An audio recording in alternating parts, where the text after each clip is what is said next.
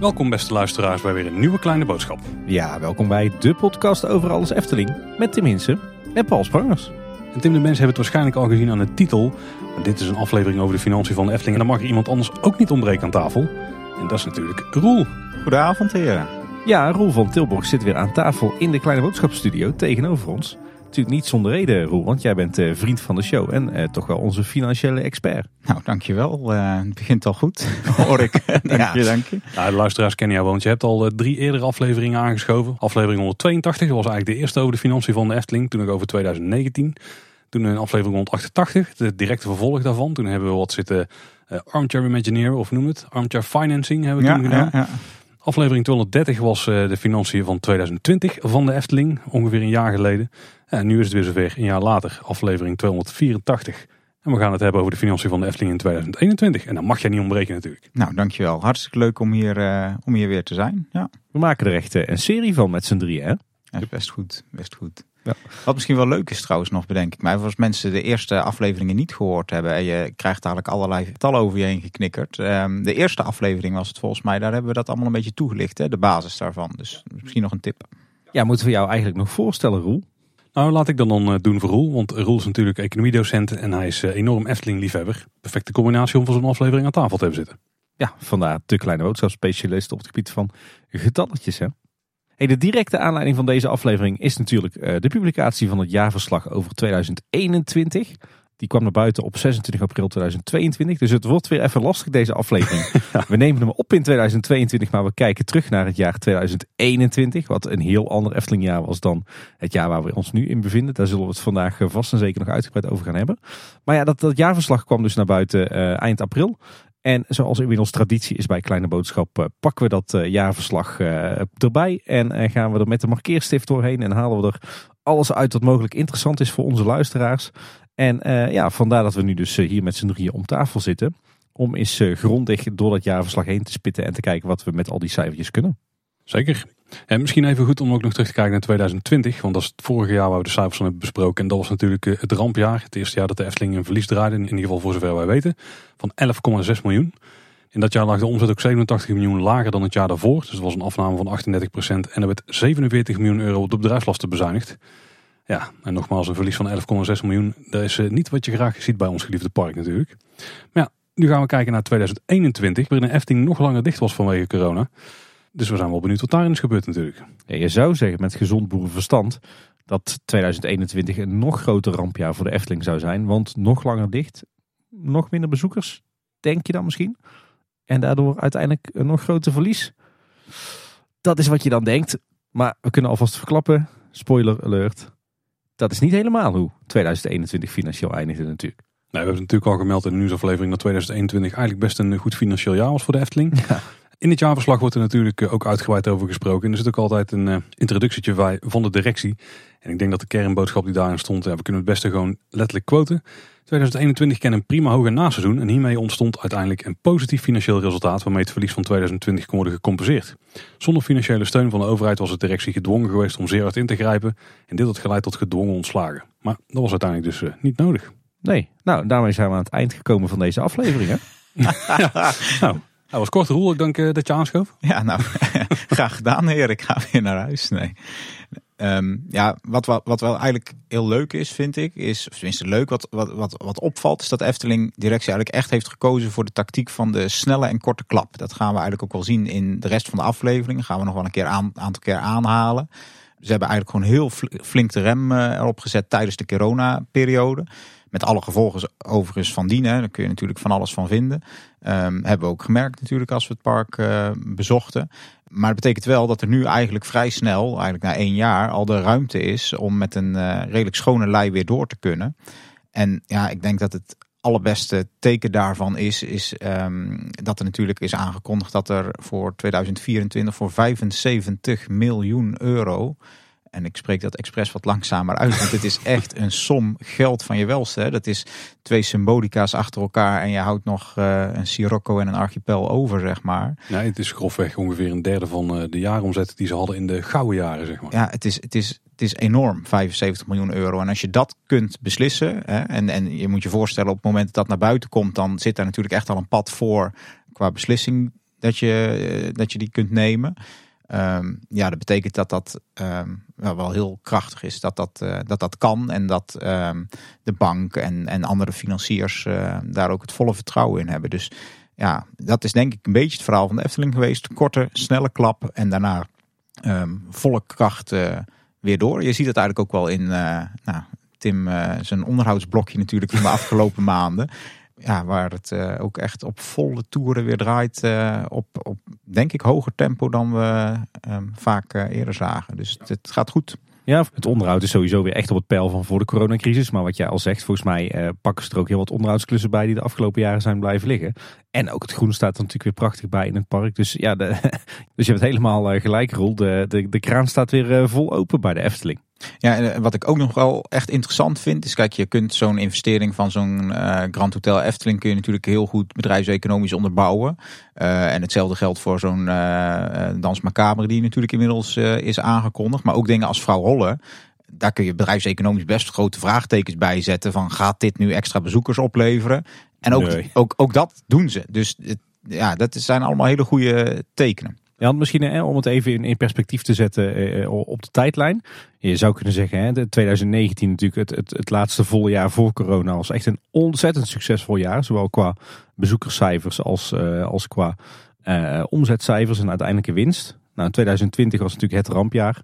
Uh, corona brak uit. En we hebben gezien dat dat natuurlijk heeft geleid tot een fors verlies voor de Efteling. Iets wat ze al jarenlang, decennia lang niet meer hadden meegemaakt. Nou, 2021 hebben ze wonderwel uh, dat verlies in één jaar goed gemaakt.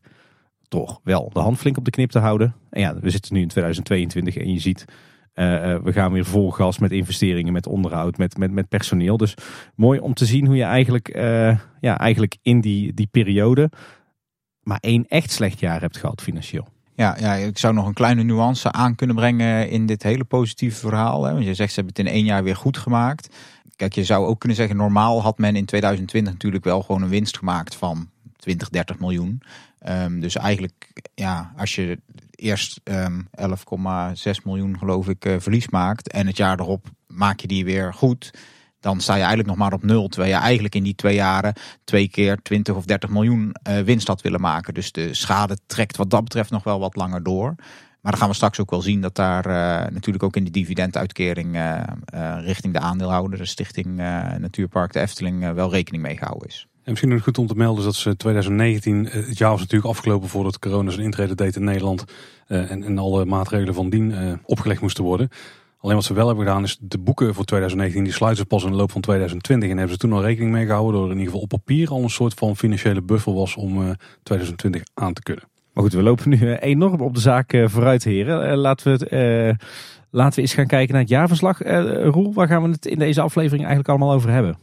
Ja, ik denk dat we eigenlijk de aflevering in uh, drie grote hoofdstukken uh, kunnen verdelen. Waarbij het eerste hoofdstuk is uh, eigenlijk gewoon de, de harde cijfers uit het, uit het jaarverslag. Dus gewoon de kengetallen, zoals we dat als econoom noemen. Um, en ik denk dat we daarna gaan kijken naar wat er eigenlijk nog meer opvalt in het jaarverslag. Want er staan natuurlijk heel veel cijfers in, maar er staat ook heel veel andere interessante informatie voor ons in. En we willen eigenlijk afsluiten met iets nieuws dit jaar. de jaarthema's hebben we het genoemd. En um, dat is dat we eigenlijk gaan kijken naar um, dingen die opvallend zijn op dit moment. Hè. Dus dat is eigenlijk niet zozeer over 2021, maar wat er op dit moment in 2022 speelt. En dan willen we eigenlijk gaan kijken naar de, ja, de, de extreem hoge inflatie die voorbij komt naar uh, de arbeidsmarkt die, uh, die erg uh, krap is. En uh, ja, ook nog een stukje stikstofproblematiek. En dat zijn eigenlijk allerlei problemen die spelen in de ja, macro-economie, zouden wij uh, als economen zeggen. Maar die uiteindelijk natuurlijk hun invloed hebben op ehm, bedrijven zoals de Efteling. Dus we willen gaan kijken hoe gaan die dingen invloed uitoefenen, mogelijkerwijs op ons geliefde park de Kaatsheuvel. Ja, en het is misschien wel goed om ook nog even te vermelden, uh, voordat we uh, daadwerkelijk beginnen met de harde cijfers, uh, zoals jij ze zo mooi noemt, Roel. deze aflevering is ook tot stand gekomen met medewerking van de Efteling. Hè? Dus we hadden weer wat vragen naar aanleiding van het, het, doornemen van het jaarverslag. Die hebben we netjes aan de Efteling voorgelegd en die hebben we ook allemaal beantwoord gekregen. Dus daar zijn we ontzettend dankbaar voor. Maar, maar laten we eens gaan kijken in het jaarverslag over 2021. We eens gaan kijken naar de bezoekersaantallen. En dan beginnen we even in 2018 om alles een perspectief te plaatsen. Toen ontving de Efteling 5,4 miljoen bezoeken. In 2019 waren dit er nog 5,3 miljoen, een lichte daling. Toen kwam het rampjaar 2020, toen was het 2,9 miljoen bezoeken. En in 2021 is de Efteling iets hoger geëindigd, 3,3 miljoen bezoeken. Dus een toename van 400.000 eh, bezoeken. Ja, en dat terwijl het park dus eh, vaker dicht was in 2021 dan in 2020. Ja, maar dan mochten natuurlijk meer mensen wel binnen op het moment dat het park open was. Dus daarmee zullen ze recht getrokken hebben, denk ik. Dan uh, de bedrijfsopbrengsten. Die ook even weer in perspectief plaatsen. In 2019 was het nog 227,7 miljoen. Echt een enorm goed jaar. 2020 was het 140,4 miljoen. En in 2021 was het uh, toch wel aardig gestegen naar 157,8 miljoen. Dus dat is een stijging van 17,4 miljoen tussen 2020 en 2021. Ja, ja jij noemt het uh, de bedrijfsopbrengsten. de meeste mensen zullen het denk ik wel kennen als de omzet, de knaken die binnenkomen. Ja, en die zijn dan verdeeld natuurlijk in een aantal eh, verschillende posten. Het park heeft 123,5 miljoen opgeleverd. Dat was een jaar daarvoor nog maar 105,2 miljoen, dus een flinke stijging. Het hotel had een lichte daling, 7,1 miljoen tegenover 7,4 miljoen. Ja, dat is interessant hè. Zou het ook zijn omdat het hotel een deel dicht is geweest vanwege die renovatie? Oh, dat zou het misschien wel kunnen zijn. Ik zat wel te gissen in de voorbereiding. Ik denk, wat, wat is dat nou eigenlijk? Want je ziet de gemiddelde kamerprijs is wel gestegen. Dat kan natuurlijk ook wel met die renovatie te maken hebben. Hè? Dat je als je geüpdate kamers in de markt zet, dat je die eh, voor een hogere prijs kunt verkopen. Bosrijk eh, die had eh, een hogere omzet, namelijk van 13,8 miljoen tegenover 12,6 miljoen. Nou ja, daar zal misschien een substitutie-effect hebben opgetreden. Dat als het hotel uh, dicht is geweest in die periode, je hebt natuurlijk toch je natuurlijke aanwas van mensen die wil overnachten. En dat mensen zijn uitgeweken richting uh, de vakantieparken. Ja, sowieso natuurlijk wel iets wat we zagen. Ook uh, in een uh, bepaalde periode waarin het park dicht was vanwege corona, dat Bosrijk wel open was, terwijl het hotel en het Loonse Land dicht bleven. Dus Bosrijk is eigenlijk dat onderdeel van de wereld van Efteling geweest wat telkens het langst open bleef. Ja, goed puntje. Ja. Loonse Land zag ook een kleine stijging. De omzet was 5,9 miljoen tegenover 5,4 miljoen jaar eerder. En ook daar is volgens mij de omzet gestegen en de gemiddelde kamerprijs daar ook. Hè? Ja, wel verrassend, want Loonse Land was voor mijn gevoel in 2021 uh, uh, behoorlijk lang dicht. Misschien al langer dicht dan dat het open was, maar nou, toch een mooie stijging. En eh, ik moet zeggen, even afgerond 6 miljoen omzet bij het Loonse Land ten opzichte van 14 miljoen bij Bosrijk. Valt mij ook niks tegen. Want ja, Bosrijk is natuurlijk groter, is duurder. Je zou toch verwachten dat daar veel meer geld uh, wordt uitgegeven dan in het Loonse Land. Ja, ja dat klopt. Doen ze, doen ze netjes. En dan omzet per bezoeker is niet een, een punt wat je kunt vinden in het jaarverslag. Misschien ook niet helemaal een eerlijk bedrag om te, om te checken, want je hebt het zelf berekend, hè Roel? Nou, de eer gaat naar Tim. ja. Tim heeft dit uitgerekend. Ik, ik, kan ook een klein beetje rekenen inderdaad, ja. Uh, nee, ja, dat is toch wel interessant denk ik, de omzet per bezoeker. In 2019, uh, eh, toch een financieel ontzettend succesvol jaar, is de omzet die iedere bezoeker met zich meebrengt 42,96 euro. In uh, 2020, het coronarampjaar, is die omzet ineens een stuk hoger, namelijk 48,41 euro per bezoek.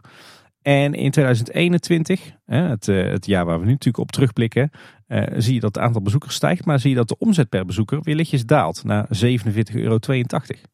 Ja, ik denk dat dat wel verklaarbaar is. Ik, eh, volgens mij was het Olaf Vugts die ooit eens heeft gezegd van er moeten ook niet te veel mensen op een dag in het park zijn. Dan, dan kunnen ze ook gewoon moeilijk geld uitgeven omdat er lange wachtrijen ontstaan voor plaatsen waar zij dat uit kunnen geven. Bij horeca of bij, bij merchandise.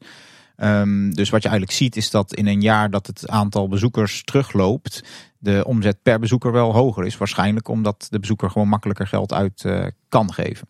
Dus daar moet je eigenlijk een soort evenwicht in zien te vinden. Hè? Dat, je, dat je eigenlijk niet te veel drukte hebt. Um, en dat je daar een mooie balans in krijgt. Dat je per bezoeker uh, een mooi bedrag op kunt halen. Over mooi bedrag per uh, bezoeker gesproken. als ik deze getallen zie, maar ik ben heel benieuwd hoe jullie ze interpreteren. Um, ik, ik, ja, ik vind het wel echt schattige bedragen, zeg maar. Um, als je, ja, ja, het is gewoon een beetje, beetje lieflijk. Hè? Zo van voor tussen de, de, de 42 en de 48 euro zijn mensen kwijt um, voor een dagje naar, uh, naar de Eftelingen, gemiddeld per bezoeker. Nou, de omzet van het park ligt eigenlijk nog lager. Dat, uh, dat heb ik dan weer uitgerekend. Er, dat komt op 37,42 euro. Dat verschil is verklaarbaar. Uh, omdat in die andere bedragen natuurlijk uh, het verblijf nog zit, mm zit meegerekend. Dus ja, dat, dat, ja, dat is best wel weinig, vind ik eigenlijk. Hè? Um, dus je ziet daar heel duidelijk ook wel die, die doelstelling, denk ik, van de stichting terugkomen. Hè? Dit is eigenlijk heel betaalbaar. Als je ziet dat hier zit dus alles in. Hè? Hier zitten de ijsjes in, hier zitten de colaatjes in, hier zit parkeergeld in, verblijf zit erin, theater zit erin. Alle, het zit er allemaal in. Ja. Je, je abonnementskosten zitten hier ook in natuurlijk. Ja, ja, ja, ja. dus um, ja, dat is. Um, ja, ik denk dat daar, uh, stel nou de Efteling zou overgenomen door, uh, worden door een hele grote commerciële partij, dat dit echt een van de aandachtspunten zou zijn. En dat ze zouden zeggen van nou, dit, kan echt niet. Hè. Uh, een van de grootste parken van Europa, een van de betere ter wereld. Daar moet echt een veel hogere omzet per bezoeker gehaald kunnen worden. Ja, want eigenlijk is het bizar. Hè? Want als je kijkt naar 2021, een kleine 48 euro per bezoek of per bezoeker. De entreeprijs van de Efteling is gemiddeld genomen 45 euro. Nou, weet ik niet. Uh, alle kortingsacties, Albert Heijn actie eraf, uh, actietje hier, abonnementhouders. Hè. Dus de, de, uh, die moet je dan ook allemaal mee gaan rekenen. Dus ja, ik denk, nou, je ziet het, hè. omzet van het park per bezoeker lag op 37,42 euro. En dat is inclusief horeca nog. Hè. Dus dat betekent dat de entree ligt echt waarschijnlijk ergens nog onder de 30 euro per persoon gemiddeld. Hè. Wat daar wordt binnengehaald. Ja, ja, daar spelen abonnementhouders natuurlijk wel een belangrijke rol in. Hè? Want eh, de, ja, hoe, hoe, vaker je gaat, iedere keer dat je gaat, tel je wel mee als bezoek of als bezoeker. Uh, maar eh, de prijs die je betaalt voor de entree tijdens zo'n bezoek wordt natuurlijk steeds lager naarmate je vaker gaat. Ja, het is onze schuld. Het is onze schuld.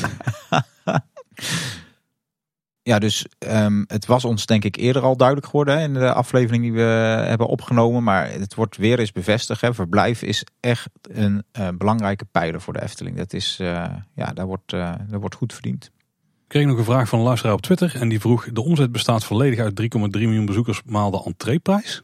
Nou nee, dan zouden ze zo klaar zijn op de afdeling uh, finance. een makkelijke aflevering dit dan. Nee, nee, het, het, is, het is veel meer divers natuurlijk. Um, er wordt veel meer omzet gemaakt um, dan alleen maar met entree-tickets. Dus bijvoorbeeld verblijf, wat we net al aanhaalden, wordt natuurlijk mee verdiend.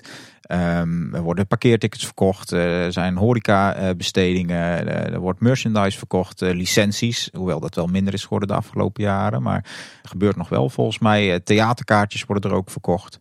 Um, zowel in het Efteling Theater en dat is natuurlijk ook uh, buiten uh, de grenzen van het park. En dat is denk ik ook goed, hè, dat je dus niet alleen maar afhankelijk bent van ja, de ticketverkoop. Um, want ja, als daar dan een keer iets uh, in stokt, dan heb je in ieder geval nog andere pijlers waar je wat kunt verdienen. Wat dat betreft is ook, kom ik weer bij verblijf terug, heel goede ontwikkeling. Ook tijdens coronatijd gebleken. Als je nou alleen maar het park had gehad, dan was de omzet waarschijnlijk harder teruggezakt. Ja, ja, maar natuurlijk wel een goed signaal hè, wat, wat hieruit naar voren komt. Hè. Uh, betekent eigenlijk dus dat vrijwel niemand de volledige entreeprijs betaalt voor de Efteling. Ja, ja. Nou, wat Efteling zelf ook zegt is dat de besteding per gast uh, aan een parkbezoekje dat die is toegenomen met 2,4% ten opzichte van vorig jaar. Dat is dus netjes. En er is ook een, een stijging in de omzet, die hebben we net besproken. En die komt vooral door de stijging van het, uh, van het aantal bezoekers. Ja, dus niet zozeer uh, vanwege de stijging van de besteding per gast. Want die ligt, als je kijkt naar het, het totaal van de wereld van Efteling, dus net wat lager dan uh, het jaar daarvoor. En daarnaast hebben we nog de, de boekingen voor het verblijf. En daarvan waren er 18.501 voor een hotelovernachting in 2021. En de overige boekingen, dat waren er 8029. Zo, dus voor de boshuizen en uh, de accommodaties op het Loonse Land. Moet je dus nagaan, hè, zit ik nu te denken, dat op het moment dat er zo'n lockdown wordt afgekondigd op dinsdagavond, um, dat er per woensdag alles op slot gaat. Reken eens terug, joh. Dit, je moet echt zoveel mensen gaan contacteren. Dat moet, een, dat moet vreselijk zijn geweest op dat contactcenter. Dat, dat gaat niet om, we gaan even 200 mensen bellen of zo. Nee. En dat zijn ook niet allemaal de makkelijkste gesprekken natuurlijk. Dus die heb je ook niet zomaar in, eh, in twee minuutjes afgewerkt ja, per, en, dan, per. En, en, dan moet je dat gaan herboeken. Hè? Want die mensen die willen uiteindelijk toch komen. Dat ja. moet een klus geweest zijn van je welste. Ja, ik ben dan trouwens ook al straks benieuwd wat het aantal boekingen is in 2022. Want 2021 was nog echt een coronajaar. En als je ziet dat je dan in totaal al, uh, al ruim 26.000 boekingen hebt, dan uh, ben ik benieuwd wat het, uh, wat het aantal boekingen is in een normaal succesvol jaar. Ja, ja dat is iets om in de gaten te houden volgend jaar. We hebben net de omzet gehad. Misschien nog even ter herhaling. De omzet van 2021 was dus 157,8 miljoen. En tegenover omzet staan de bedrijfslasten. De kosten die waren in 2021 140,4 miljoen.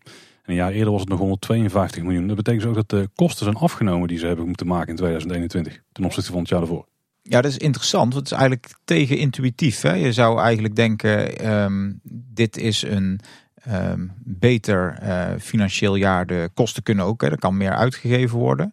Ehm, maar je ziet dat dat dus eigenlijk wel meevalt. En ik denk dat dat te maken heeft met contracten die je gewoon al hebt lopen. Hè? Dus je hebt bijvoorbeeld uh, uh, contracten met uh, groenaannemers. Of je hebt al bepaalde projecten lopen en je hebt die contracten al getekend. Hè? Ik heb nu over 2020. En ja, die kosten daar kun je dan eigenlijk niet meer vanaf.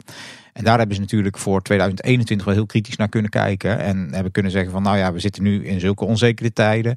we gaan ons nog niet te veel vastleggen aan, aan bepaalde kosten. Ja, ik denk, dat dat een, een, oorzaak zou kunnen zijn. Ja, ja, ik denk dat we dit wel even goed, goed moeten vasthouden. Uh, want je ziet, hè, 2020 was natuurlijk het corona-rampjaar. Toen hebben ze ook al flink uh, bezuinigd op kosten waar mogelijk. Uh, en je ziet 2021 kregen ze wat meer lucht in omzet en in bezoekersaantallen.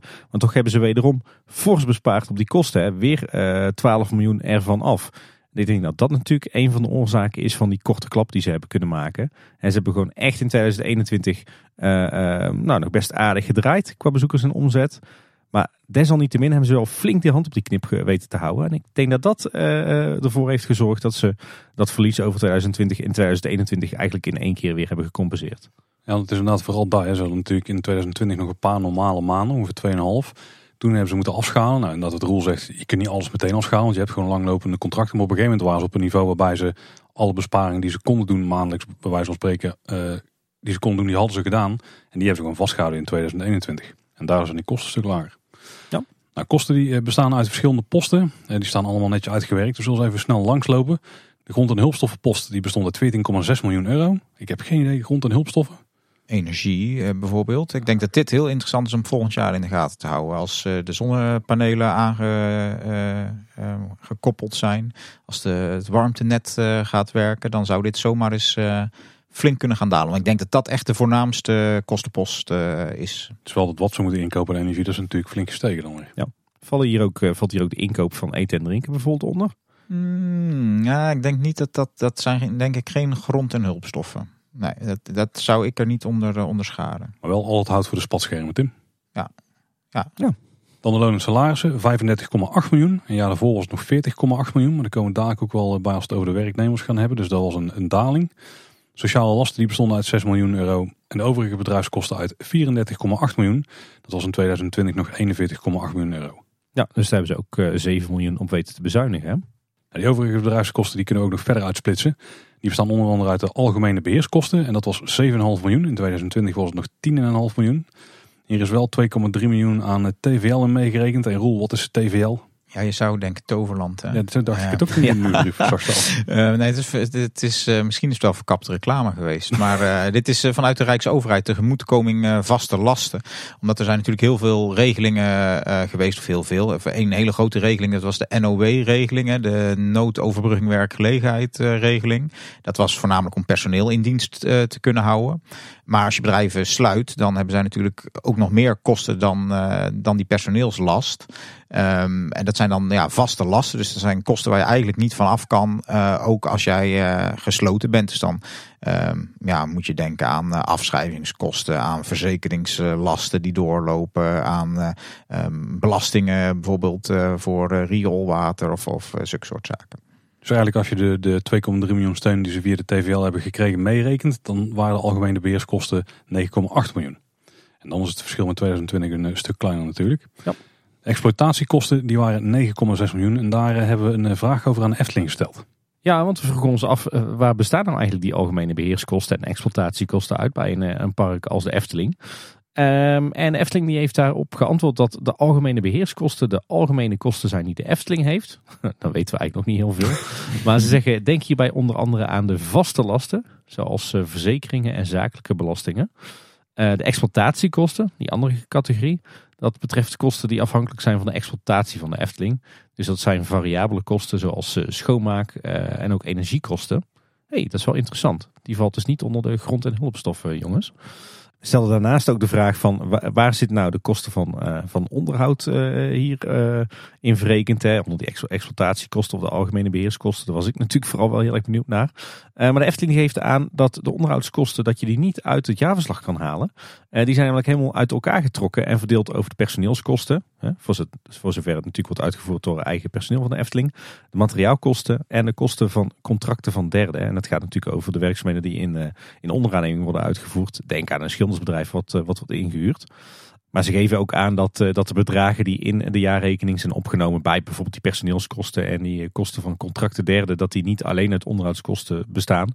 Dus ja, we kunnen eigenlijk wel de conclusie trekken dat, dat we uit het jaarverslag in ieder geval de, de hoogte van de onderhoudskosten niet kunnen halen. Ah.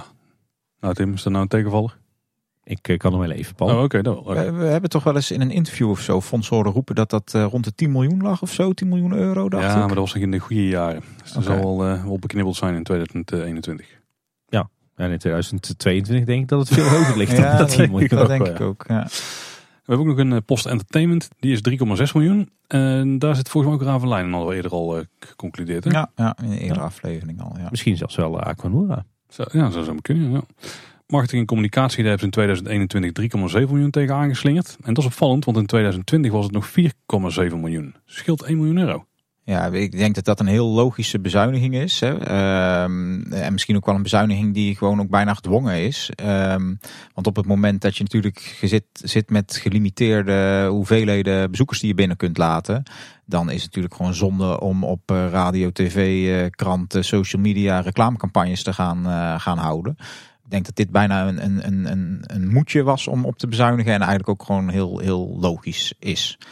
Dus ehm, ja, Ja, het park was vaak genoeg helemaal eh, uitverkocht hè, toen we nog werkten met, eh, met de reserveringen. Dus ik denk dat, eh, dat er ook weinig behoefte was aan marketing in die periode. En dan ook nog een post materiaal en contracten derde. Die was 6 miljoen in 2021. En het jaar daarvoor was hij nog 9,6 miljoen. Dus dat is een flinke afname. Ja, een derde eraf. Hè. En dat kan wel eens te maken hebben met wat Roel net zei. Dat die contracten die in begin 2020 liepen, dat die nog tijd hadden om, voordat ze afliepen en dus opgezegd konden worden. Ja, dit gaat over alle uitbesteden werkzaamheden. Hè. Dus denk aan de, de schoonmaak van de verblijfsaccommodaties.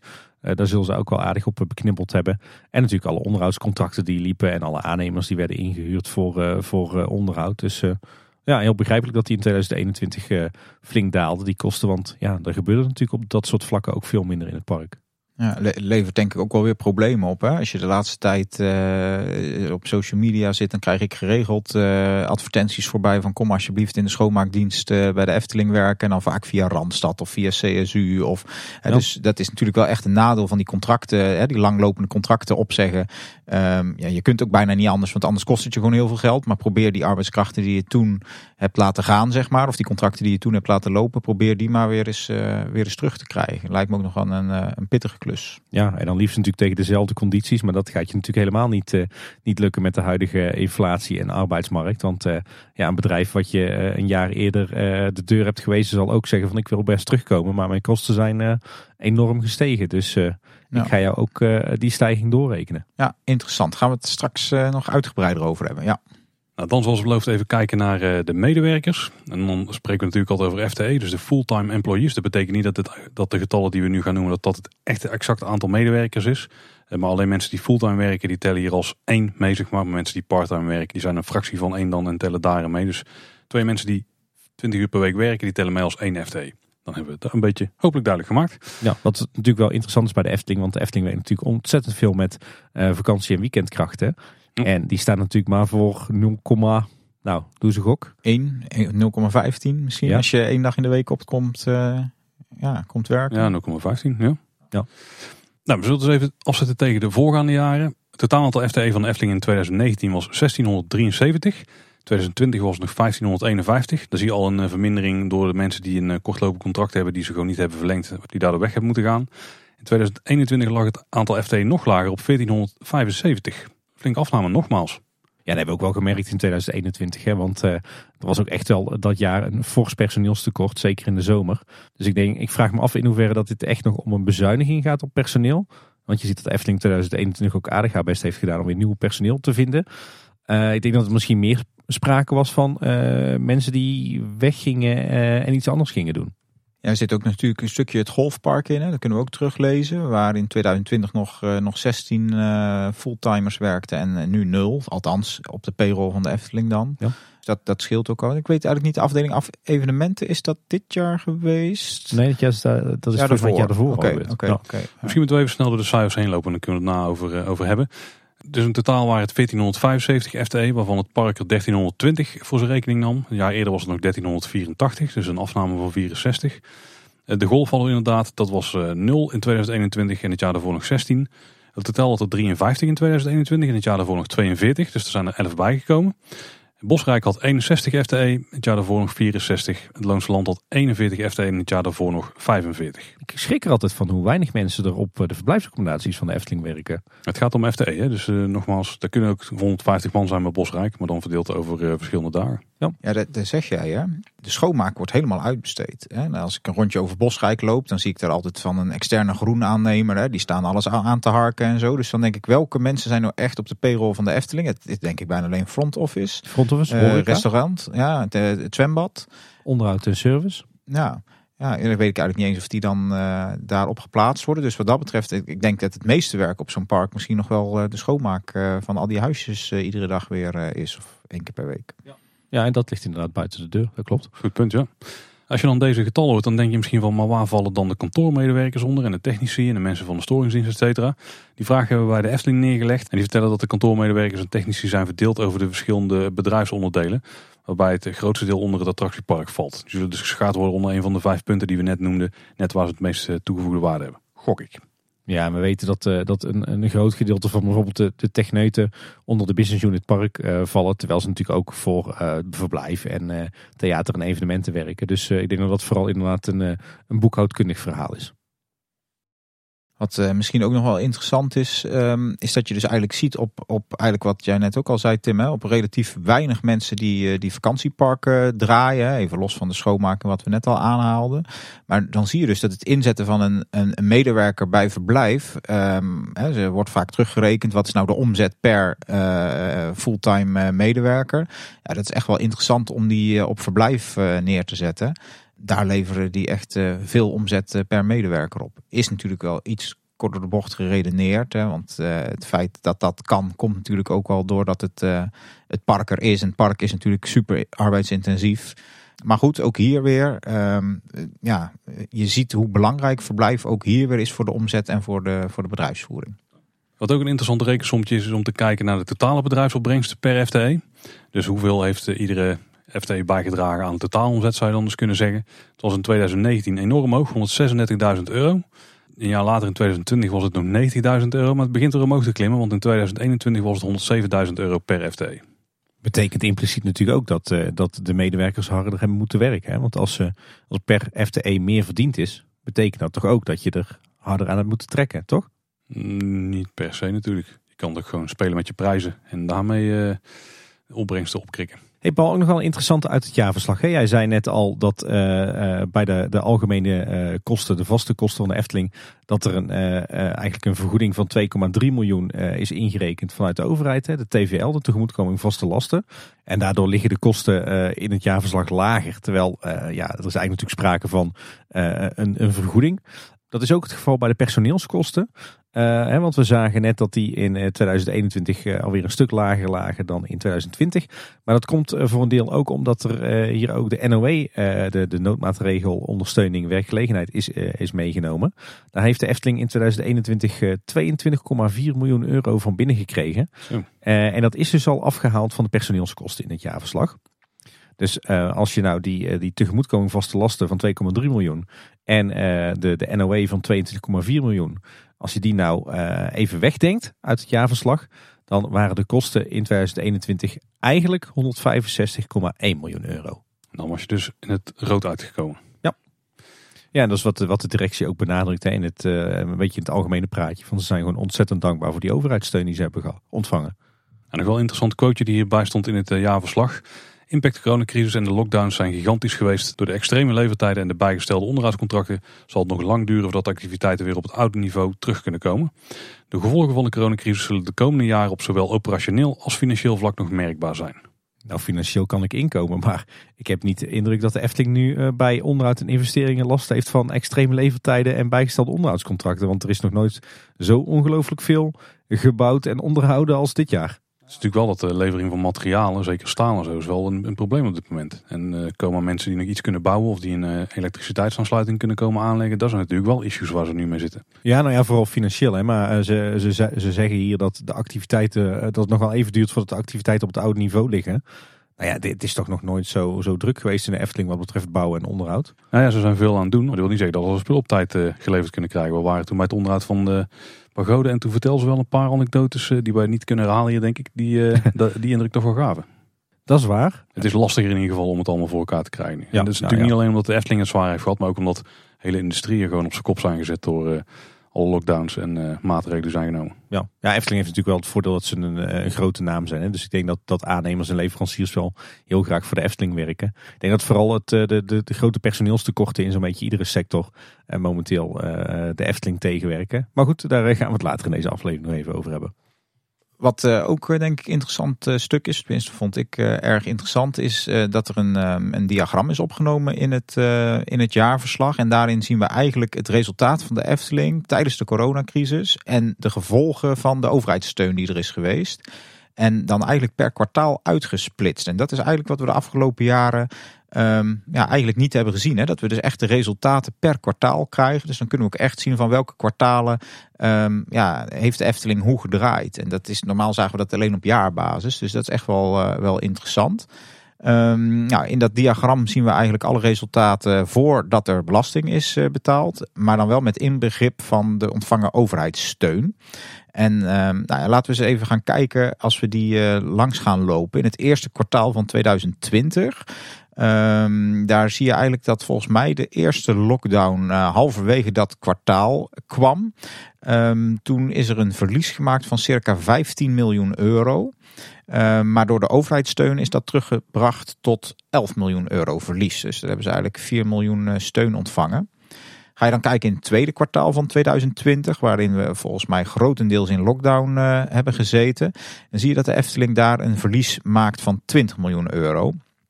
Maar gelukkig veel overheidssteun, 8 miljoen euro, uh, waardoor dat, dat verlies uiteindelijk wordt uh, teruggebracht naar 12 miljoen euro in het tweede kwartaal 2020. Dan zitten we in het derde kwartaal van 2020. En dan was, eh, of dat was het moment dat het park weer grotendeels eh, open ging.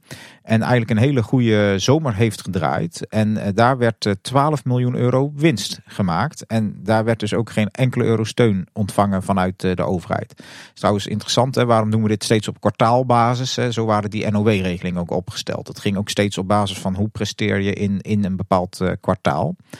Nou, en dan het laatste kwartaal van 2020, daar uh, kwam er helaas weer een, uh, een lockdown, de winterlockdown heb ik dat maar genoemd. En daarin draait de Efteling een verlies van 12 miljoen euro, uh, dat door overheidssteun wordt teruggebracht naar 4 miljoen euro. Nou, dan hebben we um, 2020 afgesloten. Dan gaan we naar 2021. En dat kwartaal, eerste kwartaal, starten we ook weer met een lockdown. En daar maakt de Efteling, en daar schrok ik echt wel van, een verlies van 31 miljoen euro in één kwartaal. Zo. En dat is uh, ja, bijna gehalveerd door overheidssteun. Dus uh, teruggebracht naar een verlies van 18 miljoen euro. Maar goed, stel het je eens even voor hè, in je eigen privé situatie dat je in een kwartaal 18 miljoen euro zou verliezen. Het, dat is echt enorm. Het zou, mooi, het zou mooi zijn als ik zoveel te verliezen heb overigens. Maar ja, dat is waar. ja. Dan, kun je, dan, hoop je ze in goede tijd ook weer te kunnen winnen. ja, want er werd natuurlijk wel vaak geroepen van... Goh, de Efteling loopt in iedere, in iedere media uit in te klagen dat ze het financieel zo zwaar hebben. Maar ja, dat blijkt ook wel. Hè. Inderdaad, 31 miljoen euro verlies in één kwartaal. Dat is natuurlijk bizar. Dat komt natuurlijk omdat de Efteling een hele dure organisatie is. Hè, met al die personeelsleden en al die kosten die doorlopen aan onderhoud en energie en dergelijke ja, wat dat betreft kan je dan veel beter gewoon een klein compact parkje zijn. Met, uh, met vooral een flexibele schil aan personeel. Ja, dan heb je natuurlijk weinig te lijden van, uh, van een, een, een, lockdown. Terwijl de Efteling, ja, dat is natuurlijk zo'n enorm bedrijf ja, die voelt dat meteen als, uh, als het park gewoon een heel kwartaal dicht is. Ja, en het, het, het, het wordt nog schrikbarender als je dit naar dagbasis zou terugrekenen. Hè? 31 miljoen euro in, in, in drie maanden. Dan uh, snel rekensommetje, dan zit ik op, op uh, 335.000 euro verlies per dag. Ja. Ja, het, het is echt, eh, dit is echt, dit, dit, dit kan de geschiedenisboeken in. Dit is echt rampzalig geweest. Het eerste kwartaal van 2021. Dan snap je die, die, die stress eh, natuurlijk bij de Efteling ook wel. Hè? Want ja, voor je gevoel loopt je, je bedrijf gewoon leeg eh, naarmate de dagen vorderen dat je dicht bent. Hè? En die kosten moeten ook gewoon gemaakt worden. Dus voor je cashflow ook eh, verschrikkelijk dit. Ja, je moet ze gewoon betalen. Je hebt je, je verplichtingen. ehm, en dat, ja, dat komt op je af. En er komt geen euro naar je terug eh, qua omzet. Dus dat, is, eh, ja, dat lijkt mij eh, slopend eh, als je op de financiële afdeling zit. En, eh, en al die kosten door ziet lopen terwijl er eigenlijk niks eh, terugkomt. Als we dan kijken naar het tweede kwartaal van 2021, ja, dan, zou je kunnen zeggen, het, het valt mee. Ehm, maar dat is een, een verlies van 16 miljoen euro nog steeds. Daar zit een, een deel van dat kwartaal is het lockdown eh, geweest. Maar ja, gedurende dat kwartaal ging het park eh, ook weer open. Ehm, gelukkig is de, het verlies daar wel teruggebracht door overheidssteun naar 6 miljoen euro in dat hele kwartaal. Nou, en dan komt wat we eerder deze aflevering al aanhaalden. Hè, de, de zomer, eh, hè, het derde kwartaal van 2021. eh, dat is een fantastisch kwartaal geweest. Ehm, The Summer of Love. ja, eh, dat was echt het moment dat Nederland dacht: nou is het echt klaar met corona. De vlag kan uit, het is weg. eh, we kunnen weer los en het komt nooit meer terug. Alle kuchschotten de shredder in. Ja, alles weg. En eh, de Efteling heeft eh, helemaal 0 euro steun nodig. En verdient in dat ene kwartaal 30 miljoen euro. Dus Oh. dat is, ja, toen kon de vlag echt eh, uit op Ravelijn.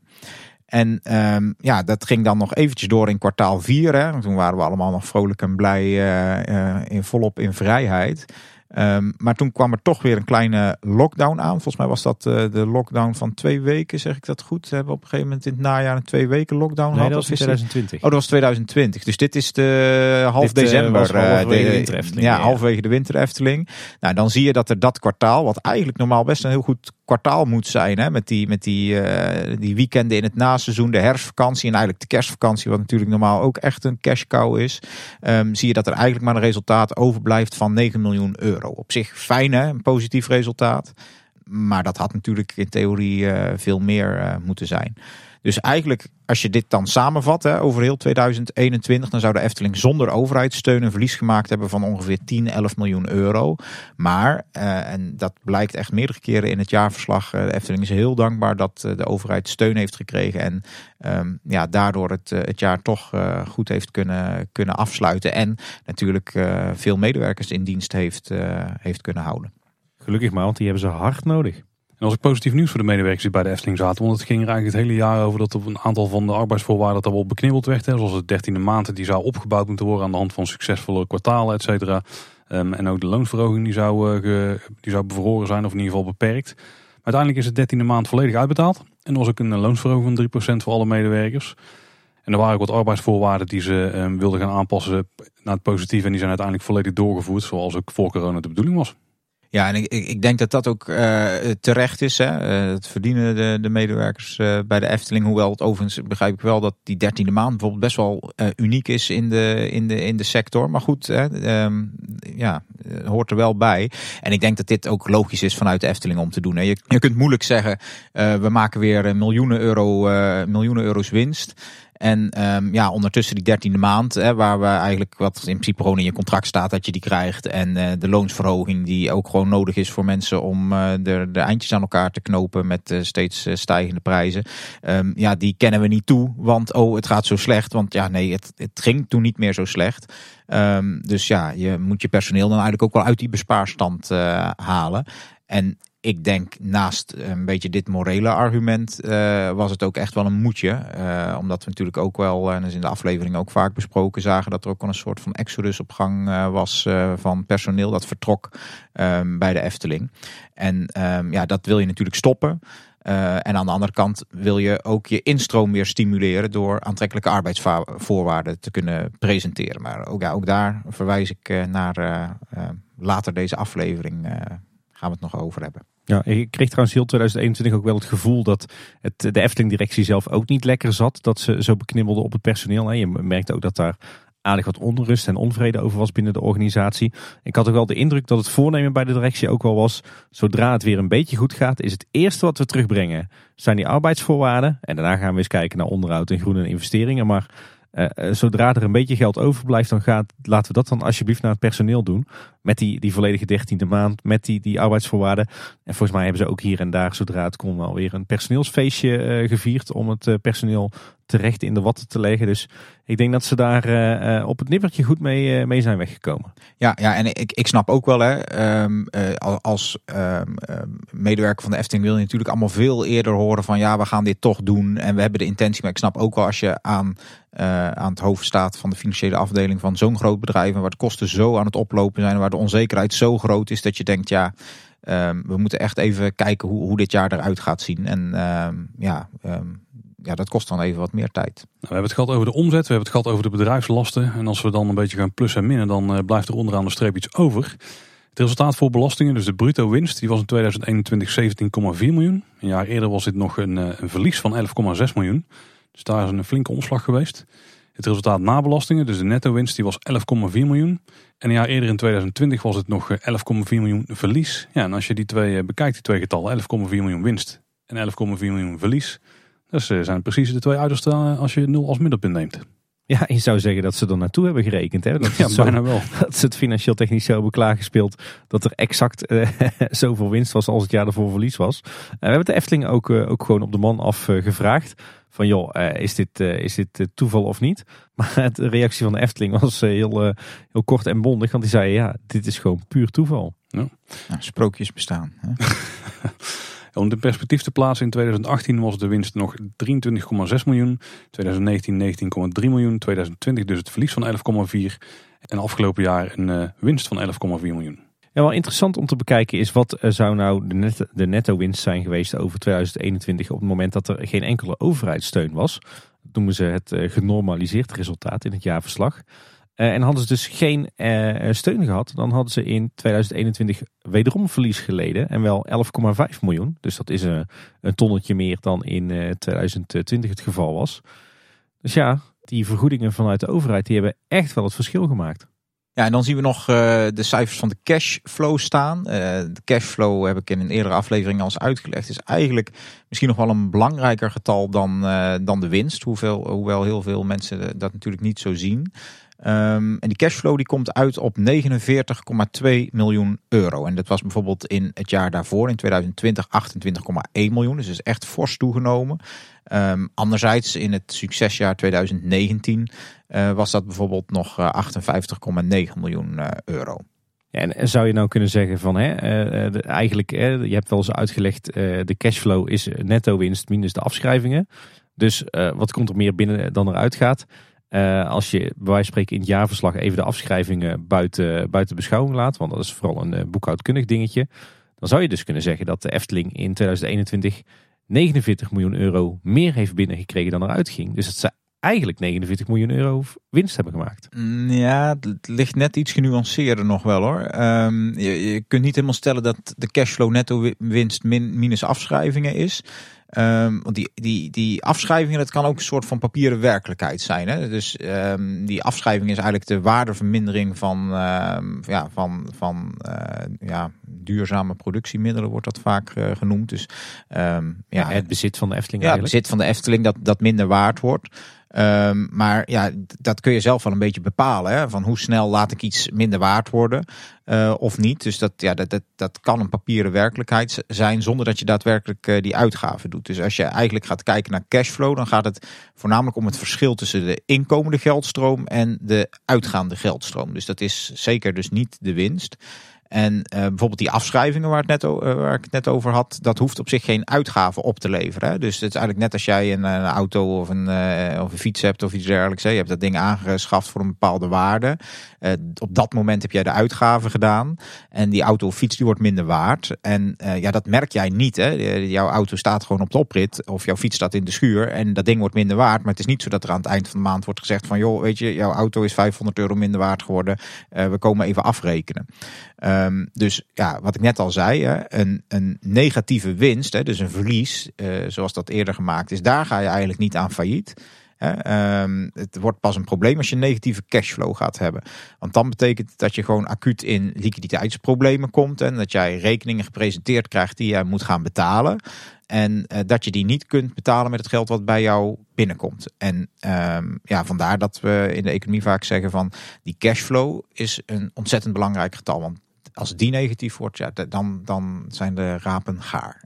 Maar gelukkig hè, ehm, 49,2 miljoen positief. Eh, ook weer sterk groeiend ten opzichte van 2020. Nog niet op het niveau van 2019.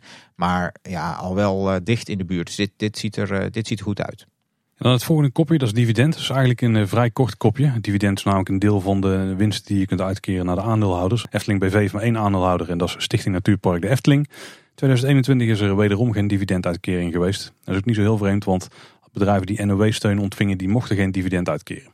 Ja, en ik denk dat daarnaast uh, bij de Efteling ook nog wel geldt um, dat het ja ook bijna een soort sociaal opererend bedrijf is, uh, heb ik maar even tussen aanhalingstekens uh, opgeschreven ja, de stichting is eigenaar. De stichting heeft denk ik de moraal ook wel hoog zitten van ja, we, we willen dit ook gewoon niet. Hè. We, uh, we zijn heel dankbaar voor het feit dat wij eh, zoveel steun krijgen vanuit de overheid. Dat we daardoor ons personeel in dienst kunnen houden. Dat we ons bedrijf in de lucht kunnen houden. En ja, daar, daar past dan zeker in de gedachtegang van de stichting geen dividenduitkering bij. Nee, en het zou ook een beetje jezelf in je eigen voet schieten zijn. Hè? Want uh, stel dat de stichting wel dividend had gewild, dan trek je dus eigenlijk de BV leeg. Dan breng je de BV in financiële problemen. Uh, de stichting heeft meer geld, maar het enige doel van de stichting is de BV in leven houden. Dus ja, ja precies. Ja, in die zin heeft de dividend dan ook geen enkele nut natuurlijk. Denk dat we blij moeten zijn dat de Efteling geen aandeelhouders heeft. Of dan eigenlijk maar één. Ja, dat, dat is ook wel weer. Ja, ja, denk ik, uh, als eindantwoord. um, maar je kunt je bijvoorbeeld ook voorstellen dat die aandeelhouders heel makkelijk kunnen zijn door um, um, te zeggen van oké, we hebben heel veel vertrouwen in het bedrijf en uh, we halen geld op, snap je? Dus onderaan de streep denk ik dat je het echt niet moet willen bij de Efteling. Hebben we het in een eerdere aflevering ook wel over gehad. Maar je ziet ook wel bedrijven die uh, de crisis goed door zijn gekomen door hun aandeelhouders. Dan nog kijken naar een paar andere interessante cijfers rondom de Efteling. Zoals de boekwaarde van de Efteling 247,5 miljoen. Een jaar eerder was het nog 265,4 miljoen. Dus met een kleine 20 miljoen afgenomen. En dat is eigenlijk wat de waarde is van het Efteling Park. Hè? Van alle, alle assets die de Efteling heeft. Ja, ja, en dan ook weer de boekhoudkundige waarde. Hè? Uh, dus uh, het is natuurlijk veel meer waard. Als je een bord te koop in de tuin gaat zetten, dan, dan gaat dat park voor een veelvoud van die boekwaarde uh, over de plank. Um, je ziet nu dat die boekwaarde iets is afgenomen. Dat heeft eigenlijk te maken met het feit dat er um, voor een hoger bedrag aan afschrijvingen is geweest dan wat er nieuw is geïnvesteerd. Hè. Dus normaal um, zou die boekwaarde eigenlijk ieder jaar minstens constant uh, blijven of zelfs een beetje groeien op het moment dat je meer investeert dan dat je afschrijft. Dat is natuurlijk in dit uh, lastige jaar uh, niet het geval geweest. Maar dit gaat natuurlijk de komende jaren weer fors toenemen, omdat de investeringen ook toenemen. Er waren wel investeringen gedaan in 2021, we zouden het bijna vergeten. En die bestonden uit de 24,3 miljoen, dus ook niet onverdienstelijk denk ik. En dan moet je denken aan zaken als Nest, ook natuurlijk de geüpgrade hotelkamers, Bekkerij Krumel en ook de Wereld van Simmelt is voor een groot deel gerealiseerd in 2021. Ja, ja maar ik zat dus wat zaken op te tellen. Hè. Maar als ik kijk naar die vier investeringen die wij kennen als uh, Efteling-liefhebbers, dan kom ik op een uh, investering van 10, 12 miljoen. Zo zie je toch dat er met name ook achter de schermen fors wordt geïnvesteerd hè, in zaken die wij dus niet direct zien. Ja, er zal ook nog steeds wel een, uh, een onderhoudspostje bij zitten. Misschien de helft van wat het normaal is of zo. Want te zien dat het park nou volledig stil stond. Ja, onderhoud is geen investering hè? Wel natuurlijk de, de, de, het groot onderhoud modificaties. Dus daar waar je echt waarde uh, toevoegt, dat je dingen aanpast.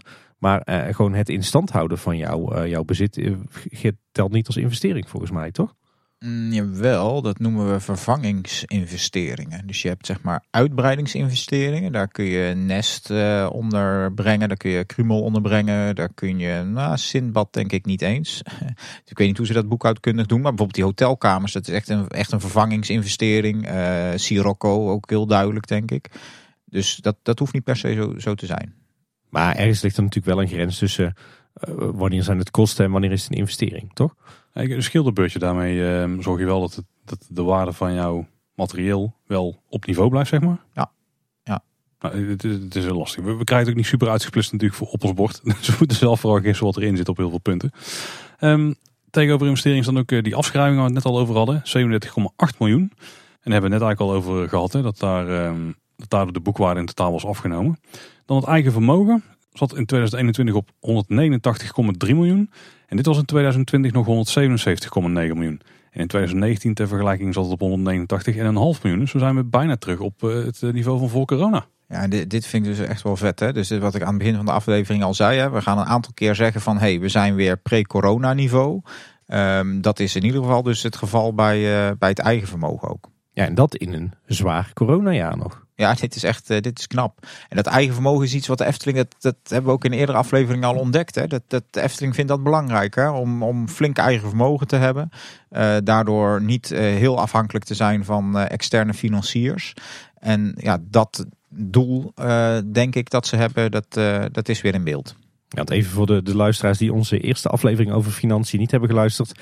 Eigen vermogen is eigenlijk dat deel van de waarde van jouw bezit, uh, wat met eigen geld is betaald. Ja, ja. Dus ja, het eigen vermogen is dus eigenlijk weer terug op, op pre-corona niveau. En uh, datzelfde geldt eigenlijk voor het percentage van het eigen vermogen op het balans totaal. En we hadden daar een hele mooie chique naam voor uh, in onze eerste aflevering. Um, en dat was de solvabiliteit. Ik weet niet of het jullie nog uh, wat zegt. Maar zeker, dat, zeker. Ja, ja dat, zeker. dat, is een belangrijk kengetal. Um, en dat lag uh, um, in 2021 op 62,6 procent. En ter referentie, in 2020 was dat 60,2 en in 2019 was dat 61 procent. En als we nog iets verder terug in de tijd kijken, dan, dan was het bijvoorbeeld in 2017 54 uh, procent.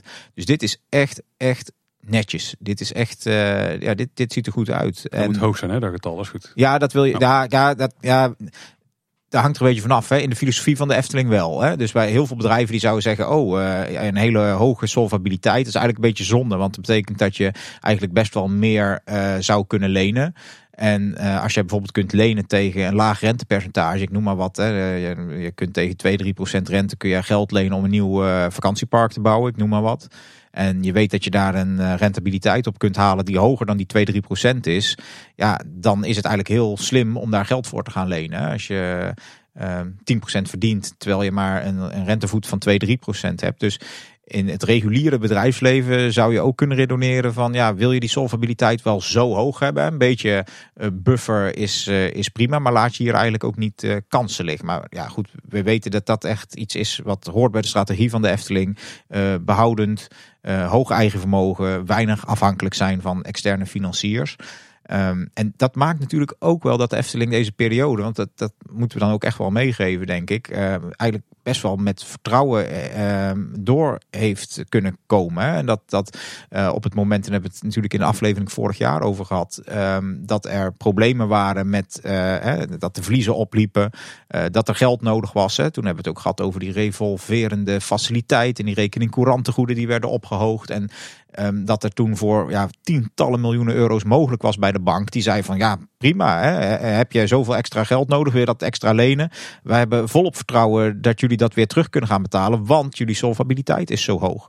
Dus um, ja, dat, dat is een stuk van de strategie, denk ik, van de Efteling. En ik denk uh, dat ze daardoor ook echt heel blij zijn dat die, die solvabiliteit echt weer uh, flink uh, boven pre-corona niveau zit. Ja, het lijkt er zelfs op dat die jarenlang niet zo hoog is geweest als in 2021. Ja. ja. Aan de ene kant zou je zeggen vreemd in zo'n financieel rampjaar. Aan de andere kant, het zegt natuurlijk vooral wat over de, de waarde uh, van, van jouw bezit en hoe dat betaald is. En de laatste keer dat ze flink geïnvesteerd hebben met uh, geleend geld, was natuurlijk in 2017 bij de bouw van het Loonse Land. Dus op dat moment lag de solvabiliteit uh, laag of lager. Uh, omdat het, omdat de, de waarde van het bedrijf meer werd bepaald door geleend geld. Uh, maar ja, sindsdien is er niet meer geleend. En daarmee is natuurlijk ook het aandeel van, uh, van de waarde van je bezit, wat betaald is met geleend geld, is natuurlijk ook snel kleiner geworden. Ik zit even na te denken of we dit helemaal zo kunnen stellen. Hè? Want dan, je hebt eigenlijk de teller en de noemer, zou je kunnen zeggen, in dit verhaal. Dus je hebt het eigen vermogen, dat staat boven de deelstreep. En onder de deelstreep staat het balanstotaal. Dus dat zijn eigenlijk twee dingen die dat kunnen beïnvloeden. En we weten eigenlijk niet zo heel veel volgens mij over het balanstotaal en hoe dat, dat precies helemaal beïnvloed wordt. En dat is ook alweer deels volgens mij te beïnvloeden door afschrijvingen die je ook weer zelf kunt kiezen. Dus ik ja, ben benieuwd of we hier met de informatie die we hebben zo stellig dingen over kunnen zeggen. Je weet het, uh, Rol, ik gebruik vooral gezond boerenverstand. ja. Je zijn eh, mij al een beetje kwijt. Misschien moeten we even snel naar het volgende kopje gaan. Want we hebben het net al gehad over die eh, kredietfaciliteiten die de Efteling kan aanboren. Dus dat betekent dat als ze even wat meer geld nodig hebben ze op dat moment beschikbaar hebben, dan kunnen ze dus een lening bij de bank aangaan in dit geval. Zonder dat ze daar uh, moeilijk voor hoeven te doen, kunnen ze gewoon opnemen. In principe kunnen ze ja, rood staan, dan komt het eigenlijk op neer, technisch gezien. Er is in maart 2021 een wijziging geweest. De Efteling die kan namelijk 35 miljoen ehm, op de rekening courant zeg maar, rood staan. Daarnaast hebben ze nog een revolverende faciliteit, er is weer van 35 miljoen. Maar er is ook wat nieuws bijgekomen en we gaan er zo even op in. Een accordeonfaciliteit van 35 miljoen. Nou kan ik me er iets van voorstellen, want een accordeon kan natuurlijk eh, uitrekken of oprekken en weer kleiner worden. Daar is overigens allemaal geen gebruik van gemaakt. Ja, en eh, dat is eigenlijk wel heel positief. Hè? Dus wat je eigenlijk ziet is, um, kijk, die, die 35 miljoen rekening courant, die stond gewoon standaard. Uh, die hebben ze gewoon uh, normaal altijd. Dus ik kijk even vooral naar die revolverende faciliteit en die accordeonfaciliteit. Hè? Die zijn beide 35 miljoen. Dus dat betekent dat de geldverstrekkers dus bij elkaar, 35 plus 35 is 70 miljoen euro bereid zijn om te lenen aan de Efteling. En eigenlijk zeggen een soort van ja, carte blanche. Van je hoeft niet met een businessplan te komen van ik ga hier een hotel voor bouwen. Of ik ga hier een, uh, nieuw uh, spookslot voor neerzetten. Um, daarbij zeggen ze eigenlijk gewoon ja kijk maar als je het nodig hebt. Als je liquiditeit in gevaar komt. Ook weer zo'n begrip. Hè, dat, dat heeft eigenlijk te maken onder andere ook met die cashflow. Hè, van op het moment dat jij gewoon je uitgaven niet meer kunt betalen. Ja, dan ga je failliet. Hè. Dus uh, daar zijn deze twee faciliteiten eigenlijk voor. Um, die wil je in principe niet gebruiken. Um, maar op het moment dat je dus acuut in liquiditeitsproblemen komt, dat je dus acuut in geldproblemen komt, dat het gewoon je geld in je portemonneetje op is, om het zo maar te zeggen, um, dan zou je dus daar gebruik van kunnen maken. En het is, ja, je zou kunnen zeggen, eigenlijk een soort van noodvoorziening. Hè? en ja, heel fijn om te lezen in het jaarverslag dat die gewoon niet nodig is geweest. En mocht je nou afvragen wat zo'n accordeonfaciliteit, dat hebben bij de Efteling gecheckt en die gaven eigenlijk de algemene definitie. Een accordeonfaciliteit is een kredietfaciliteit waarvan flexibel gebruik kan worden gemaakt en die meebeweegt met de financieringsbehoeften. Klinkt eigenlijk een beetje als die revolverende faciliteit die ze ook hebben. Ja, voor mij ook. Maar daar zit vast een verschil nog tussen, maar dat is mij uh, niet, uh, niet bekend. Ik zou bijna zeggen, je kan, uh, je, ja, het, het, het, lijkt op het eerste oog hetzelfde. Nou, eh, daar zijn, daarom zijn we ook geen bankiers. Dus dat is. Precies. Als we het dan over de bankiers hebben, de langlopende schulden kunnen we nog kort aanhalen. Die zijn op dit moment 63 miljoen. En 57 miljoen die staat dus uit bij banken daarvoor. Dan moet je denken aan de Rabobank, ABN AMRO. Ook de provincie ook krediet verstrekken natuurlijk en Nationale Nederlanden. 6 miljoen die staat uit bij Stichting Natuurpark de Efteling. En als we dan totaal langlopende schulden vergelijken met voorgaande jaren, dan eh, zijn die wel wat opgelopen. 2020 was het nog 59,7, dus tegenover de 63 van afgelopen jaar. Maar in 2019 was het weer 69,8 en in 2018 76 miljoen en in 2017 82,2 miljoen. Ze zijn aan het aflossen. Ja, dus ik denk dat je ook hier weer het stempeltje op kunt zetten. Hè? Als je gewoon iets verder terugkijkt dan 2020, dat je hier eigenlijk ook gewoon weer op, op pre-corona niveau uh, zit. We kunnen natuurlijk in percentages uitdrukken, dus de schulden ten opzichte van het totaal vermogen. En dan zie je dat het afgelopen jaar 21% was. Een jaar eerder nog 20%, in 2019 ook die 21%. En dan loopt het een beetje op hoe verder, uh, naarmate we teruggaan in de tijd, 2018 23% en 2017 27%. Ja, dat wordt natuurlijk grotendeels veroorzaakt door het feit dat ze al best wel een tijdje geen geld meer geleend hebben voor investeringen. Ja. ja. Iets wat uh, denk ik uh, dit jaar flink verandert. Ja, dat gaan we volgend jaar dan bespreken. Ja, je, je ziet eigenlijk, dit is eigenlijk de, de grond waarvanuit je dus kunt zeggen dat die 75 miljoen euro voor 2024 makkelijk kan. Hè? Uh, waarbij waarschijnlijk voor verblijf geleend gaat worden. Uh, ja, dat komt eigenlijk hier vandaan. Hè? Dit, dit biedt de ruimte om zoiets uh, te kunnen doen. Wat ook opvalt in het jaarverslag is dat we lezen dat er voor 20 miljoen open staat aan een verplichting in relatie tot onderhand investeringen en projecten. Het was een jaar eerder nog 11 miljoen. Dat lijkt heel weinig op met wat we weten dat er aankomt natuurlijk. Maar heel veel van die opdrachten zijn nog niet gegeven in 2021, gok ik. Nee, de, de, de opdrachten aan uh, bijvoorbeeld uh, de, de, de grote aannemers die die gebouwen moeten gaan zetten. Ja, die, uh, die worden, uh, verwacht ik, worden of zijn dit jaar pas, pas verleend. Oh, oh, oh, ik denk dat het jaarverslag van 2022 dat het een heel ander beeld gaat geven op heel veel punten. Zowel als het gaat om investeringen als ook de, de hoogte van de schulden. Nou, op het moment van opnemen moet er nog een half jaar. Dus er kan nog van alles gebeuren dit jaar. Dus even afkloppen. Hier is een stuk hout. Het is ongelakt hè, toch Paul, deze tafel of niet? Aan de onderkant wel. Goed zo.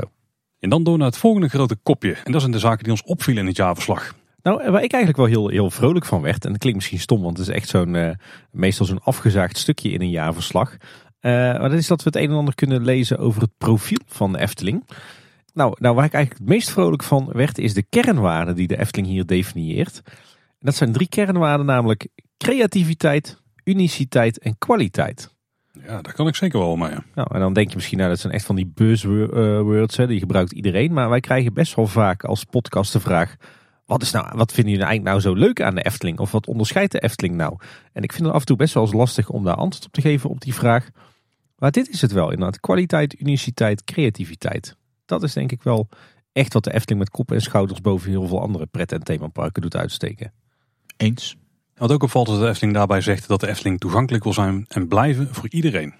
Dus we hebben het net al over de prijzen gehad. Ik denk niet dat we die uh, fors gaan zien oplopen in de toekomst. Nee, ik denk het ook niet. Er zijn uh, de meningen in uh, de, de liefhebbersgemeenschap natuurlijk over verdeeld of dat het goed is of, of fout.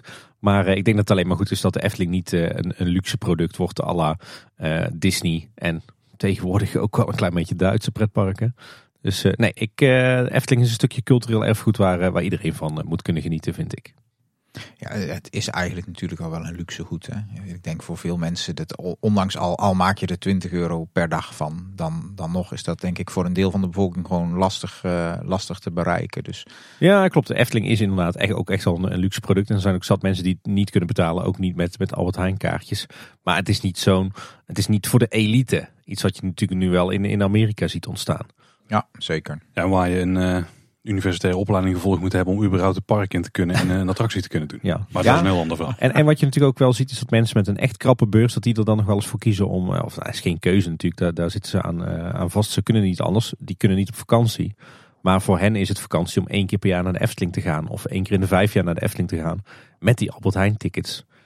Dus ja, in die zin is de Efteling dan toch wel een redelijk bereikbaar product. Oh, ja. Het jaarverslag wordt altijd vooraf gegaan aan een paar uh, voorwoordjes. Uh, eentje was een bericht van de Raad van Commissarissen. Ja, en even heel kort samengevat, dat is eigenlijk het, de, de, het controlerende orgaan wat tussen de stichting en de BV in staat. Hè? Dus in opdracht van de stichting houden ze eigenlijk de BV in de gaten. We lezen in, de, in, in het bericht van de Raad van Commissarissen dat 2021 opnieuw een bizar jaar is. Dat veel vroeg van de flexibiliteit van de Efteling-organisatie. En ja, ook hier lees je het weer. Hè. De Raad van Commissarissen die benadrukt echt het belang van de, uh, de overheidssteun uh, die verkregen is. En um, ja, we lezen bijvoorbeeld ook over een uh, auditcommissie waarin gesproken werd over een meerjaren investeringsbegroting, het prijsbeleid, um, de flexibele dertiende maand en ook IT security. Ik vind wel tof dat ze daar specifiek aandacht aan besteden. Dat is wel een heel specifiek punt in dit lijstje. Ja, ik denk dat het te maken heeft. Er zal iemand in de RVC zitten die, uh, die expertise heeft op dat gebied. Of die Oeh, het belang daarvan ziet. Zo, zo gaat het toch meestal, toch? Daar heb je ook wel een puntje. Ja, ja, volgens mij komt dit later nog terug in de een of andere analyse. Een soort risicoanalyse ja. die ze hebben gemaakt. Ja. Het was in september 2021 een uh, strategiemeeting met de directie, de Raad van Commissarissen en de Stichting Natuurpark de Efteling over de herziene roadmap voor de komende jaren. En die loopt van ongeveer 2020 tot met 2026. Dus de, laten we de, korte, de, de middelkorte termijn een roadmap noemen. We dan uiteraard niet uh, wat daarin herzien is. Maar ja, we weten natuurlijk wel dat er eerst een uitbreiding uh, was beoogd op, de, uh, op Strookrijk. Dus aan de oostkant van het park. Kranscircus Balancé zou daar moeten gaan verschijnen. Tenminste, als we de geruchtenmolen mogen geloven. En nu weten we dat het spookslot vervangen gaat worden voor Dans Macabre. Ja, wat zou er nog meer gewijzigd zijn? Ja, nou ik denk dat ook het, het Efteling Grand Hotel er ook onderdeel van uitmaakte. Want eerder was natuurlijk lange tijd de visie, we gaan naar het oosten. En daarbij gaan we ook het, het Efteling Hotel in het park uh, incorporeren. En daarbij gaan we misschien ook de begane grond van het Efteling Hotel helemaal op zijn kop zetten. Dat is natuurlijk lange tijd de strategie geweest. En uh, we zien nu, en jij zei al, uh, die roadmap die heeft ongeveer de horizon 2025, 2026. We zien dat de Efteling nu natuurlijk 180 graden is gedraaid. En dat ze hebben gezegd, alle pijlen op het bestaande park. om een aantal redenen. en wat zijn dan die investeringen? Even los van de wereld van Simbad, fase 2 of iets dergelijks. Maar dat zijn natuurlijk met name, enerzijds het Dans anderzijds het het uh, Efteling Grand Hotel. Dus ik denk dat, uh, dat echt die 180 graden draai, dat die is genomen uh, in die strategie-meeting met niet alleen de directie, maar dus ook de RVC en de stichting. Want ja, dat is wel zo'n draai in je investeringsbeleid. Dat doe je, dat krijg je alleen voor elkaar op dat niveau. Nou, wat ik wel interessant vind is dat de, het laatste jaar van de roadmap een beetje verlegd lijkt te zijn. Want ze spreken over een periode 2020, 2025 en 2021, 2026. Dus ze hebben in 2021 herzien, dus 2026 is het nieuwe horizon. En als je die uh, cadans van die, iedere twee jaar een grote investering dan in het achterhoofd houdt, die ze bogen. En die weten niet in hoeverre daar nu nog sprake van is. Maar laten we aannemen dat, die, eh, dat ze die we willen gaan aanhouden. Dan zou je daarmee kunnen stellen dat twee jaar na de opening van Dans van Cabre dan de volgende nieuwe grote investering wordt. En zou er dan toch de oostuitbreiding zijn, die ze in principe op de tekentafel hebben liggen? Ja, we, we zagen volgens mij op verschillende plekken eh, zo tussen de regels door wel voorbij komen dat de Efteling in 2025 zou willen gaan bouwen aan de uitbreiding van het reisrijk met Grand Circus Balancé. Uh, en ik denk dat dat opening in 2026, uh, mits je wat voorbereidend werk misschien al doet in 2024, dat dat op zich ook wel een haalbare kaart moet zijn. Waar het niet dat er misschien uh, bepaalde problemen daar nog wat stikstof in het eten kunnen gooien? Ja, iets met de wet op de natuurbescherming en stikstof inderdaad. Ja, dat is nog wel een, een issue. En verder schrijft de Raad van Commissarissen dat de directie kritisch heeft gekeken naar alle uitgaven en deze zoveel mogelijk naar beneden heeft bijgesteld. Dit heeft grote impact gehad op de voorgenomen investeringen en de onderhoudswerkzaamheden. Nou, daar, hebben we gemerkt. Met, met, wel de aantekening erbij dat dat dit jaar echt meteen ruimschoots goed wordt gemaakt. Terwijl ze eerder in het jaarverslag van 2020 hadden aangekondigd dat dit allemaal nog jaren ging naeilen. En dat ze heel veel klussen uh, die, die waren uitgesteld in de twee coronajaren, uh, dat ze die uh, gingen uitsmeren over de lange termijn. Maar het, het, lijkt erop alsof ze nu hebben gezegd, prop alles maar zoveel mogelijk in 2022. Maar ja, dat, dat kun je natuurlijk ook als grote impact lezen. Hè? Dat je nu eigenlijk op hoger tempo dingen wil gaan doen. Waardoor dat er op hetzelfde moment misschien meerdere grote attracties tegelijk dicht zijn. Terwijl je eigenlijk in een ideale situatie dat allemaal meer had willen verspreiden. Ja, ik denk dat het jaarverslag volgend jaar, dat ik denk dat de bezoekersaantallen en de omzet fors zullen stijgen. Maar ik denk dat de kosten misschien wel nog meer gestegen zijn. Ja, en, en, en kijk ook naar de druk die dit voor de organisatie oplevert natuurlijk. Hè. Of je alles uh, op een normaal tempo kunt lopen. Of dat je nu alles op high speed uh, aan het inhalen bent. Dus ja. wat dat betreft snap ik het idee wel van dat die impact nog jaren door gaat lopen uh, voor de organisatie. En dan even kijken naar het verslag van de directie. Die hebben we eerder al benoemd. Hè. Uh, die schreven zonder financiële steun van de overheid was de directie gedwongen geweest tot zeer hard ingrijpen. Daar is gelukkig dus geen sprake van geweest. Ik denk deels ook wel geholpen door uh, de leegloop waar uh, Roel het al eerder over had. Hè. Er zijn natuurlijk ook veel mensen weggegaan bij de Efteling, zeker in 2020. Hij druk in 2021. ook schrijven ze 2021 kende een prima hoog- en na-seizoen. Nou, dat hebben we kunnen lezen net. Hè. Hiermee ontstond uiteindelijk een positief financieel resultaat waarmee het verlies van 2020 kon worden gecompenseerd. En dan gaan we het hebben over de organisatieontwikkeling. En daar stond toch wel een, uh, een interessant in. De, de, doelstelling is namelijk dat het Efteling het enige Europese teampark resort moet zijn waar ieder gezelschap een 9 plus ervaring ervaart in een natuurrijke en sprookjesachtige omgevingen met innovatiekracht en gastgerichtheid naar de 9 plus. Ja, ik, ik vond dit wel heel grappig om te lezen eigenlijk hoor. Het is een uh, beetje een Fantasieland record, of niet? Ja, ja. ik moest er ook aan denken, ja. het, het, het, het, ja, het, volgens mij uh, de, heb je dit eigenlijk nu al gehaald, behalve misschien die 9 plus. Maar het is, het is zo specifiek opgeschreven hè, dat je denkt van ja, noem eens op dit moment een ander Europees teampark resort. Uh, daar, in een natuurrijke en sprookjesachtige omgeving. Uh, ja, dan kan ik die eigenlijk uh, niet noemen. Dus volgens mij is het echt de enige wat je eruit kunt halen is die, die 9 plus. Omdat ze hem zo specifiek opschrijven. Ja, of lezen jullie hem verkeerd, want je kan hem ook zo lezen. Het enige Europese teampark resort waar ieder gezelschap een 9 plus beleving ervaart.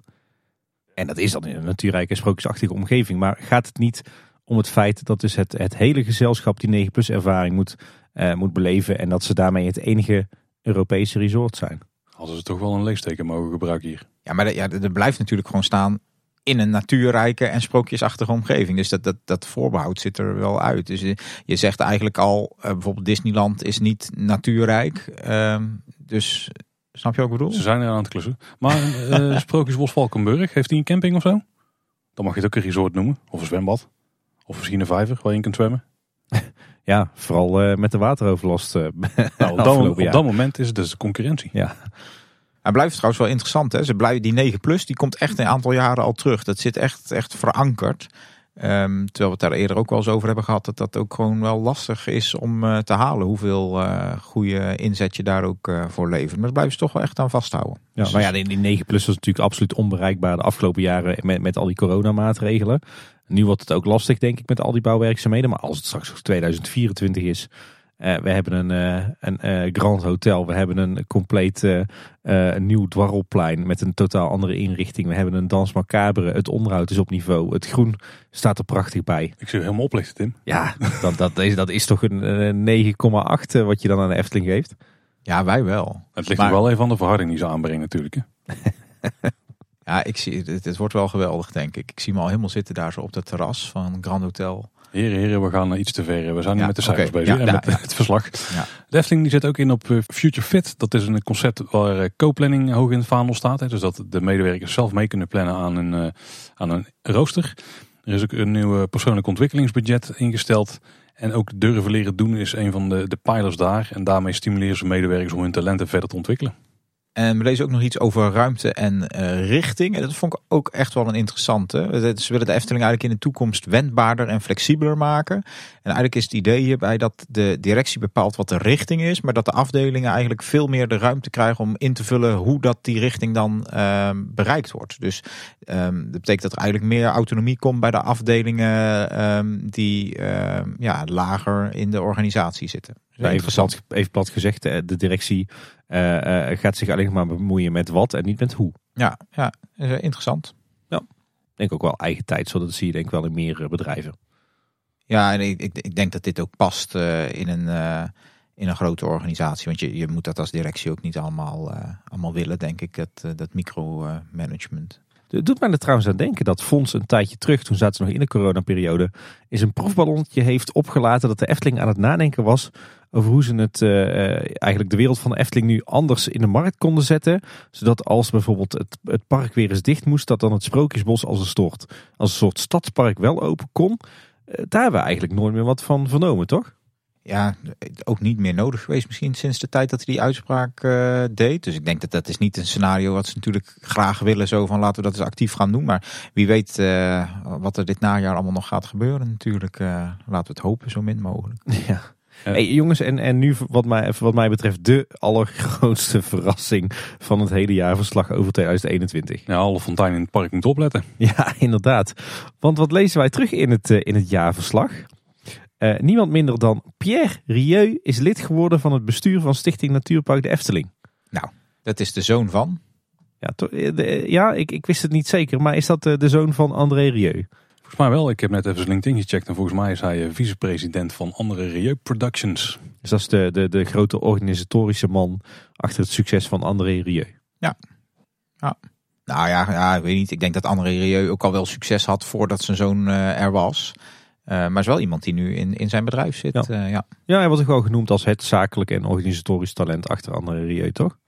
Je zit hem al bij je Geen idee, eh, geen idee. aan te kijken. Geen liefhebbers van André Rieu hier aan tafel. Nee, ik ben nog nooit op het vrijtof, eh, vrijtof geweest. eh, althans, wel op het vrijtof geweest, maar niet eh, als André, André Rieu daar was. Ik weet eigenlijk ook niet hoe ik dit weet. Ik heb eigenlijk niks met André Rieu. Ik heb wel veel met Maastricht. Misschien komt het daar vandaan dan.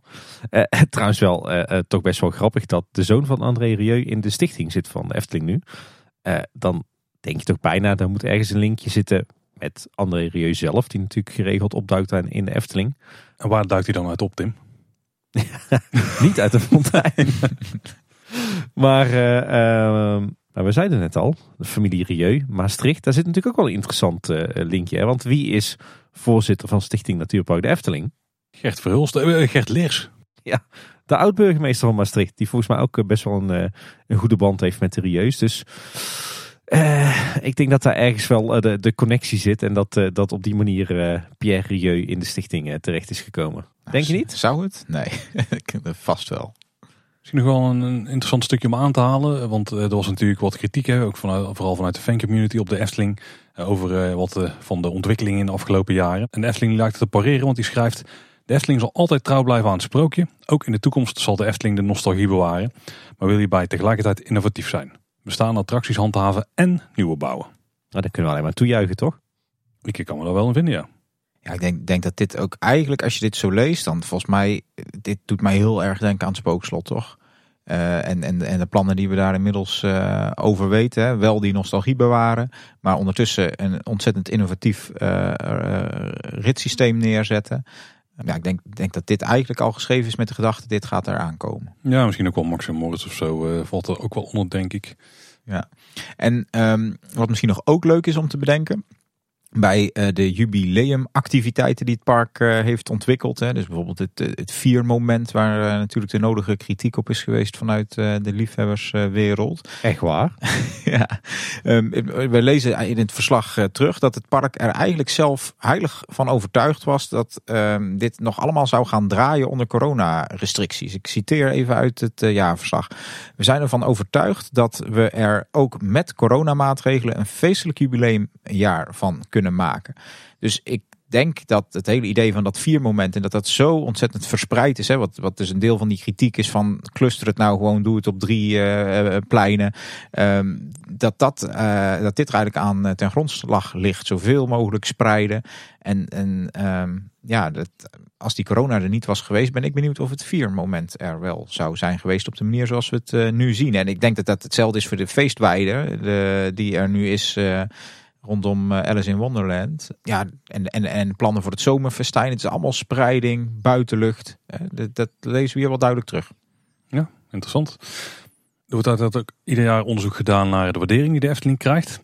En uh, we zagen dat de gastwaardering van het park in 2021 licht is gedaald naar een 8,3. In 2020 was het nog een 8,38, afgerond een 8,4. Wel heel interessant, want er waren natuurlijk een hoop coronamaatregelen op dat moment uh, van toepassing. Is dat in de periode van 25 september tot en met 5 november. Toen waren er even helemaal geen coronamaatregelen. Je ook zag dat de gaswaardering flink steeg, namelijk naar een 8,43. Heel logisch, hè? ik denk dat we dat zelf ook allemaal wel hebben ervaren. Zeker, ja. Als we dan specifiek kijken naar het verblijf, dan zie je dat Bosrijk wordt beoordeeld met een 8,56. De Efteling Hotel iets lager met een 8,48 en het Loonse Land nog wat lager met een 8,34. Wel allemaal eh, prima cijfers, denk ik. Hotels en resorts werd wel iets lager beoordeeld ook dan in 2020. Dus dat zagen we hier ook. Ehm, maar wat interessant is, is dat de mensen die dus verblijfsgast zijn, dat die dan het park flink hoger waarderen. Namelijk met een 8,7.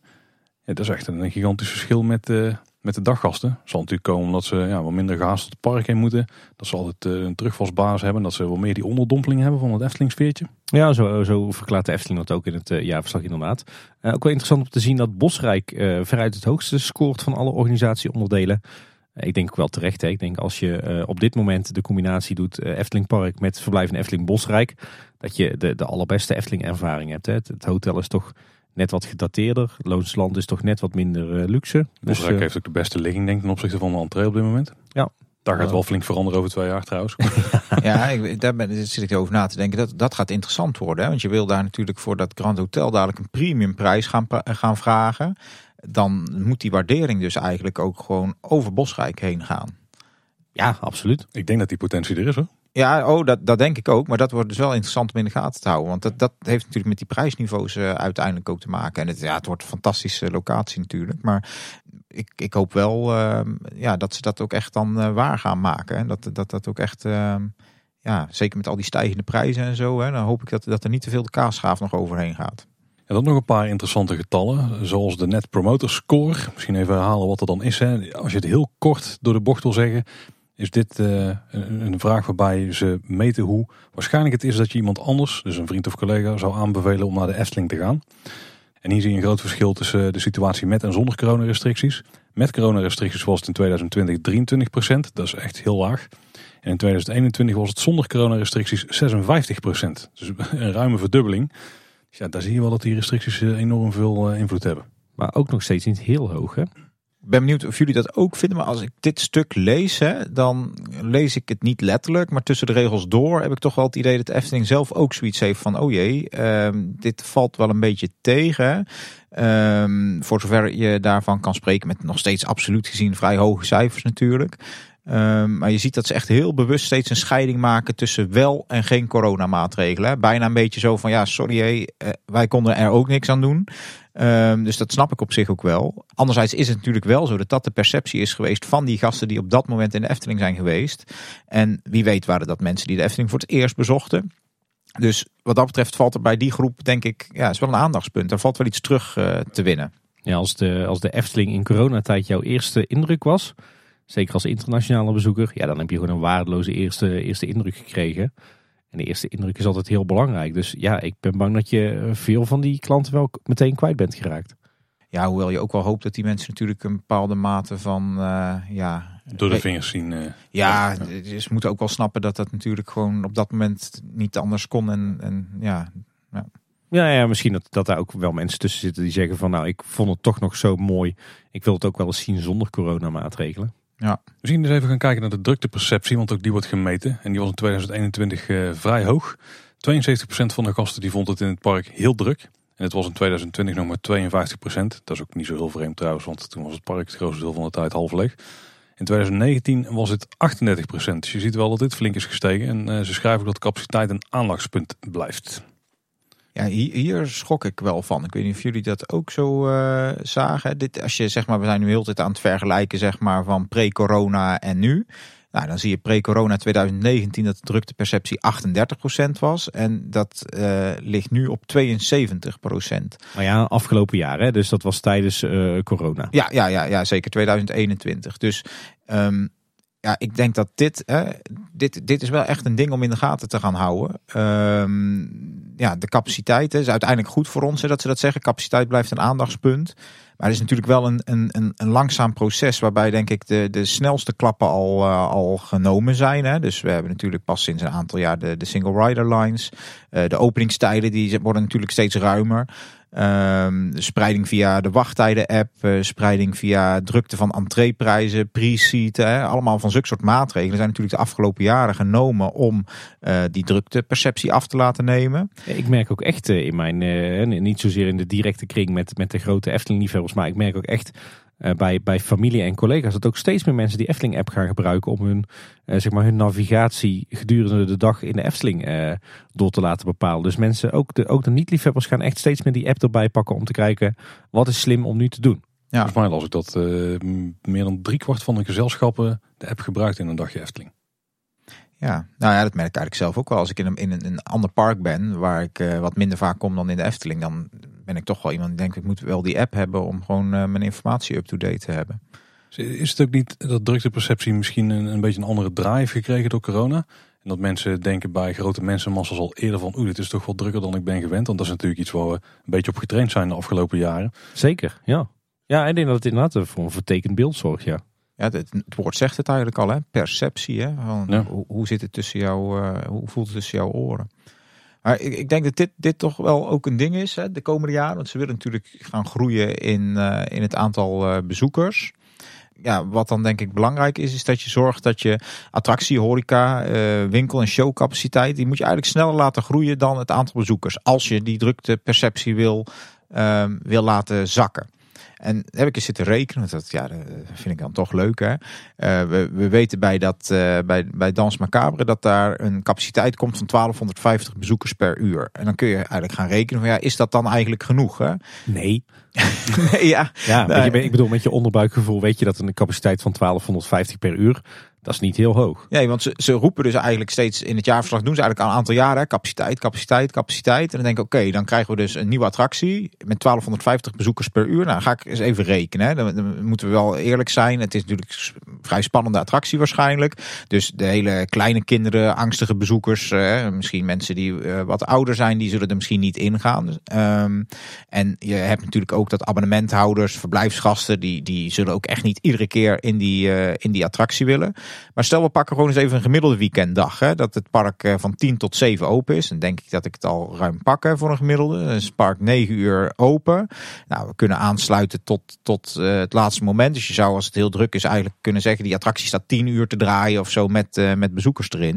Dat betekent dus dat je 10 keer 1250 is 12.500 bezoekers in Dans per dag kunt toelaten.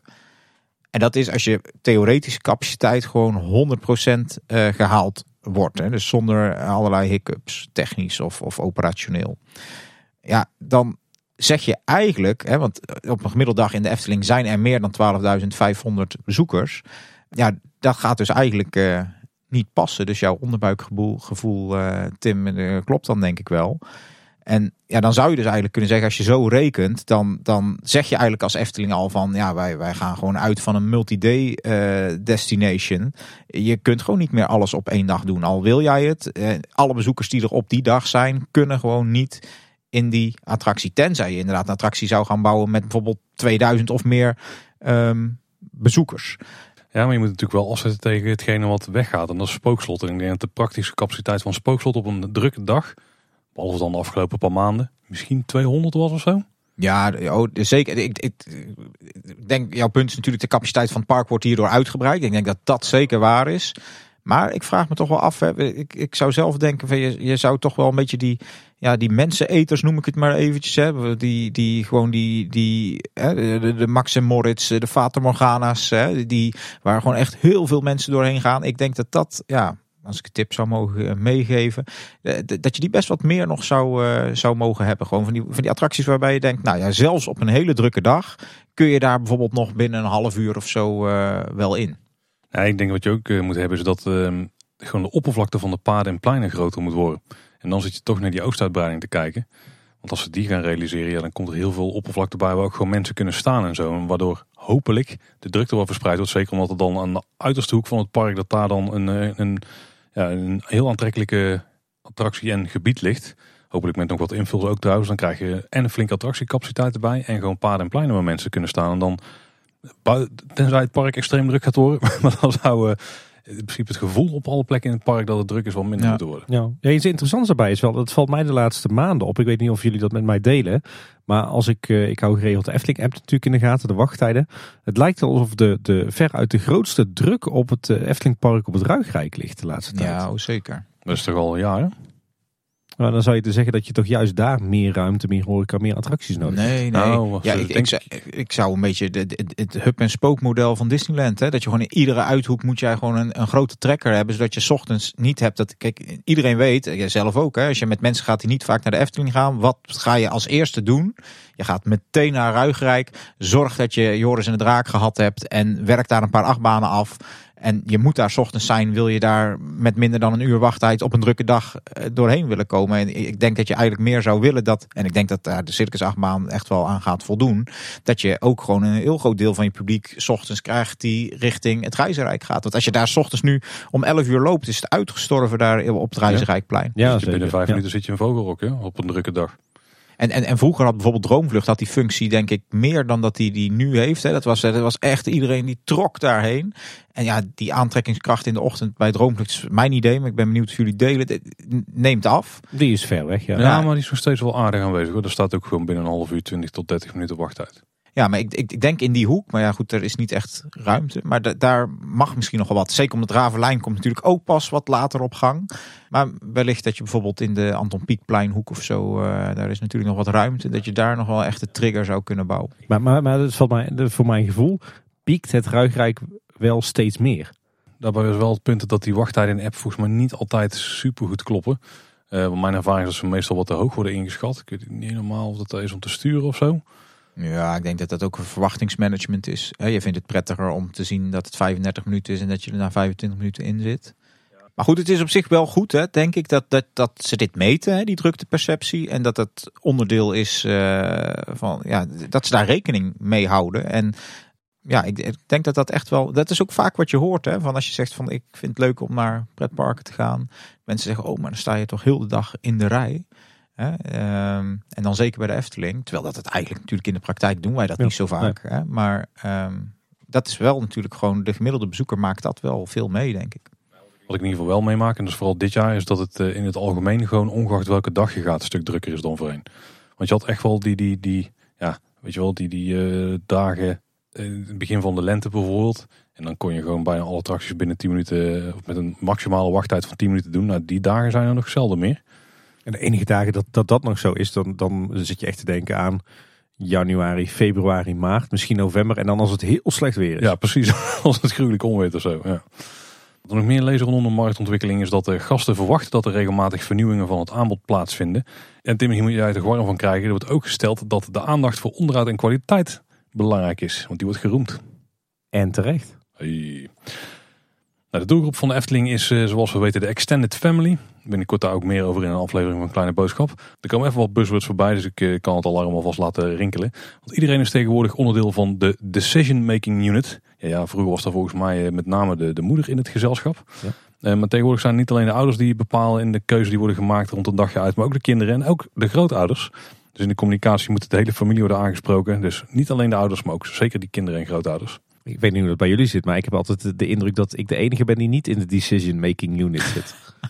Je moet dus een nieuwe contractonderhandeling doen thuis, denk ik. Ja. Maar ook stelt Efteling dat ze niet alleen nieuwe doelgroepen moeten aanspreken. Daggasten zijn nog steeds de kern van de bezoekersaantallen. En in 2021, het zal je niet heel erg verbazen, lag de focus vooral op de Nederlandse markt en maar minder op eh, de buitenlandse markt. Daar is volgens mij in 2022 al wel eh, flink bijgedraaid. Ik denk dat dit ook, ook echt wel goed is, hè, wat hier staat. Want het lijkt even zo'n zinnetje, maar je bent denk ik als bedrijf vrij snel geneigd om te kijken van wat zijn nieuwe doelgroepen, waar kunnen we nieuwe uh, markten aanboren. Maar het blijft natuurlijk zeker voor een park als de Efteling ook gewoon dat een heel groot deel is gewoon de thuismarkt, Nederland, misschien zelfs nog wel Brabant, hè, België. Uh, en ook die mensen moet je natuurlijk wel aan je blijven binden, want dat is gewoon echt een heel groot deel van je, van je publiek. Ja, en als laatste wat opviel, vooral omdat de lijst vrij beperkt lijkt te zijn, zijn de focusmerken. Eh, want daar staan eigenlijk alleen maar uh, Yoki en Sprookjesboom op. Mis ik er daar niet in ieder geval één? Ja, een paar jaar geleden, naar mijn overtuiging, werd daar Ravelijn nog bij genoemd. Ja, volgens mij ook. En Pardoes Volgens mij werd dat er niet bij genoemd. Maar dat is natuurlijk op zich eigenlijk ook nog wel gewoon een groot merk. Maar ze lijken dus... Hebben ze wel geprobeerd rond de komst van Symbolica hè, met die uh, nieuwe tv-serie. Ja, maar ik denk dat het inderdaad vooral om de merchandise items gaan. En die zie je vooral rondom Jokie en uh, Sprookjesboom verschijnen. Ja, en ook op, op YouTube-kanaal, op uh, Entertainment in het Park. Ik heb inderdaad wel de indruk dat, dat dit wel veruit de twee belangrijkste merken zijn van de Efteling. Op het gebied van ja, zo'n beetje alle media-uitingen, toch? Ja, maar uit de Thomas staat ook wel heel vaak op het dwarrelplein. Of ja, het dwarrel wasteland wat het tegenwoordig is. ja, uh, dat wel. Maar goed, dan zien we natuurlijk ook Roodkapje voorbij komen en zo. Maar ik denk als je kijkt naar de, de, de, de, de zaken die ze doen uh, buiten, uh, ja, moet ik het zeggen, buiten de fysieke omgeving, zeg maar. Dus een beetje... Ja, ik denk dat merchandise het makkelijkst op te ja. projecteren. Want bijna alle items die verschijnen, die zijn in de Sprookjesboom of Jokie-lijn. En heel weinig in andere lijnen. Als ja. er überhaupt al die sites gekomen in de Ravelijn-lijn. dat is een handige. Ja. Ja, en ook als, ze, ook als ze dingen doen op YouTube, dan, dan is het wel vaak rond Jokie en Sprookjesboom. Dit, dit zijn wel ver uit de... We weten ook dat het zit ver uit de twee meest succesvolle merken zijn. Misschien moeten we dit ook uh, niet gaan uh, kapot analyseren. Dus kijken naar de vooruitzichten. Die werden namelijk ook benoemd.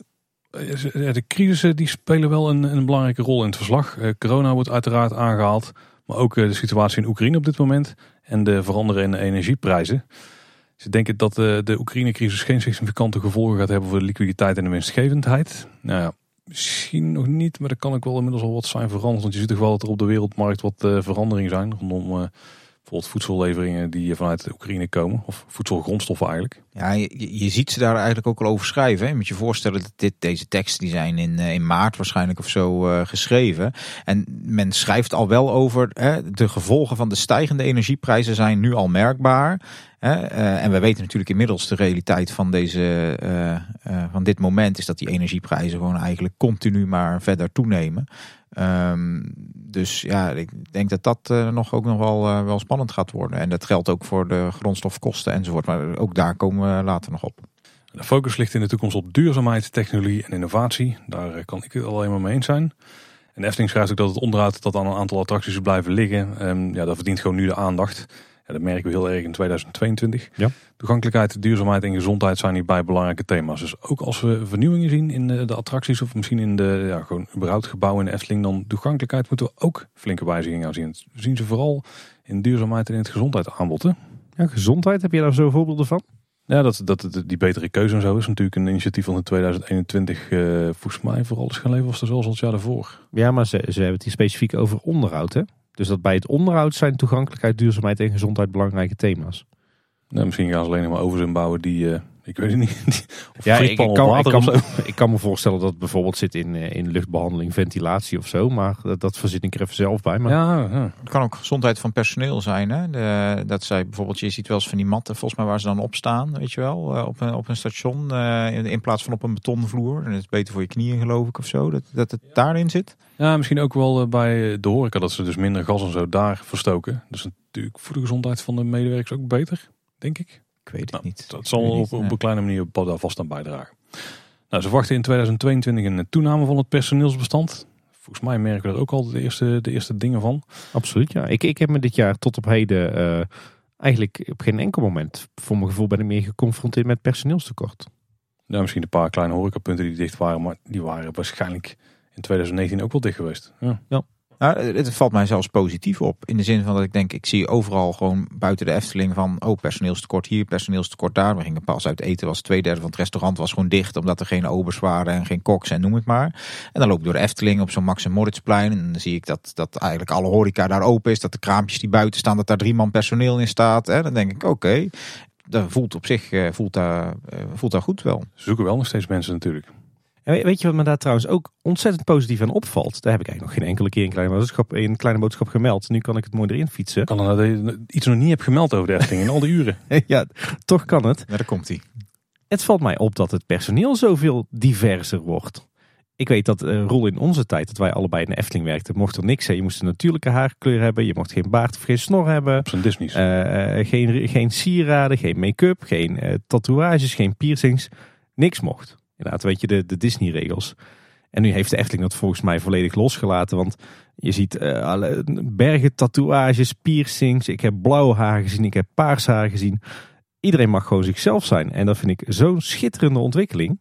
Er zitten, er zitten echt ook al paradijsvogels tussen. Ja, toch heerlijk dat dat nou voortaan kan en mag in de Efteling. Nou nee, je bent het wel met je eens. Dat is zeker een goede ontwikkeling, ja. Weet je, ik denk dat daardoor dat de Efteling misschien ook wel aantrekkelijk is om te werken. Omdat je daar juist voortaan zo uitgesproken mag zijn. En jezelf kunt laten zien uh, wie je bent en zoals je bent. Want voorheen was het zo, als je bijvoorbeeld tatoeages had, moest je altijd een blouse met lange mouwen aan. Nou ja, je ziet nu dat, dat iedereen gewoon lekker met de blouse met korte mouwen loopt en zijn of haar tatoeages volop laat zien. Ja, dat, dat moet toch ook wel bevrijdend werken. Terwijl er zullen zat werkgevers zijn maar dat nog steeds niet kan. Ja, ik denk dat daar in de arbeidsmarkt, daar komen we ook zo op hoor, uh, ook echt wel veranderd is. En dat die, die werknemer is gewoon machtiger geworden. Hè? Die kan gewoon zeggen, ja weet je, ik uh, vind het belangrijk uh, om mij zo te uiten. En als jij dat niet accepteert, dan kom ik niet. Dan kom ik niet. Ja. Hè? Dus, ehm, maar ja, ik ben met je eens. Het is, is goed. En daardoor, als mensen zich gewoon prettig in hun vel voelen zitten en kunnen zijn wie ze willen zijn, dan, ja, dan, dan worden ze ook vrolijker natuurlijk. En het is gewoon win-win voor iedereen, denk ik. En als laatste schrijft Efteling over de toekomst dat het onherroepelijk worden van het bestemmingsplan uh, er niet voor heeft gezorgd dat de Efteling nu kiest voor die uitbreiding buiten de poorten, maar juist binnen de poorten. Want uitbreidingen buiten de poorten zijn duurder en risicovoller. En knap lastig uh, gezien het stikstofverhaal. Nou. Daar gaan we het nu niet al te hard over hebben nog. Dan uh, risicomanagement. Er worden ook interessante dingen over geschreven. Zeker na de afgelopen jaren. Een selectie van de grootste risico's. Nou, de krapte op de arbeidsmarkt, hè, al uh, regelmatig aangehaald. Dus onvoldoende personeel. Maar ook heel specifiek dat er onvoldoende creatief en innovatief talent in huis zou zijn. Hebben ze daar wel wat stappen opgenomen, heb ik het idee, de afgelopen maanden. Ja, ze hebben op die vlakken aardig wat mensen aangetrokken, toch? Ja, ja pas op, hier, hier staat dat het een risico is. Hè. Er staat niet per se dat, dat dat nu het geval is, maar dat dat iets is om hè, wat, wat mogelijkerwijs een probleem zou kunnen worden. Ja, nou, ja, terecht dan, dan sorteren ze er in ieder geval eh, op voor. Uh, negatieve publiciteit is ook een belangrijke. Nou, daar hebben ze wel iets van gemerkt misschien uh, met de aankondiging van bepaalde vervangingsprojecten. Ja, en wat dacht je de afgelopen twee jaar rond corona? Hè? Ja, oké, maar daar zijn wel dingen waar mensen zich nog, nou, oké, ook niet altijd trouwens, in kunnen verplaatsen. Maar ja. Um, de toename van kans op ongelukken door complexiteit van technologie, nou, een heel specifiek aangehaalde. Hogere stilstand en uitval de technische complexiteit. Dat gaat dan over attracties, hè, de uitval. Ja. Um, geen vergunningen voor uitbreidingsplannen. Dat is zeker een groot risico, ja. Vrij actueel. Wederom niet al te lang maar stilstaan nu. En de ecologische footprint die niet verkleind zou kunnen worden door files en onvoldoende ontwikkeling van schone auto's. Ja, daar zie je die, die afhankelijkheid van de toekomstplannen van de Efteling en de, de voornemens weer eh, ten aanzien van het transport van bezoekers richting de Efteling. Hè. Ze kunnen nog zoveel verduurzamen in eigen park, maar als iedereen gewoon met, met de benzine of de dieselauto naar de Efteling blijft rijden, ja, dan sta je op een gegeven moment ook met, uh, met je handen in het haar. Ja. En de haar zal nog heel zuur en dan groeien allemaal bepaalde plantjes die er eigenlijk niet in moeten groeien. Ook een afname van de bereikbaarheid zien ze als risico. Dus als dan al die uh, stinkende auto's in de file staan, Tim, ja, dan, uh, dan kom je niet bij de Efteling. Dus dan heb je er nog niet zo heel veel aan. Uh, ook als risico bestempelt het politieke en sociale gebeurtenissen met een negatief effect op het imago van Nederland. Zouden ze hier hebben gespiekt bij de vrienden van de Verenigde Staten misschien?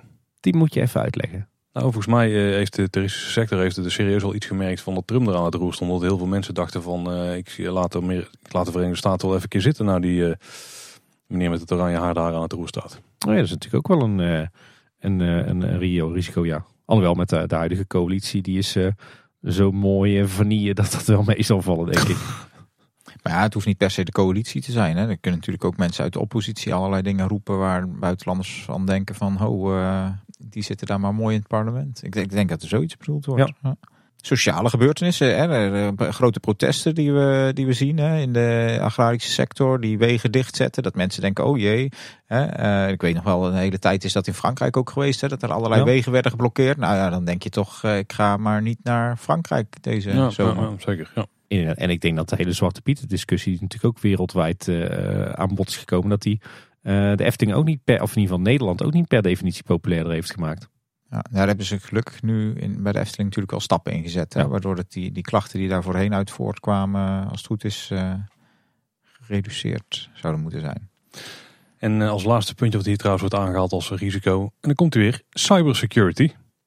En dat daar wel een interessant feitje is wat we eruit konden halen, is dat operationele technologiesystemen, die zijn bewust gescheiden van andere IT-systemen. Dus dan moet je denken aan de, bijvoorbeeld de besturing van achtbanen en zo. Die zijn dus gescheiden van het betaalsysteem of uh, gewoon het algemene netwerk. Ja, dus wij kunnen niet van een afstandje dusdanig hacken op het Efteling-netwerk dat we uh, de Python een noodstop kunnen geven. Nee, exact, ja. Ik vind dit wel gaaf. Daar had ik nooit uh, bij stilgestaan. Jij waarschijnlijk wel als echte IT-man dat dat slim is om te doen. Maar ik denk, god, dat, dat, ja, dat, ik vind het wel... ja. Ik heb bijvoorbeeld wel begrepen dat sommige achtbanen ook in uh, connectie staan met service van de leverancier. Dat als er bepaalde storingen optreden, dat daar al seintje afgaan van, uh, er moet waarschijnlijk een, een, sensor of zo vervangen worden. Dat ze dingen al zelfs preventief kunnen opsturen of gewoon bellen van, uh, hey, we zien dat Joris en de draak in storing is gegaan.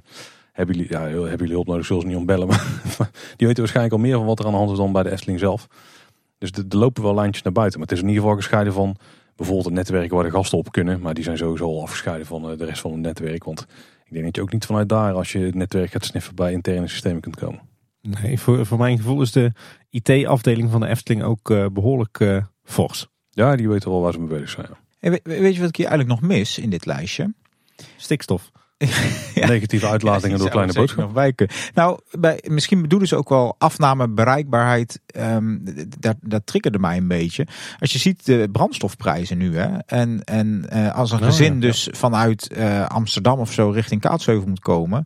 Ik moet gaan denken, wij, wij zijn afgelopen weekend gingen we naar uh, Walibi Belgium, als best een end rijden.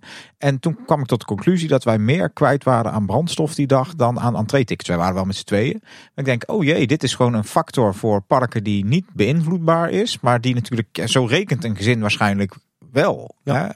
Um, dus dat is echt wel een, een, het kan een factor van belang worden. Eigenlijk valt dat wat je beschrijft, Roel, valt natuurlijk ook onder afname van de bereikbaarheid. Alleen dan in, uh, in de ruime zin van het ja, woord. Ja. En verder stonden er in het jaarverslag nog een paar andere opvallende zaken. Kon nog niet echt uh, direct onder de andere kopjes plaatsen. En Efteling spreekt daar over het een beetje het doel van gezonde groei. Dat zou dan 6,5 miljoen gasten moeten betekenen met een bredere omzetbasis.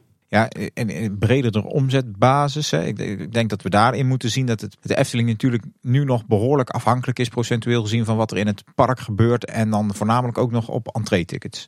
Ja. En um, je, wat je eigenlijk wil in een gezonde situatie is dat dat verblijf eigenlijk uh, een nog grotere tak van sport wordt binnen de omzet. Maar ook dingen als uh, horeca, dat dat, dat, dat groter wordt. Um, wellicht theaterproductie of wat dan ook. Of dat je um, ja, je risico's eigenlijk meer verspreidt over verschillende pijlers in je, in je omzet. Weet je wat de familie Makker had gelezen? Nee. Streamingsdienst. Ja. Streamingsdienst. ja, ja, zeker. Ja, Hard ticket events.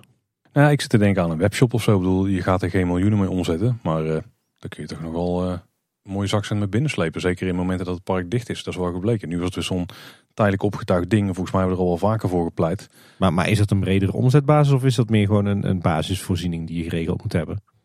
Ja, ook wel. Maar daardoor uh, voorzie je wel in die bredere omzetbasis. Want het is gewoon een, een bedrijfstak die altijd kan door blijven draaien. Tenzij er geen mensen meer op distributiecentra mogen staan of zo. Maar ongeacht, ja, en als je geen spullen kunt leveren.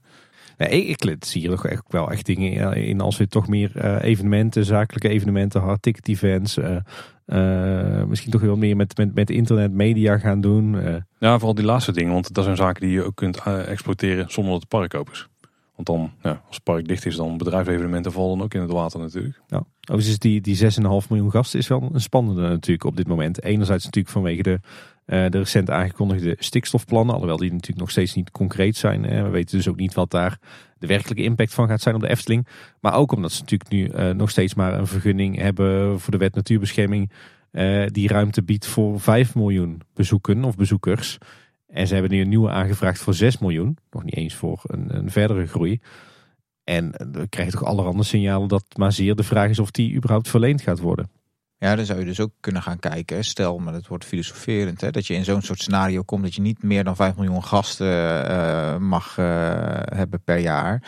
Um, en dat combineren met die bredere, bredere omzetbasis. Hè, de, um, dan zou je misschien moeten proberen om die gasten die er zijn, uh, daar meer aan te verdienen. Dus te zeggen van je hebt je dagje park gehad, maar we gaan toch proberen dat die, die horeca, hè, waar Fons ooit mee aantrad van iedereen vertrekt hier uit het park om bij de McDonald's of de Happy Italy of wat dan ook te gaan eten. Ja, daar valt natuurlijk nog steeds gewoon geld te halen. Hè. Dus ook als je gewoon maar die 5 miljoen gasten kan hebben, dan denk ik dat er nog steeds gewoon per gast meer ja. uh, echt wel meer uh, te halen valt. En ik denk dat als zo'n stikstofscenario of uh, de, de, de, milieuvergunning, als zulke soort dingen gaan spelen, dan, dan gaat zoiets natuurlijk ook meer opspelen. Ja. Als ze schrijven ook in het jaarverslag dat het onduidelijk is dat ze nog wel naar die oorspronkelijke bezoekersaantallen kunnen teruggaan. Ja, dan refereren ze aan de, de bezoekersaantallen van voor corona. Ik ben er eerlijk gezegd niet heel bang voor als ik zie wat ze tot nu toe in 2022 doen. Volgens mij is het weer net zo druk als in de drukste jaren voor corona. Dus, of, of drukker. Ja, daar, daar, daar lig ik nog niet wakker van. Nou ja, misschien sorteren ze ook wel voor op uh, wetgeving en zo die daar uh, rondom Ja, je bedoelt het woordje kan hè. Uh, dus kan wettelijk gezien. Ja, bijvoorbeeld dat er beperkingen zijn die ervoor komen dat dat kan. Nou, laten we hopen dat het niet nodig is. Hè? Zo, zowel voor het bedrijf, maar ook gewoon als je, je gunt natuurlijk ook gewoon anderhalf miljoen bezoekers meer dan 5 miljoen een leuke dag in de Efteling. Nou ja, op dit moment uh, die 6,5 miljoen die mogen nog lekker wegblijven met z'n allen. Er uh, is wel uh, capaciteit bij komen. Ja, zeker, zeker. Ja. maar wij weten dat het ene gepaard gaat met het andere natuurlijk. Ja. Dan nog iets over de beloning van de bestuurders. In 2021 is die gestegen. Die was namelijk in 2021 714.000 euro en in 2020 was het nog 634.000 euro. En volgens mij was het in 2020 niet gestegen. Ehm, misschien zelfs een licht afgenomen. Daar is me niet helemaal meer bijgebleven. Nee, dit is dan in principe waar het salaris van Fonds en het naam van baas uit bestaat. Die zijn er in principe samen 80.000 euro op vooruit gegaan. Ja, dat, vind ik opmerkelijk. Omdat je toch eigenlijk ziet dat het personeel moest inleveren. Uh, met die dertiende maand en die, uh, die arbeidsvoorwaarden en, en dergelijke. En dat dan die bestuurders extra zijn gaan verdienen. Ik, ik geloof het ergens bijna niet in de zin van... ik vind het niet echt des Eftelings, zeg maar. Misschien dat ze uiteindelijk toch een soort van uh, extra beloning hebben gekregen. Omdat ze 2021 met, uh, met flink zwarte cijfers hebben afgesloten. Ja, ja, ja, het zou kunnen. Misschien hebben ze ook een dertiende maand gekregen. Dan komt het aardig uit. ja, ja, wellicht. Ja. Nee, ik, ik denk dat ze gewoon uh, dat het misschien de verhoging die ze eigenlijk vorig jaar gekregen zouden hebben, dit jaar er is bijgekomen, plus ook die van dit jaar. Mm. Dat zoiets is. En uiteindelijk hebben de, de medewerkers natuurlijk niks hoeven inleveren de rest van het personeel leek er wel heel lang op. Maar aan het eind van het jaar hebben die ja, ook gewoon ja, dat is ook waar. de volle map gekregen. Ja. En verder lezen we ook nog dat uh, de vergoeding voor de Raad van Commissarissen exact gelijk is gebleven. Die was in 2020 en 2021 145.000 euro. Ja, en heren, uh, zo zijn we eigenlijk door het jaarverslag over 2021 heen. Uh, rest mij nog één vraag aan jullie. Wat vinden jullie eigenlijk van de cijfers over 2021? Ja, ik, ik denk dat de Efteling mag terugkijken op eigenlijk eh, voor de omstandigheden die er waren een best goed jaar. En uh, het feit dat we heel vaak hebben kunnen zeggen van hey, dit uh, kengetal is eigenlijk weer terug op pre-corona niveau. En dat eigenlijk zo snel, hè, terwijl ze eigenlijk nog met de voeten in de ellende stonden um, in het najaar van 2021. Hè, um, denk ik, nou het ziet er heel goed uit. En ik, ik moet zeggen, er is natuurlijk heel wat afge Uh, of er is heel wat, wat gesproken over van ja, doen ze dat nou goed? Hè? Met dat, dat bezuinigen op bijna alles wat je kunt bedenken. Uh, nou, daar, kun je van alles van vinden. Uh, al met al denk ik dat ik ehm, ja, dat wel begrijp dat ze dat hebben gedaan. En als je ziet op, op in welke mate er geld op een gegeven moment uitgegaan is per kwartaal, dan snap ik die uh, reactie. En je moet je voorstellen, die Efteling is natuurlijk ook een soort van, van olietanker die je niet heel makkelijk kunt gaan keren. En ja, dan ben ik uiteindelijk onderaan de streep, denk ik, uh, dat ze dat beleid goed gevoerd hebben. En um, dat het feit dat ze dat destijds hebben gedaan, maakt dat ze gewoon nu aan kunnen kondigen dat we een, een Dans Macabre krijgen, dat we een Grand Hotel Efteling krijgen, dat dat hele onderhoud weer op volle kracht vooruit gaat. En je, kunt natuurlijk eh, betwisten van had je dat onderhoud zo ver terug moeten schroeven of had je dat toch wat geleidelijker uh, moeten doen. Maar ja, ik heb het gevoel dat we nu wel gewoon weer op het punt staan dat we gewoon vooruit kunnen kijken en geen ellende uit het verleden meer achter ons aanslepen. En ehm, ja, ik, ik denk dat dat uh, goed is. En ehm, ja, blik vooruit. Dat is wat ik hier aan overhoud. Wel interessant dat je het zegt, want ik denk dat het juist um, niet alleen maar negativiteit is die aan de afgelopen twee jaar heeft gekleefd. Er zit denk ook een, een voordeel aan. En dat is als je grote organisaties hebt en die groeien organisch door de, door de loop der jaren heen. Wat je dan krijgt is dat er, eh, er komen altijd um, delen van het bedrijf bij die, ja, die zijn een beetje overtollig vet, weet je wel. Die, die, die denk je nodig te hebben. Maar op het moment dat de crisis komt, dan blijkt dat je ook uh, zonder kan. En dat, dat budget wat daarheen ging misschien helemaal weg kan of, flink afgeslankt kan worden. En dat je dan nog steeds in ieder geval voor een deel eruit had wat je eruit kunt halen. ik denk dat ze daardoor als organisatie een stuk meer uh, lean zijn geworden. Dus het vet is er gewoon af. En nu zijn ze, ja, nu, dit klinkt misschien heel filosofisch, maar nu zijn ze een beetje de pure Efteling-organisatie. Vanaf waar ze weer verder gaan bouwen. Um, en dus de focus leggen op de punten die ze echt belangrijk vinden. Nou, die worden ook aangehaald in het jaarverslag. En misschien is het ook wel de reden dat ze nu juist zoveel kunnen investeren in onderhoud. Omdat op heel veel andere punten, die, daar geld hoeft daar niet meer naartoe. Zeg maar. Want ze hebben gemerkt dat die stukken niet meer nodig waren in de bedrijfsvoering. Of, of in ieder geval dat er veel minder geld naartoe hoeft, waardoor er meer geld overblijft voor andere plekken. natuurlijk, het personeelbestand gaat weer uitgebreid worden de komende jaren. Dat, is inherent aan eh, de, ja, de, groei die nu weer, tenminste de groei vanuit eh, het coronadal, zeg maar, wat nu dus weer komt. Um, maar ik denk dat ze wel heel specifiek gaan kijken van waar gaan we die nieuwe mensen dan allemaal neerzetten. En dat ze niet uh, weer terug gaan bouwen naar de vorige versie van de organisatie die ze waren, zeg maar. Dus ik denk dat daar eigenlijk wel een positief punt is wat hieruit is gekomen. En al met al, ja, de cijfersrol, daar, daar kan ik niks aan toevoegen wat jij zei. dat klopt helemaal. Ja, ze hebben het heel netjes gedaan naarmate de omstandigheden. Ja. ik vind het ook erg indrukwekkend dat ze in, in zo'n uh, zo'n verschrikkelijk coronajaar, minstens net zo ellendig was als 2020, dat ze zo'n mooi resultaat hebben kunnen schrijven. Echt uh, indrukwekkend. Dat laat maar weer des te beter zien hoe uh, ja, dat er toch behoudende, conservatieve, maar wel goede boekhouders zitten bij de Efteling. Die echt alles op alles zetten om het bedrijf financieel gezond te houden. En daarmee ook zelfstandig te houden. En daarmee ook ervoor te zorgen dat, dat de toekomst van de Efteling uh, rooskleurig is. Hè? Want juist door die hand zo op de knip te houden en ervoor te zorgen dat de Efteling als bedrijf uh, zo snel mogelijk weer helemaal financieel gezond is. Ja, uh, dat, dat is natuurlijk hartstikke positief voor de, de toekomstverwachting van de Efteling. Daar hebben we natuurlijk wel een prijs voor betaald met z'n allen. in 2020 en zeker ook in 2021. ja, de vraag is alleen hoe erg is dat en is de Efteling niet te veel doorgeschoten in bezuinigingen om dit alles mogelijk te maken. We hebben natuurlijk een aantal dingen gezien. Ehm, je had het er al over uh, bezuinigingen op het onderhoud en bezuinigingen op het groen. Uh, ik denk dat in absolute zin uh, dat dat niet schadelijk is geweest. Hè. Je ziet dat ze nu het, het onderhoud, dat ze daar nu echt een inhaalslag gaan maken. Er zijn misschien een paar plekken in het park waar het een beetje te laat voor komt. Hè. Denk bijvoorbeeld aan het Carouselpaleis. Maar toch zo'n beetje de hele gevel al een paar jaar van uh, aan het wegrotten is. Uh, terwijl toch een stukje cultureel erfgoed is. Dan denk ik, nou, had die dan iets naar voren getrokken. Maar goed, verder denk ik dat ze die achterstand in onderhoud uh, al flink aan het goedmaken zijn. En ook de komende jaren gaan goedmaken. Nou ja, qua groen hebben ze het ook meteen in 2022, en, na twee hele schrale jaren, echt gelijk weer vol gas gegeven. Hè? Dus het park ziet er weer prachtig uit. Niet te veel voor gas en dan komen er al die verkeerde plantjes uit de grond. nee, precies. Um, wel twee zorgenpuntjes uh, qua uh, impact van die bezuinigingen de afgelopen twee jaar. Eén is, uh, wat doet het met je, je imago en reputatie als Efteling? Dat die toch echt wel een knauw hebben opgelopen. niet zozeer bij de vaste bezoekers en de liefhebbers. Maar wel bij de mensen die de Efteling één keer per jaar of, of, twee keer per jaar of één keer per twee jaar bezoeken. Uh, enerzijds kwaliteit van het product en anderzijds al het gezeik rondom corona eh, en de Efteling in de pers. Ja, maar ja, het alternatief is natuurlijk dat het park misschien uh, geen voortbestaan meer heeft en dan ben je nog verder van huis. dat, dat, is natuurlijk de afweging die ze continu hebben gemaakt. Zeker met die 30 miljoen verlies in één kwartaal. Ja. Ja, nee, natuurlijk. Maar dat is ook de overweging. Hè? Uh, en, en, en het tweede puntje van zorg toch wel het, personeel. Er is natuurlijk heel veel personeel weggegaan. Heel veel goed personeel wat er al lang werkte. Uh, ik heb de indruk dat ze inmiddels de, het personeelsbestand wel weer aardig op orde hebben. Uh, met, met heel veel goede nieuwe mensen.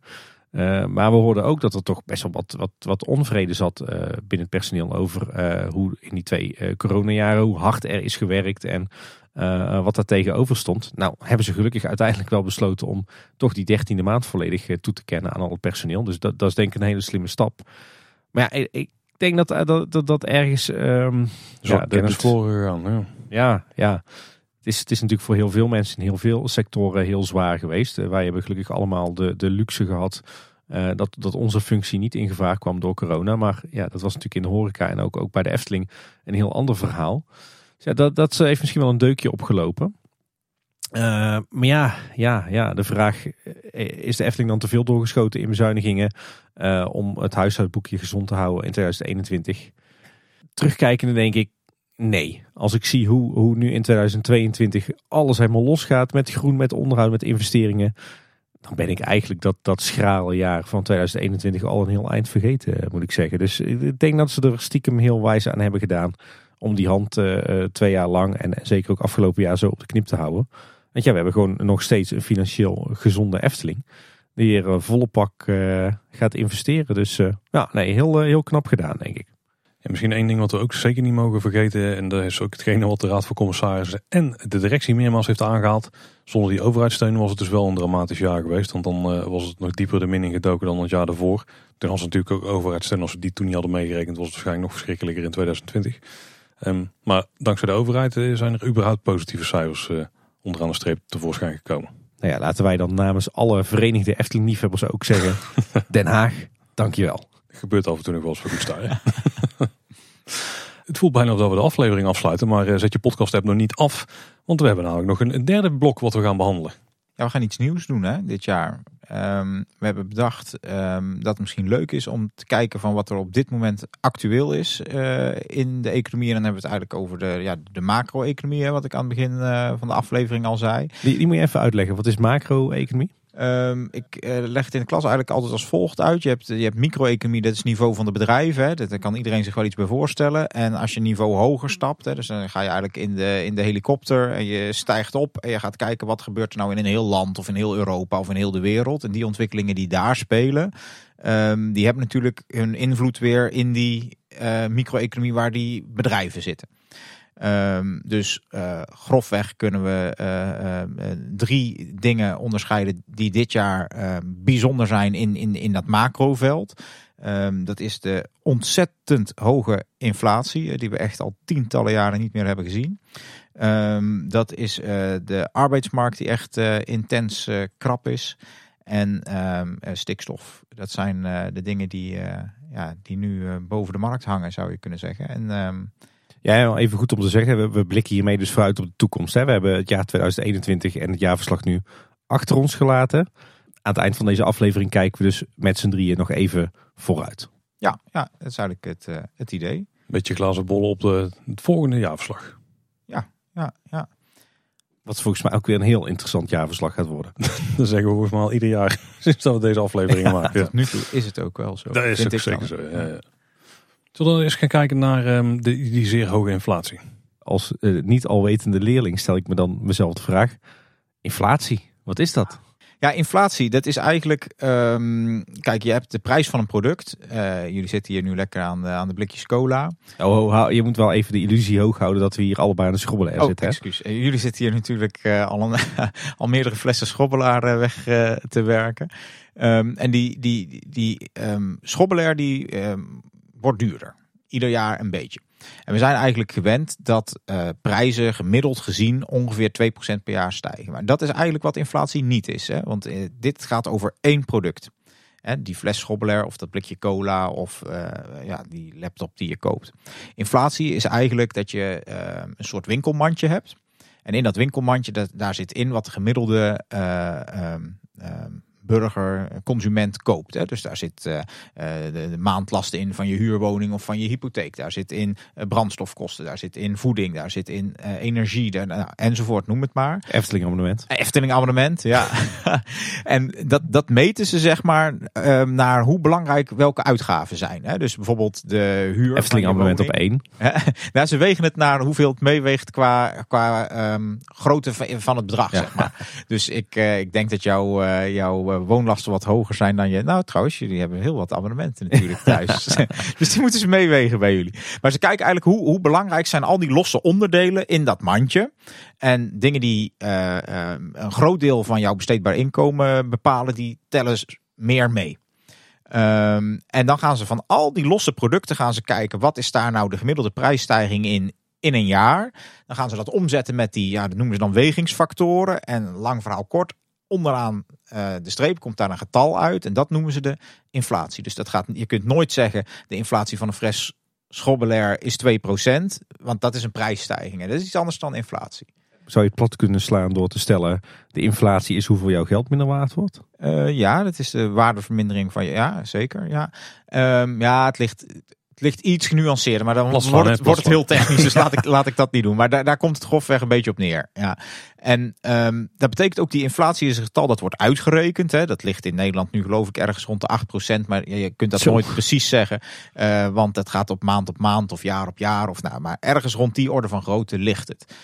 Um, betekent dat dat iedereen die inflatie zo ervaart? Nee, dat, dat is niet zo. Hè. Als de inflatie heel erg op energie zit en je hebt bijvoorbeeld heel veel zonnepanelen op je dak liggen, zoals hier op de gigantische kleine boodschapstudio, dan heb je daar minder last van. Als jij uh, um, bijvoorbeeld uh, heel veel aan andere goederen uitgeeft, kun je er meer uh, last van hebben als die goederen meer stijgen. Dus het is automatisch een soort van um, gemiddelde waar excessen in kunnen zitten, zeg maar. Maar goed, even aannemen, die inflatie ligt ergens rond, uh, rond de 8%. Is dat nou hoog? Ja, dat is echt heel erg hoog. Um, het is eigenlijk zo dat normaal die inflatie ongeveer rond de 2% hoort te liggen. Omdat je eigenlijk wil dat alles ongeveer ieder jaar 2% een beetje duurder wordt als smeerolie voor de economie. Hè. Dan eh, word jij een beetje opgejaagd om een nieuwe laptop te kopen. Want je denkt als ik dat nu doe, hè, dan, dan is het wat uh, goedkoper nog dan, uh, dan volgend jaar. Dus dat houdt die economie eigenlijk een beetje gaande. Zo werkt dat zo. Ja, ja, ja, zo werkt dat. En daarmee houden we de productie gaande werkgelegenheid. Hè. Dus dat is, dat is heel belangrijk om de werkgelegenheid op peil te houden. Nou, die inflatie was de afgelopen jaren eigenlijk steeds veel te laag. Hè? Uh, die lag uh, um, ja, tussen de 0 en de 1 procent. Op sommige kwartalen is die zelfs een beetje onder 1 gezakt. Nou, dat, dat is iets wat je echt niet moet willen. Dus ja, die inflatie die wil je eigenlijk een beetje rond die 2 procent hebben.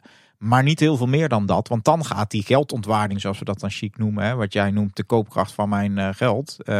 Um, ja, die gaat dan afnemen. Wordt die inflatie dus heel hoog, ja, dan gaat die koopkracht ook heel sterk afnemen. En dat is eigenlijk wat we nu op dit moment zien. En um, dat heeft allerlei oorzaken. We onderscheiden eigenlijk uh, twee soorten inflatie. Je hebt inflatie die, die komt doordat mensen steeds meer geld gaan uitgeven, meer gaan besteden.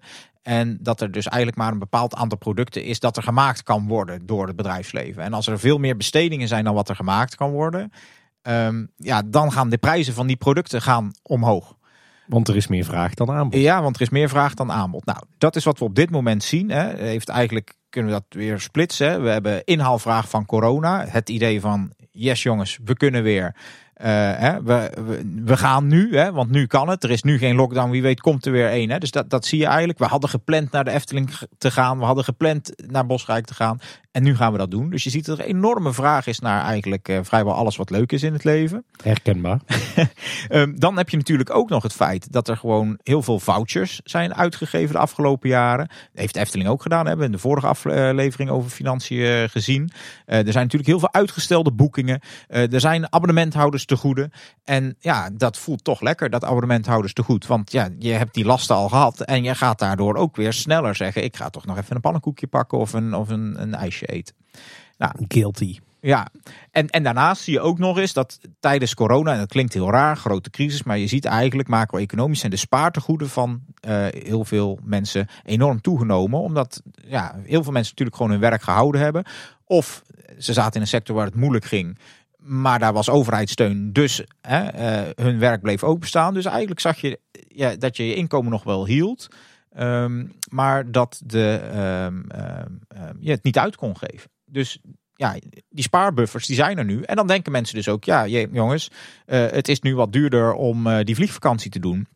Maar, ja, weet je, wat kan mij het schelen? Hè? Ik heb nog zoveel op de bank staan. Hè? Nu kan het. Ik ga gewoon. En ook als de KLM 200, 300 euro extra vraagt voor zo'n vlucht, we gaan gewoon. Um, dat is bestedingsinflatie. En daardoor zie je dus eigenlijk dat die prijzen op gaan lopen. Nou, dan hebben we ook nog een andere vorm van inflatie. En dat is de vorm van inflatie uh, waar we eigenlijk het meeste last van hebben in, in, de, in de eurozone. En dat heeft eigenlijk uh, uh, te maken met, met de kostenkant van de economie. Dus het heeft te maken met uh, bijvoorbeeld corona, ehm, die allerlei ehm, fabrieken bijvoorbeeld in China heel lang heeft stilgelegd, waardoor dat er onderdelen missen. Ehm, we noemen dat met chic woord verstoorde productie- en distributieketens. Hè, want het heeft niet alleen te maken met het produceren, maar het heeft ook te maken met hoe komen die spullen vanuit die gebieden hier naartoe.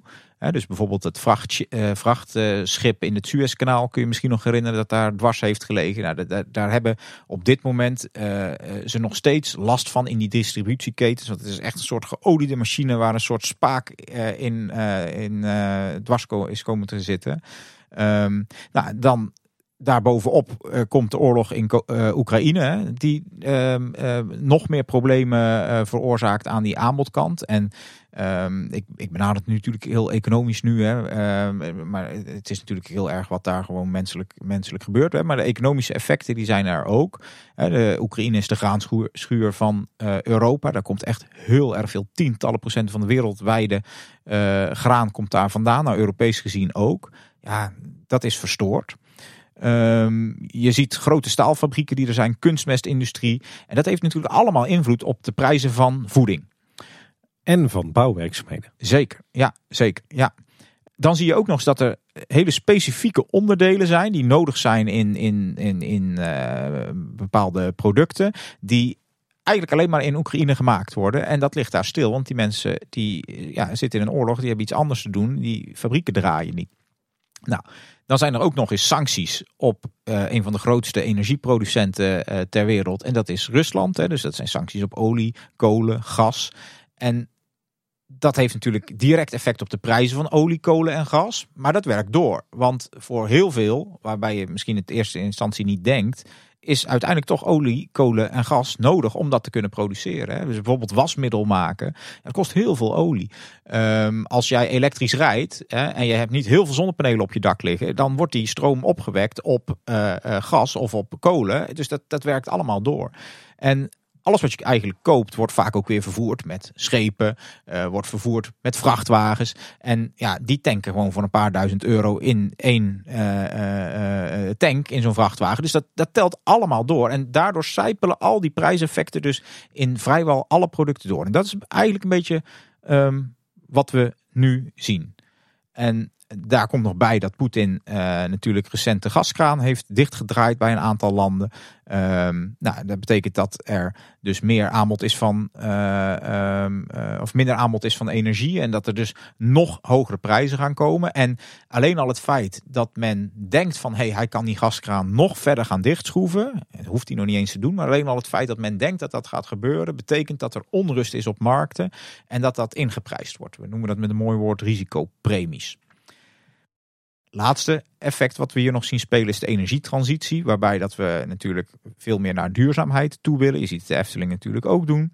En uh, wat we eigenlijk zien is dat uh, fossiel wat sneller is afgeschaald dan duurzame energie is opgeschaald. En ja, dat maakt ook dat daar wat schaarste uh, ontstaat.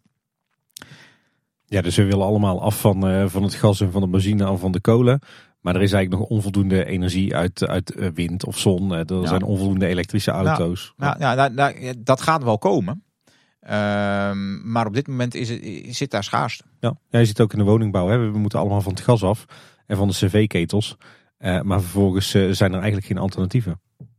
Ja, Roel, je hebt hier een mooie lesje economie gegeven, maar het gaat over de Efteling. Wat zijn nou de gevolgen voor de Efteling dan van die ja, stijgende inflatie? Ja, nou, dat, dat is natuurlijk waarom we dit doen.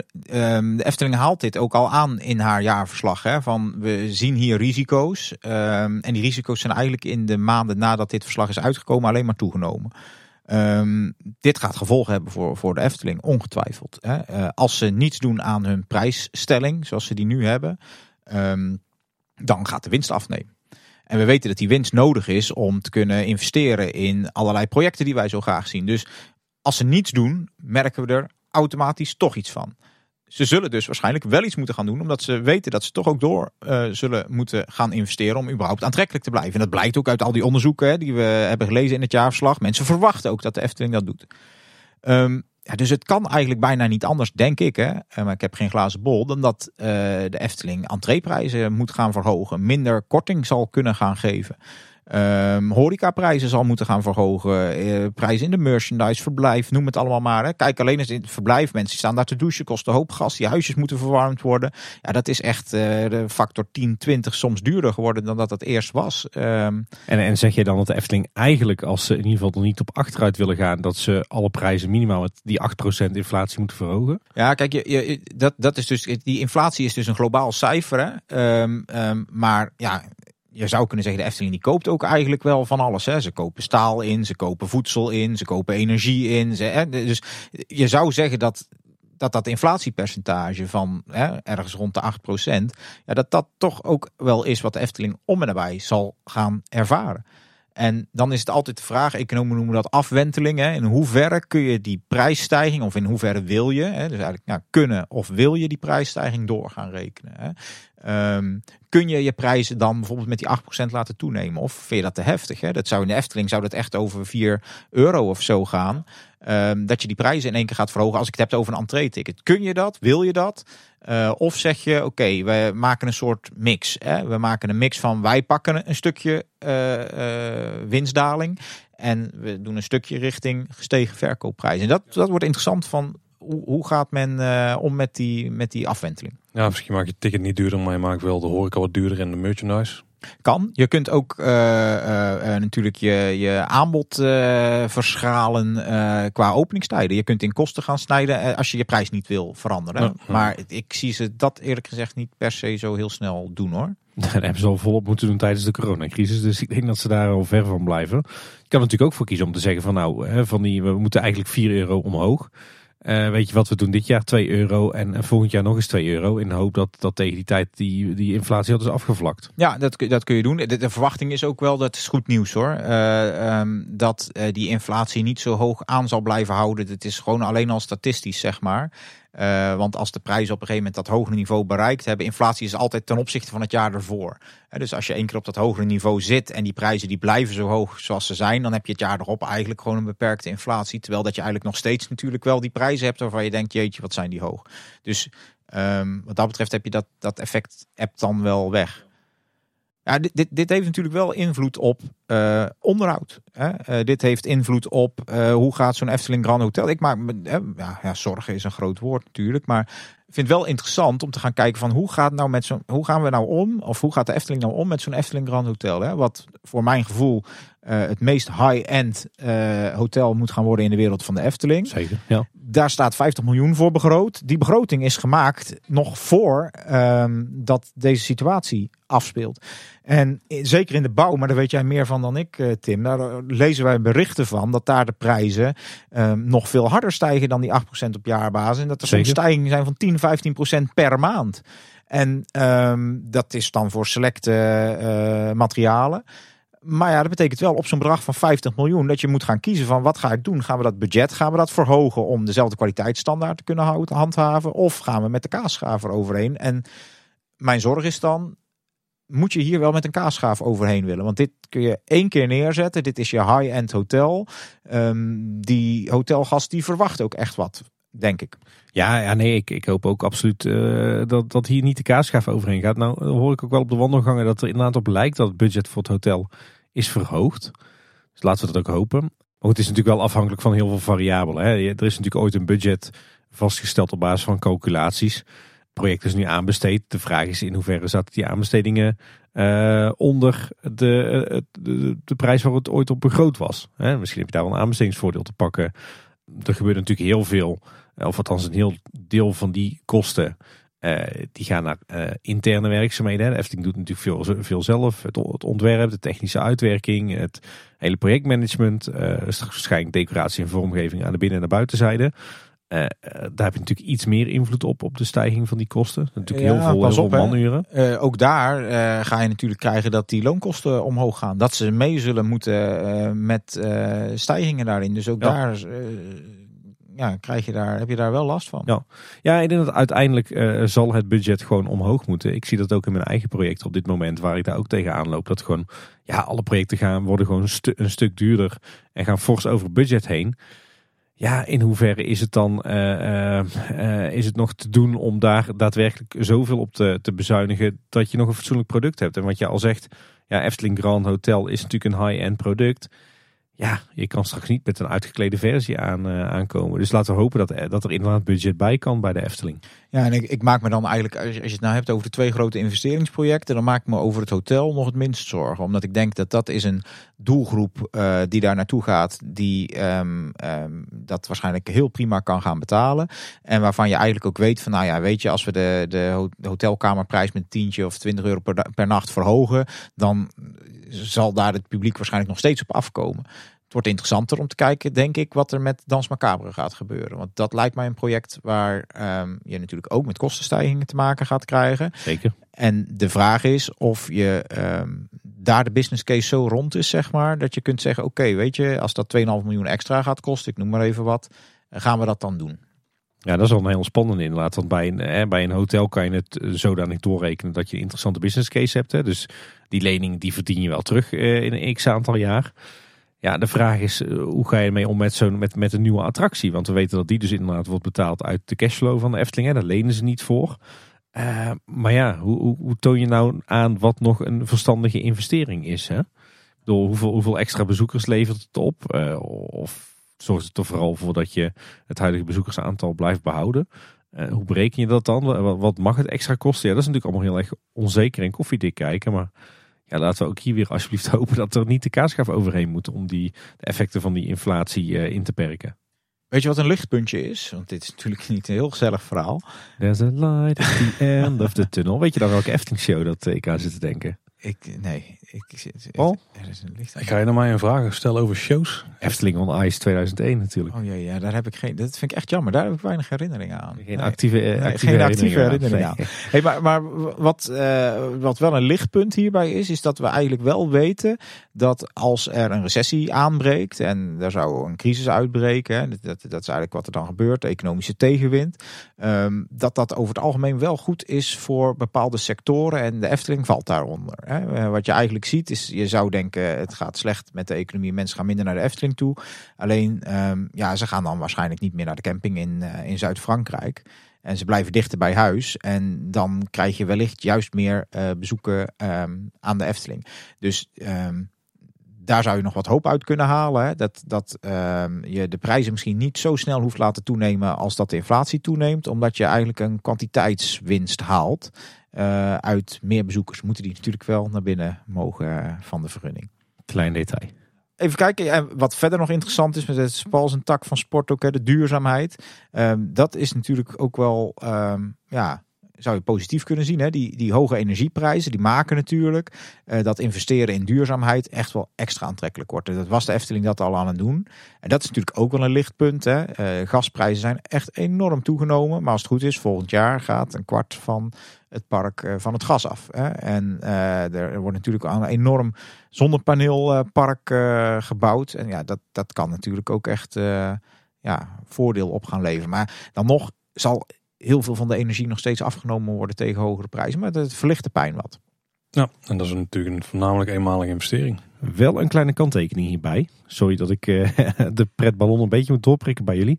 Uh, wat de recente ontwikkeling uh, is, is dat lang niet alle alternatieve vormen van energie heel erg duurzaam blijken te zijn. eerder was natuurlijk biomassa uh, en, uh, ja, stond bekend als een, als een duurzaam alternatief. nou, inmiddels. De grootste grap van het jaar, maar ja. ja, inmiddels uh, zijn we daar met z'n allen wel van af. Hè. Is, is de, de overtuiging wel dat biomassa centrales helemaal niet zo duurzaam zijn. En daar heeft de Efteling met, met, met het Loonse Land natuurlijk nog wel een, een uitdaging. Wat nu volledig biomassa wordt gestookt. De vraag is, hoe lang kan dat doorgaan? Ook in relatie tot, tot stikstof. En ook die, die bodemwarmte uh, en bodemkoude, waar de Efteling nu natuurlijk volle bak op inzet in, uh, in bijvoorbeeld het Anderrijk. En ze hadden natuurlijk al langer warmte-koude opslag. Ja, daar klinken steeds meer, meer geluiden dat hoe meer dat daar gebruik van wordt gemaakt, hoe meer dat het grondwater ontregeld wordt en de warmte en koude stromen daarin. En de provincie gaat nu zelfs al aan de handrem trekken en gaat dus monitoren hoeveel WKO-installaties uh, mogen er nog komen. Dus dat zijn uh, toch allemaal spannende ontwikkelingen die een beetje ja, buiten de invloedssfeer van de Efteling gaan. Maar het is dus allemaal nog niet zo makkelijk. Want dan denk je, hè, we, we zorgen ervoor dat het hele park voor 2030 van het gas af is. Maar als straks blijkt dat, uh, dat bodemwarmte uh, geen optie meer is, omdat dat het, eh, het grondwater ontregelt, ja, dan eh, ga er maar weer aan staan. Er zijn natuurlijk wel alternatieven voor. Dus dan moeten ze daar eh, meer tijd in investeren. Als je warmtepompen plaatst op plekken waar het in ieder geval zin heeft. Dan krijg je wel iets meer elektriciteitsverbruik. Maar als je daar dan weer eh, bijvoorbeeld zonnepanelen tegenover kan leggen. Of gewoon groene energie kunt afnemen. Dan uiteindelijk kun je daar wel mee richting de nul gaan qua uitstoot en eh, netto energieverbruik. Misschien goed om naar het tweede puntje te gaan kijken. Daar hebben we ook al wel over gehad. Hè? De, de, de krappe arbeidsmarkt en de gevolgen daarvoor voor de Efteling. Want een van de dingen die je natuurlijk ziet is dat het eh, best moeilijk is om voor bepaalde posities aan personeel te komen. Nou, eigenlijk misschien wel voor alle posities zelfs. Net al even aangehaald dat het bij de Efteling minder een probleem lijkt te zijn dan op andere plekken. Maar ja, we zien wel Tim eh, iedere nieuwsaflevering dat er vrij veel vacatures openstaan. ehm, op heel veel eh, diverse posities. Dus ja, dit is wel iets wat, wat binnen de Efteling organisatie leeft en eigenlijk op de hele markt. Hè? En je hoort nog wel eens dat mensen zeggen van nou, dat is even een tijdelijk probleem, weet je wel. Eh, na corona en eh, er is personeel uitgestroomd en dat gaat wel weer terugkomen. Ehm, ja, daar zijn economen eigenlijk vrij duidelijk over. En dit, dit zagen we eigenlijk ook al eh, heel lang aankomen. Dus wie een beetje in dat wereldje zit, die, die ziet dit niet als een verrassing. Uh, dit is geen tijdelijk probleem, dit gaat blijvend worden. Die, arbeidsmarkt die is ontzettend uh, krap. Dat betekent eigenlijk dat er gewoon veel meer banen zijn dan mensen die die banen kunnen invullen. En um, dit, dit gaat zelfs nog erger worden de komende jaren. En dat heeft eigenlijk met een aantal ontwikkelingen te maken. Um, de vergrijzing kennen we natuurlijk. Hè, dat er een steeds groter deel van onze bevolking uh, ja, met pensioen is. En die vergrijzing trekt eigenlijk nog door tot 2040. Dus dat betekent dat er eigenlijk ieder jaar meer ouderen met pensioen gaan. dan dat er nieuwe jonge arbeidskrachten op de arbeidsmarkt komen. Dus die, die, die, die krapheid daar, ja, die zal toenemen. Hey, ik zie bij Paul trouwens ook al flink wat vergrijzing. Nee, ik uh, help mee. Jullie zijn aardig tegen elkaar. Um, daarnaast zien we nog een ontwikkeling uh, van ontgroening, noemen we dat. Hè. Dat betekent eigenlijk dat er steeds minder kinderen uh, per vrouw uh, geboren worden. En ja, dat, dat biedt dan ook niet echt per se heel veel hoop voor het idee van, nou jongens, dat, dit gaat zich wel oplossen. Um, we hebben natuurlijk de afgelopen jaren best wel wat arbeidsmigratie gehad vanuit Oost-Europa. En wat je eigenlijk ziet, en dus op zich is dat heel positief. Hè, het gaat in die landen uh, eigenlijk economisch gezien steeds beter. Hè? Dus die mensen die zeggen van ja, wat zou ik dan eigenlijk nog in Nederland gaan doen? Hè? En um, je ziet dat dat eigenlijk af gaat nemen. Het neemt nu al wat af. Alleen de verwachting is dat het verder af gaat nemen. Dus wordt die arbeidsmarkt in Nederland wordt nog krapper.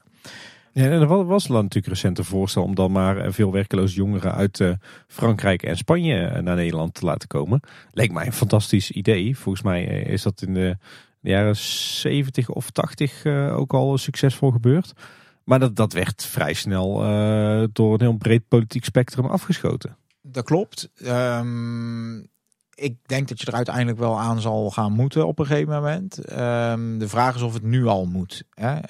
Um, je, hebt nog iets wat het noemen ze dan het onbenut arbeidspotentieel. En dat is best wel hoog in Nederland. Dus dat betekent dat er best wel wat mensen zijn um, die bijvoorbeeld afgekeurd zijn. en uh, in Nederland zie je dat er dan vrij snel wordt gezegd: oké, je bent dan echt, je bent helemaal afgekeurd. Hè? Uh, in andere landen wordt er dan vaak meer gezegd van hé, hey, laten we eens kijken, jij kunt dit niet meer. Maar misschien kun je dat nog wel. Hè? En daar valt nog wel wat te halen. Dat zou gaan over ongeveer, ik zeg het even uit mijn hoofd, ik geloof iets van ruim 1,2 miljoen mensen in Nederland. Oh. Niet dat je daar nou echt um, heel veel van kunt verwachten in de zin van dat die 100% inzetbaar zijn. Maar daar valt nog wel, uh, daar, daar is nog wel wat te halen.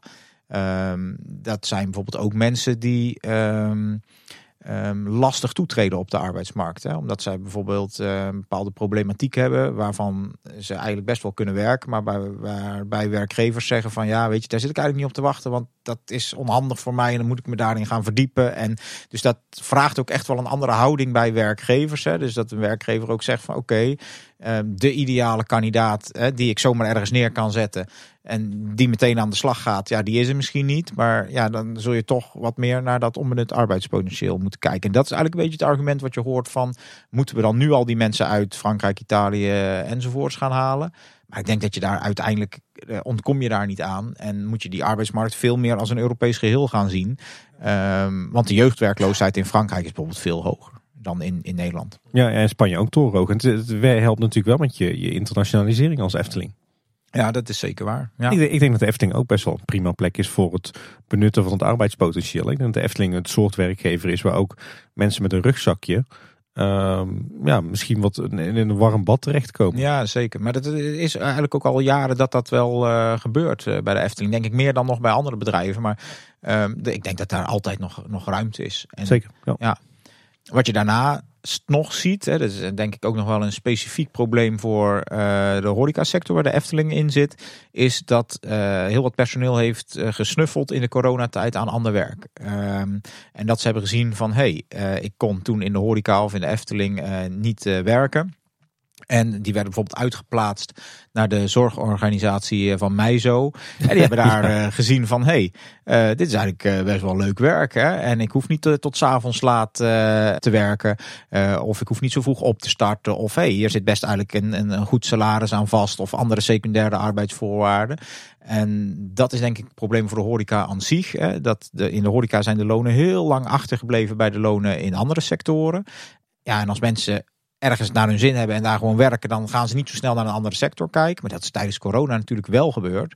En ja, al is het maar 5% van je personeel, of al is het maar 2% van je personeel dat denkt van hé, hey, interessant, ik ga maar eens die overstap maken naar die andere sector. Ja, dan, dan kan dat net, net eh, problematisch worden. Ja, ja, ik vraag me ook ten zeerste af in hoeverre dat de Efteling achteraf bezien heel erg gelukkig is met die samenwerking met Meizo. En zo hebben ze natuurlijk wat mensen aan de slag kunnen houden in, eh, in de eerste paar coronagolven. Maar volgens mij zijn er stiekem ook heel veel Eftelingers eh, uitgestroomd uiteindelijk naar Meizo. Ja, ja, ik heb er verschillende oud-collega's eh, gezien die inderdaad zei ik heb een nieuwe uitdaging gevonden. En op zich is dat op persoonlijk vlak is dat natuurlijk ook allemaal goed. Hè? Dat is leuk. Mensen die hebben een nieuwe uitdaging gevonden. eh, die hebben een baan gevonden die beter bij hen past. Maar ja, voor het bedrijf is dat natuurlijk eh, lastig. En dan, dan Mhm. zul je dus iets moeten gaan doen. En even de hamvraag van dit moment, Roel, die, die iedereen stelt als het weer eens gaat om dat grote personeelstekort. Waar zijn al die mensen ineens? Ja, die zijn dus of in andere sectoren aan het werk gegaan. Waar ze werk doen waar eerder geen mensen voor waren dus. Ja, bijvoorbeeld. Of kijk, er is natuurlijk ook gewoon een stukje dat er heel veel vraag nu naar personeel is, meer dan eerst. Hè? Omdat dus wat we net hebben omschreven, die bestedingsinflatie, hoe komt dat? Ja, door die aanzuigende werk. Wij willen nu allemaal op vakantie, wij willen nu allemaal naar dat concert, wij willen nu allemaal naar de Efteling. Dus er is, er is eigenlijk ook wel meer vraag naar arbeid dan dat er eerder was. Nou, dan zie je vervolgens dat dat personeel een andere plek op die arbeidsmarkt heeft gevonden. En ondertussen gaat dat hele circus van uittreding aan de, eh, de pensioenkant van de arbeidsmarkt is wel doorgegaan. Dus ik denk dat dat eigenlijk het antwoord op jouw hamvraag is. De eerste keer dat ik een fatsoenlijk antwoord op die vraag hoor. Oké, nou, dankjewel. Maar wat gaan we eraan doen eh, om dat te fixen? Wat, gaat, wat kan de Efteling eraan doen? Ja, ik denk, ik denk je kunt in verschillende richtingen gaan denken. Ik, eh, ik denk dat een van de eerste dingen waarom mensen werken is natuurlijk voor loon. Eh, dat kun je jammer vinden, hè, eh, maar ik denk dat, dat dat is uiteindelijk wel zo. Dus daar zul je iets mee moeten. Je zult iets met die arbeidsvoorwaarden moeten. Ehm, je zult die sterk moeten maken. Je zult die concurrerend moeten maken. En dat mensen die werken bij de Efteling denken: oké, ik heb een loon dat eh, passend is bij het werk dat ik doe. En ik zie dat ik in andere sectoren soortgelijk verdien. Of misschien zelfs iets beter verdient, waardoor dat ik niet uitstroom. Ehm, en dat je aan de andere kant dus krijgt dat mensen uit andere sectoren zeggen van... hé, hey, jeetje jongens, hier moet ik zijn. Onderaan de streep is dat natuurlijk een goede oplossing. Maar het, het blijft zo dat je gewoon een bepaalde hoeveelheid arbeidskrachten hebt. En dan wordt het ja, een soort eh, kurk waar je op duwt, zeg maar. En dan op de ene plek dan, hup, dan gaat personeel daar naartoe. En dan is het weer weg in die andere sector. Hè? Dus op het moment dat eh, de Efteling zijn lonen gaat verhogen... dan zul je zien dat in andere soort eh, sectoren misschien weer tekorten komen. En gaan die zeggen, oh, dan moeten wij onze lonen nog verder gaan verhogen. Wat op zich natuurlijk voor personeel een goede ontwikkeling is. Eh, ehm, voor het totaalplaatje ehm, lost het het verhaal niet helemaal op. Behalve dan het feit dat we in eh, Nederland ook best wel veel eh, parttimers hebben. Daar hebben we het eigenlijk ook nog niet over gehad. Hè. Daar staat Nederland echt helemaal onderaan in het lijstje. Ehm, ehm, eh, of, of eigenlijk bovenaan, dus net hoe dat je het lijstje definieert. Hè. Maar je ziet dat er eigenlijk geen land in Europa is waar zoveel parttime wordt gewerkt. Je, je klinkt nu ineens als Sander Schimmelpenning van Ja. te zijde. Maar dat, eh, ja, dat is data. Hè. Dat, dat, dat, dat weten wij. En ehm, ehm, het mooie is wel ehm, dat in de tijd die wij werken, dat is op zich relatief weinig eh, uren die we werken, maar in de tijd die we werken zijn we ontzettend productief. Daar staan we echt in de top van in die uren dat we er zijn. Nou, dan, dan knalt die productiviteit eruit. Maar daar is nog wel winst te halen. Hè. Ehm, ze hebben voor de zorg bijvoorbeeld ooit eens uitgerekend, ik weet niet of het nog actuele cijfers zijn, maar eh, dat de gemiddelde werktijdfactor daar 0,6 FTE is, 60%. En als mensen bijvoorbeeld uh, 3 à 4 uur meer zouden gaan werken, dat is nog steeds niet fulltime, maar dan zou een deel van dat personeelsprobleem echt al wel opgelost zijn. En dat is natuurlijk ook iets wat je kunt bereiken als je lonen laat stijgen. Hè? Dat mensen zeggen: oké, het wordt aantrekkelijker voor mij nu om te gaan werken. Uh, je zou het, als je het heel economisch benadert, zou je kunnen zeggen: de opofferingskosten van thuiszitten uh, worden hoger. Hè? Want als je thuis zit, verdien je niks. En als je een hoger loon hebt, wordt het aantrekkelijker om te gaan werken. Dus dan zul je wellicht een beweging krijgen dat mensen zeggen: oh, ik ga toch eens wat meer uren draaien, zodat het totale aantal arbeiders hè, ook toeneemt. Of het totale aantal uren dat arbeiders draaien uh, toeneemt. Nou, uh, je kunt daarnaast natuurlijk denken aan flexibelere voorwaarden. Ik denk dat de Efteling dat ook al doet. Hè. Als je kijkt, gewoon in onze tijd toen we bij de Efteling werkten, waren de regels uh, voor beschikbaarheid streng. Weet ik, ja. vond ik echt streng. Ja, zeker. Uh, en volgens mij zijn daar dingen al in veranderd. Hè. En, en, en dan moeten ze eigenlijk ook wel. En uh, we hebben het net ook al gehoord, het indelen, het verdelen van werk, roosters, makkelijker diensten kunnen ruilen, zodat diensten aansluiten bij uh, wat een werknemer wil. Ja, dat maakt natuurlijk een werkgever aantrekkelijker. Ja, en ik denk dat de Efteling vooral onderscheidt en alleen nog maar meer kan gaan onderscheiden in de toekomst. En ik denk dat de Efteling daar ook vooral op moet focussen, omdat ze aan die, ja, die salariskant, dat zei je net al, uh, Roel, daar kunnen ze niet heel veel aan. Hè? Want als de salarissen bij de Efteling stijgen, dan stijgen ze elders ook. Maar vooral in die secundaire en tertiaire arbeidsvoorwaarden. Uh, zeg maar de softe kant van bij de Efteling werken. Um, hoe is de werksfeer? Wat zijn alle extraatjes die je krijgt? De feestjes? Mag jij jezelf zijn? Hoeveel aandacht is er voor de interne communicatie en voor waardering, groeikansen? Al dat soort meer, ja, zeg maar, de softe kant van het werken bij een werkgever. Ja, de secundaire arbeidsvoorwaarden. Ja. En, en het is goed dat je dat aanhaalt, hè, want dat blijkt ook uit allerlei onderzoeken. Dat zeker de nieuwe generatie, de jonge mensen, dat die veel minder gefocust zijn op salaris dan de generaties uh, voor ons, noem ik het maar even, als we ons nog tot jonge mensen mogen uh, rekenen. Maar dat die zeggen van ja, al die dingen die eromheen. Kijk, salaris is belangrijk, moet mijn hypotheek, moet mijn huur betalen. Maar ja, al die dingen die jij net opnoemt, uh, ja, die worden ook steeds uh, relevanter. En je ziet ook dat bedrijven elkaar daarop gaan concurreren. Hè? Want dat, uh, ja, dat, dat, dat loon, natuurlijk moet dat gebeuren. Maar ergens houdt dat natuurlijk ook uh, wel op. En pas op, hè, een loonstijging is ook een hele dure maatregel. Want als jij bijvoorbeeld 3% meer personeel wil hebben, ja, dan je kan niet zeggen alleen maar de nieuwe mensen ga ik dat hogere loon betalen. Je moet dat dan meteen voor je volledige personeelsbestand doen. Dus dat zijn best wel ja, dure dingen om te doen. Ja, ja en ik zit aan mezelf. Ik, het is algemeen bekend. Ik werk bij een, een, een, kleinere gemeente. Als ik bij een grote gemeente ga werken, kan ik misschien een schaaltje meer verdienen. Uh, maar ik vind het werkplezier en in hoeverre, hoeveel vrijheid krijg ik, hoeveel uitdaging, uh, de inhoud, hoeveel creativiteit kan, er in, uh, kan ik erin kwijt, vind ik belangrijker dan een 100 euro meer salaris. Dus ja, en nou je het over 100 euro meer salaris hebt, dat is ook nog een ding in Nederland. Hè. Maar goed, we hoeven de analyse niet te technisch maken. Maar wat je ziet is dat de, ehm, de, de marginale belastingdruk, heet dat met een mooi woord, dat die best wel hoog is. Het is eigenlijk de belastingdruk die je over je extra verdiende euro's. Hè. Dus als je zegt, als ik nou 100 euro extra ga verdienen, bijvoorbeeld omdat ik salarisverhoging krijg of bijvoorbeeld omdat ik uh, extra uren ga werken, wat hou ik dan van die 100 euro extra over? Ja, dat is in sommige inkomensgroepen, um, zie je dat er soms 50, 60, 70 procent belasting belasting van afgaat. Soms zelfs 80 procent. Er zijn zelfs gevallen dat het meer dan 100 procent is wat er aan belasting afgaat. En dat zijn eigenlijk foutjes in een belastingstelsel zou je kunnen zeggen. Dat heeft te maken met het feit dat er allerlei kortingen zijn op je belasting. Eh, die af gaan nemen naarmate je meer gaat verdienen. En dat, dat het wringt ook wel in Nederland. Um, en ik, schat zo in, als ik een voorspelling mag doen, dat dat de komende jaren ook wel gaat veranderen. Dat men het belastingtechnisch aantrekkelijker gaat maken voor mensen om meer uren arbeid aan te bieden. Hetzelfde met de kinderopvang. Hè. Het is uh, het onderhand uh, financieel aantrekkelijker om gewoon te stoppen met werken en thuis te gaan zitten met je kinderen. Dan dat je ze naar de kinderopvang moet doen. Ja, en dat is dus niet goed. En, en, en dat zijn problemen, daar moet iets mee. maar laten we er vooral niet te veel een economische podcast van maken. Hm. Maar personeel aantrekken van andere plekken was ook een optie. Je hebt net al even aangehaald. Uh, jeugd uit Spanje of Frankrijk bijvoorbeeld. Maar zijn er nog andere manieren om personeel van andere plekken weg te halen? Ja, je, je ziet de Efteling dat eigenlijk al doen. Hè? Uh, externe parkeerwachten. Ja, ja externe beveiligers. Eh, extern groenonderhoud. Uh, we zien steeds vaker externe schilders, externe timmerlieden. Uh, we zien zelfs externe horeca-uitbaters. Hè. De, Zo, de Laplace, de foodtrucks hebben we natuurlijk gehad. De pop-up horeca in de zomer hè, met, met friethoes en dergelijke. Ja, dat, dat is denk ik in eerste instantie niet per se omdat de Efteling denkt... dat willen we nou juist zo graag. Hè. ik denk dat dat ook echt gedreven is door dat die bedrijven personeel meenemen.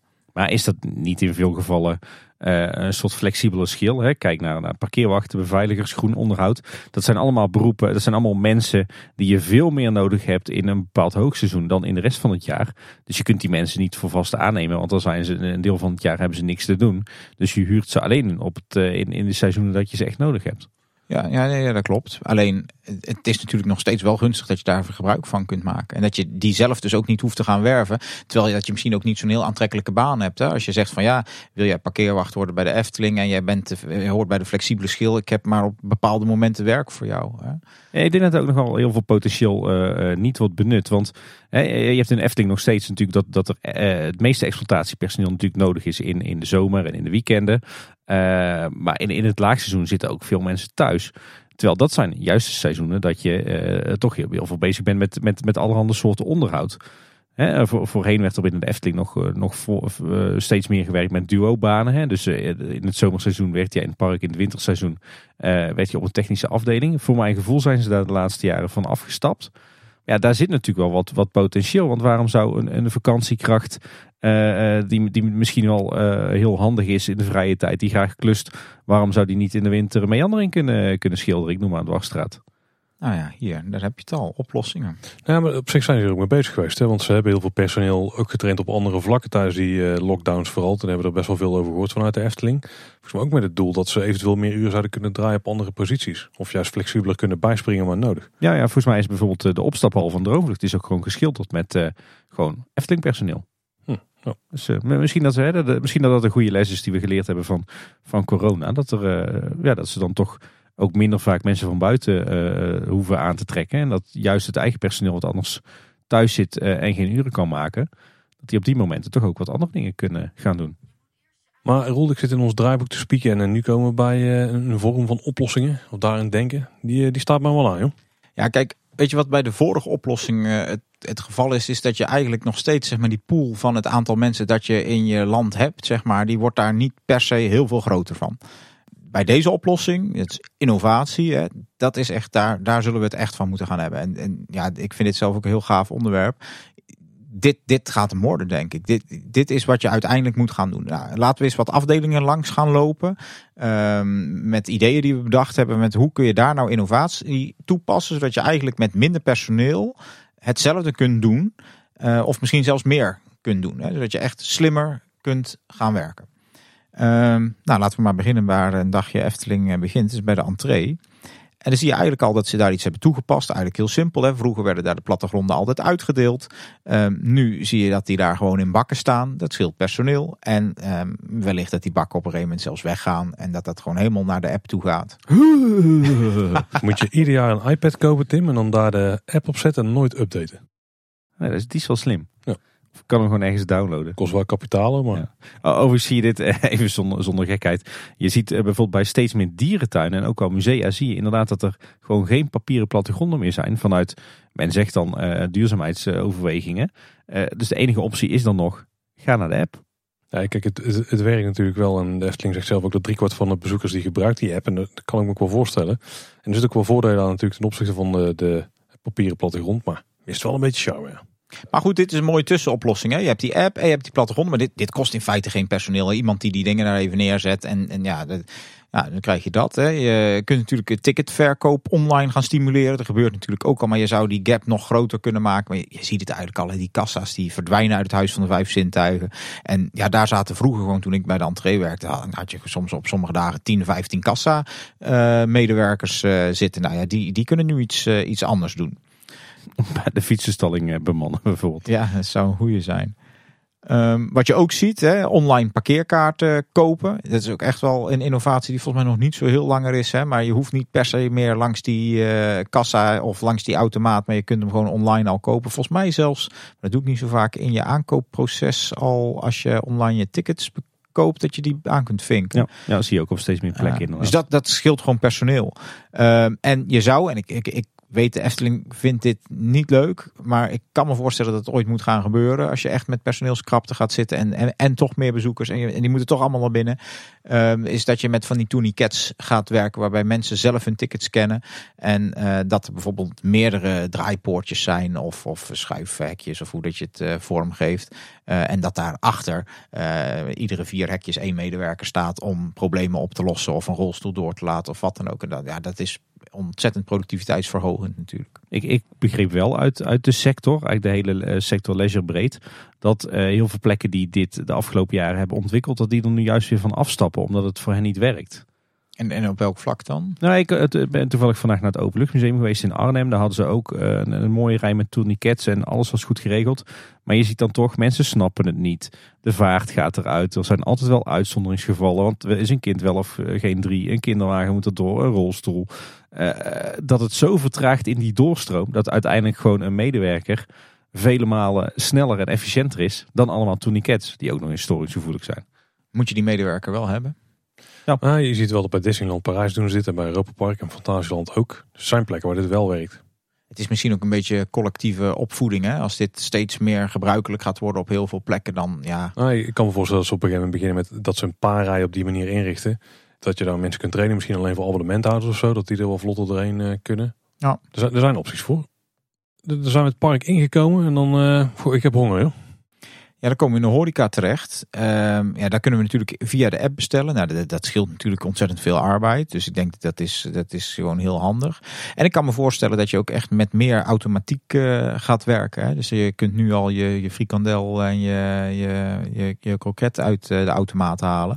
Eh, we hebben natuurlijk die, die freestyle eh, automaat waarbij je zelf eh, je, je cola smaak kunt gaan tappen. Maar je kunt je bijvoorbeeld ook voorstellen dat je gewoon ver- verpakte ijsjes bijvoorbeeld of zo ook via een automaat tot je kunt, kunt nemen. Of, of, of andere dingen. Ehm, en ik denk dat dat gaat. Het zal nooit helemaal het vervangen. Maar ik denk dat op hele drukke dagen er best behoefte is dat je gewoon een lange rij kunt overslaan. En dat je kunt zeggen: Oké, ik kan ook mijn cornettootje hier uit een, eh, uit een automaat halen. Wat trouwens een van de slechtste horeca-innovaties is, dat is zo'n eh zo'n robot-butler. Daar heb je echt helemaal geen reet aan. Volgens mij kost het alleen maar meer personeel om zo'n Ja. rond te hebben laten rijden dan dat je gewoon mensen laat rondlopen. Wat misschien wel een oplossing is, is eh, zo'n lopende band sushi tent. Hey, dat is echt goud. Met Nou ja. van die expressbestellingen. Dat is gewoon het op een eh, ding eh, zetten en dat het dan aankomt race bij jou en dat jouw luikje open gaat en dan je kan pakken. Of eh Foodloop in de Efteling. Ja, Oh, precies, Foodloop is ook wel Ja, een ja, ja. Ja, zeker. Alho- Alhoewel ik me ook afvraag of dat nou werkelijk personeel bespaart. Ja, dat is een goede. Ja. Zodra er iets vast komt te zitten in eh, een van de loops, dan... eh, Of niet. Ja, of, of als het eraf vliegt, dan heb je wel meer personeel nodig. ja. Maar dat is wel voor de, in de bediening heb je dan minder mensen nodig. Ja. Hm. Even kijken, maar onze buiken zitten vol. Ik heb van Tim geleerd, daar heb je daarmee een goede bodem gelegd voor de wat spectaculaire attracties. Zeker. Eens een ritje gaan maken ergens? Ja, kijk, als je een attractie gaat doen, ehm, dan, ehm, ja, dan, dan kun je natuurlijk attracties zo bouwen dat de gast meer zelf eh, kan doen. Hè. Dus je kunt bijvoorbeeld denken aan wat we in coronatijd hebben gezien, is dat die beugels dicht doen. Bijvoorbeeld, hè, dat, dat aan de gast zelf wordt gevraagd van doe je beugel dicht, zodat ze met minder personeel toch snel die eh, trein eh, vrij kunnen geven. De, de onzichtbare grouper in Vogelrok. Ja, ja precies. ja. die werkt goed. En wat je natuurlijk ook zou kunnen doen, is dat je attracties zo gaat bouwen. Dan moet je echt al aan de voorkant rekening mee gaan houden. Dat je bijvoorbeeld met één operator eh, twee attracties kan draaien. Je ziet dat in sommige kleinere parkjes al wel eens gebeuren. Daar is het denk ik meer uit een soort budget eh, kwestie ooit gebeurd. Ehm, maar ja, je kunt je voorstellen als je op een gegeven moment echt met grote schaarste te maken gaat krijgen. Dat je eh, bijvoorbeeld twee draaimodes zo tegen elkaar zet dat er één operator is die ze, die ze beide kan, eh, kan activeren. Ja, en ook hierbij geldt weer, je kunt weer IT gaan inzetten. Je kunt de app gaan inzetten bij fotobalies. Zie je nu eigenlijk ook al wel gebeuren. Hè? Dat die steeds minder eh, bemand zijn. Ja, wat ook wel een, een goede is, is juist die fotobalies combineren met een horecapuntje. Want dan heb je ook gewoon één personeelslid dat beide kan bedienen. En in heel veel gevallen is dat meer dan voldoende. Ja, of merchandise. Hè? Ja, zeker. Ja. Wat ik trouwens wel een goede innovatie vind op dit vlak, is eh, dat je steeds meer achtbaancoaches ziet waar, eh, waar men met lampjes kan zien of de beugel vast zit. Ja. En dan hoef je dus Ja. niet meer als personeelslid eh, aan ieder beugel te gaan trekken. Of aan alle mensen te vragen, eh, trek zelf eens je beugel omhoog. Wat ik toch altijd nog een beetje een idiote handeling vind. Maar dan zie je gewoon eh, aan de achterkant van de coach, zie je gewoon met, met vier ledjes, zitten alle beugels dicht. Dus bij, uh, bij Star Tours zie je dat in Disneyland Parijs ook altijd heel goed. Hè? Dat is misschien ook leuk voor in Dans Macabre daar. Dan krijg je natuurlijk ook heel veel van die banken met beugels en zo. En dat, dat ze gewoon, uh, vind, vind ik een goeie, ja. ja. En ik heb in Denemarken gezien dat je grote achtbanen gewoon prima met één operator kan draaien. In het totaal. Wauw. Er moet, er moet er niks gebeuren. Hè? nou, de operations die leiden er wel onder. Laten het allemaal opbouwen. Of uh, terug naar achtbanen met een remman. Daar heb je nog steeds mensen in het station nodig. Dat is, het is ook zeer arbeidsintensief. Ja, en die medewerkers slijten bij de vleet. nog harder dan de remblokken. Oh, nou, ik heb een drukke dag in het park erop zitten. Tijd om even te gaan chillen. Ja, dan gaan we naar het verblijf. Ja. En um, ja, daar is natuurlijk het voornaamste wat arbeidsintensief is. We hadden het eerder deze aflevering al over, is uh, de schoonmaak. Wat je daar natuurlijk kan doen, is dat je gasten gaat verleiden om uh, minder schoonmaak af te nemen. Hè? Dus dat je zegt van normaal doen wij iedere dag jouw hotelkamer uh, schoonmaken. Uh, maar als jij zegt dat hoeft maar één keer in de twee of één keer in de drie dagen. Dan weet ik het, dan is er een leuk fotoboekje cadeau. Of er is een ijsje te krijgen. Of je kunt met korting ontbijten of verzin is wat. Oh, dit gaat de Nederlander wel trekken, Roel. Ja, dat, ja. ja. ik denk dat ze dit handen, handen vol werk gaat schelen, ja. Ja, ja dus ja, want de vraag is ook, is, is dat nou echt zo nodig? Hè? Dat, dat je in zo'n hotel iedere dag dat daar, dat daar iemand tien minuten door die kamer heen loopt om alles. Hè, als je het zelf een beetje netjes houdt. En daar zullen mensen anders over denken, maar dat, dat wordt dan een keus. Hè? Dat je zegt van ja, wil ik dit wel of wil ik dit niet? Nou, online in- en uitchecken, daar zijn ze natuurlijk al best wel ver mee. We weten ook dat die pasjes eh, en zo uh, ook op het Loonse Land uh, inmiddels geïnstalleerd gaan worden. Ja, dat zijn ook hè? Ja, dus dat, dat, dat zijn echt allemaal dingen die dat natuurlijk soepeler gaan maken. Ja, dat scheelt allemaal handelingen. Ja, want ik denk dat, dat zeker dat in- en uitcheckproces uh, als je dat echt nog op de ouderwetse manier doet, uh, dus echt alleen maar bij de balie. Ja, dat kost je zo ontzettend veel front personeel op die wisseldagen. Dat is gigantisch. Uh, gelukkig dat je op steeds meer plekken niet meer hoeft in en uit te checken. Dat gaat alles gewoon, gewoon digitaal. Maar ik kom nog wel eens in parken waar het nog ouderwets gaat. Ja, dan, dan staan er echt lange rijen voor de receptie. Met, met vier, vijf, zes receptiemedewerkers erachter. Ja, dat, daar moet je inderdaad vanaf. Nou. Zeg dan de hoofdzaak waar deze podcast natuurlijk al bijna 300 afleveringen om draait. Het uh, toiletbezoek. Ja, kijk, die, is wel lastig natuurlijk. Hè? Want je wil dat die toiletten natuurlijk schoon gehouden worden. Dan heb ik eens een beetje zitten kijken. Want ik denk, dit, dit is echt dit is lastig en arbeidsintensief. En toen kwam ik op een, uh, op een website terecht. En daar hebben ze gewoon, ja, het is, het is wel grappig. Ik weet niet of jullie de link hebben aangeklikt in, het draaiboek. Maar het is dus een wc die zichzelf gaat reinigen. En dat ding dat draait helemaal rond. En in 18 seconden heeft die wc zich naar iedere, uh, ieder bezoek... wordt die wc compleet gereinigd. Zonder dat er ook maar één arbeidskracht aan te pas komt. Het zal een duur systeem zijn. Hè? En ik zie de Efteling dat echt zo 1, 2, 3 nog niet doen. Maar het, het is wel een optie. Ja. Het kan. Ja. En uh, als je het hebt over uh, uh, frisse lucht in, in het toilet. dan heb je natuurlijk ook van die automatische spray installaties die gewoon één keer in de zoveel tijd Altijd even als jij er staat. Ja, precies. Hè? Maar dat, ook daar heb je geen personeel uh, voor nodig, uh, zodat je toch een beetje lekkere geur krijgt. En uh, ja, als je bijvoorbeeld met van die luchtblazers zou uh, gaan werken om je handen af te doen in plaats van die handdoekenrollen. Dat is ook best arbeidsintensief. Al die handdoekrollen versjouwen door dat park, bijvullen enzovoorts. Dus dat kan anders. Ja, misschien zijn er nog wel algemene dingen. Ja, je had het net eigenlijk al een beetje over. Hè? Wat, je, wat je zou kunnen doen is dat je natuurlijk bepaalde functies gaat samenvoegen. Dat je daar echt van tevoren over nadenkt, kan ik dat slim doen? En daar hebben we goede voorbeelden van dat de Efteling dat eigenlijk al doet. Hè? Dus bijvoorbeeld Jokies Wereld en de fotobalie uh, die daarbij is gecombineerd met een winkel. We zien het bij de Savannah Bar uh, die uh, in een winkel zit bij Fabula. we zien het bij de horeca van Krumel waar eigenlijk ook een beetje merchandise wordt toegepast. Dus je ziet dat steeds meer blenden. En volgens mij is dat ja. ook een doelstelling die we de Efteling al een aantal keer hebben horen uitspreken. Zeker bij, bij Symboliek heb je bijvoorbeeld ook hè, bij, de, bij de uitgang die, uh, die mini souvenirshop met het fotopunt. En bij Droomvlucht is het fotopunt met de souvenirwinkel gecombineneerd tegenwoordig. Dus dat doen ze wel steeds vaker. Ja, ja en, en dat is slim. Want het is natuurlijk uh, vaak gewoon met, op, met één man uh, prima te, te bemensen.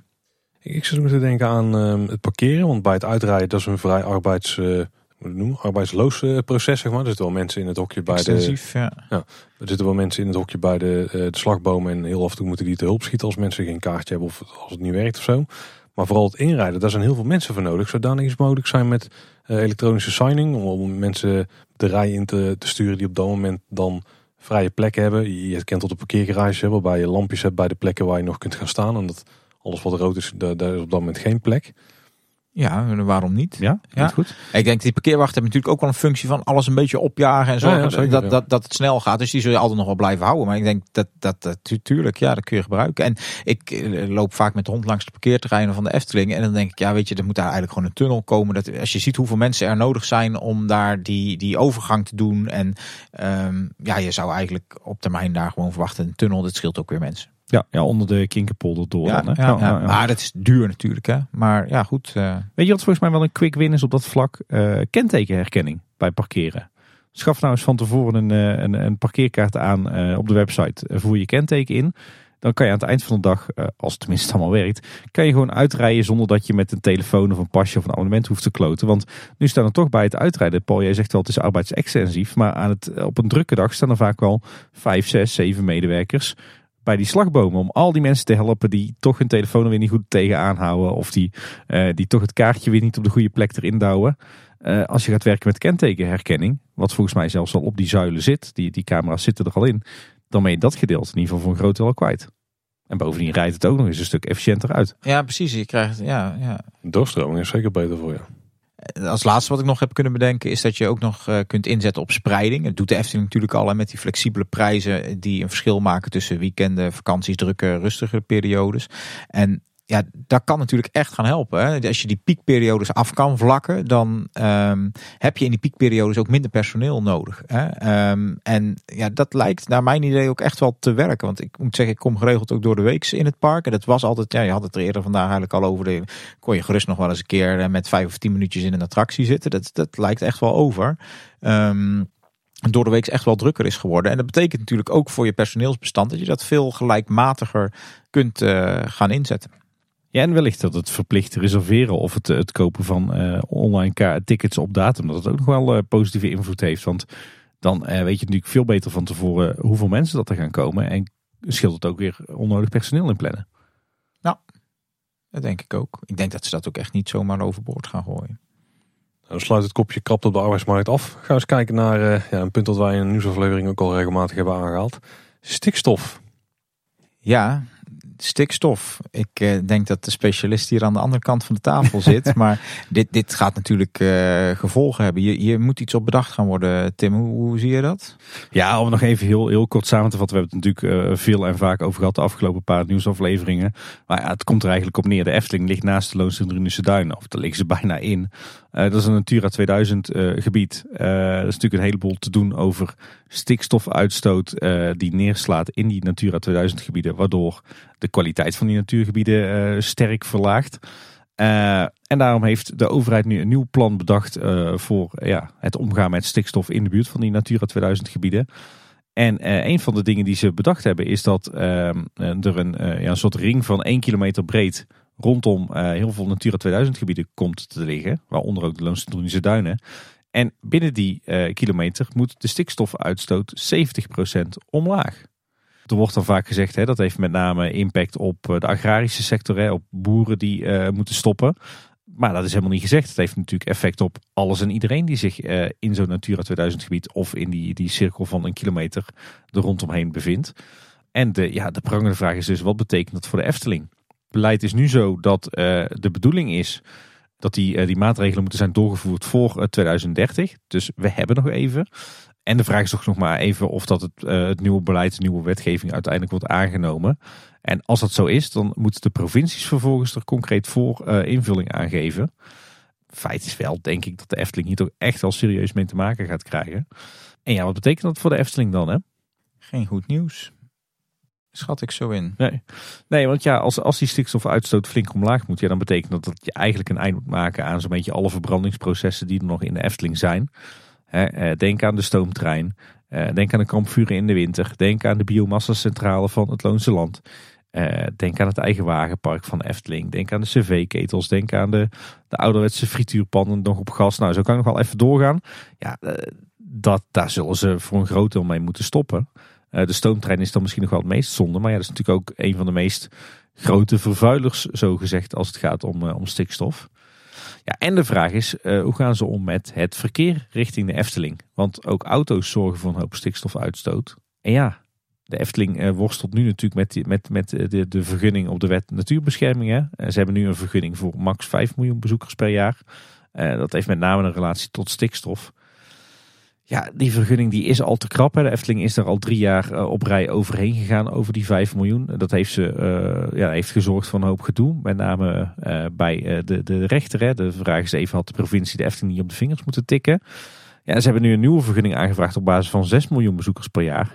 Ja, het is mij heel twijfelachtig of de Efteling daadwerkelijk die vergunning gaat krijgen nu deze regels stukken strenger worden. Ja, wat betekent dat dan voor de toekomst van de Efteling? Hè? Kunnen ze echt nog maar maximaal 5 miljoen bezoekers per jaar binnenlaten?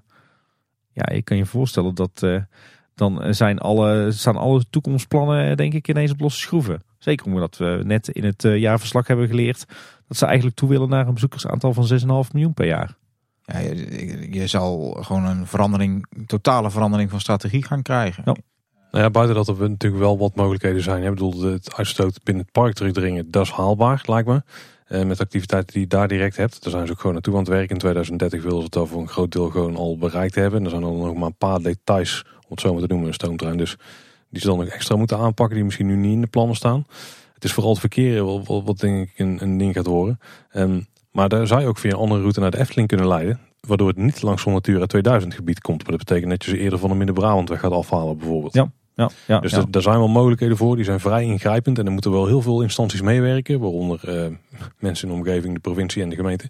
Dus dat zal pittig worden. Misschien zelfs wel meerdere gemeentes trouwens. Maar er zijn opties voor. Maar die zijn ook wel vrij eh, hoog gegrepen denk ik.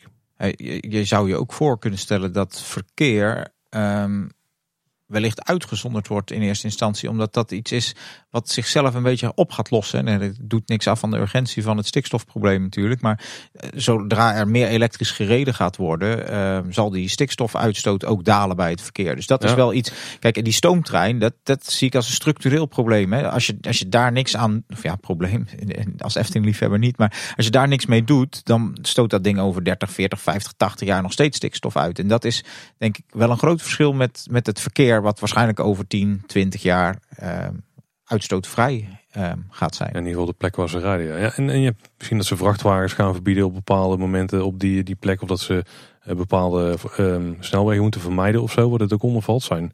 eh, Van de voertuigen die rijden zijn dat vrij grote vervuilers. Die tellen voor meerdere auto's. eh één vrachtwagen telt voor meerdere auto's bijvoorbeeld.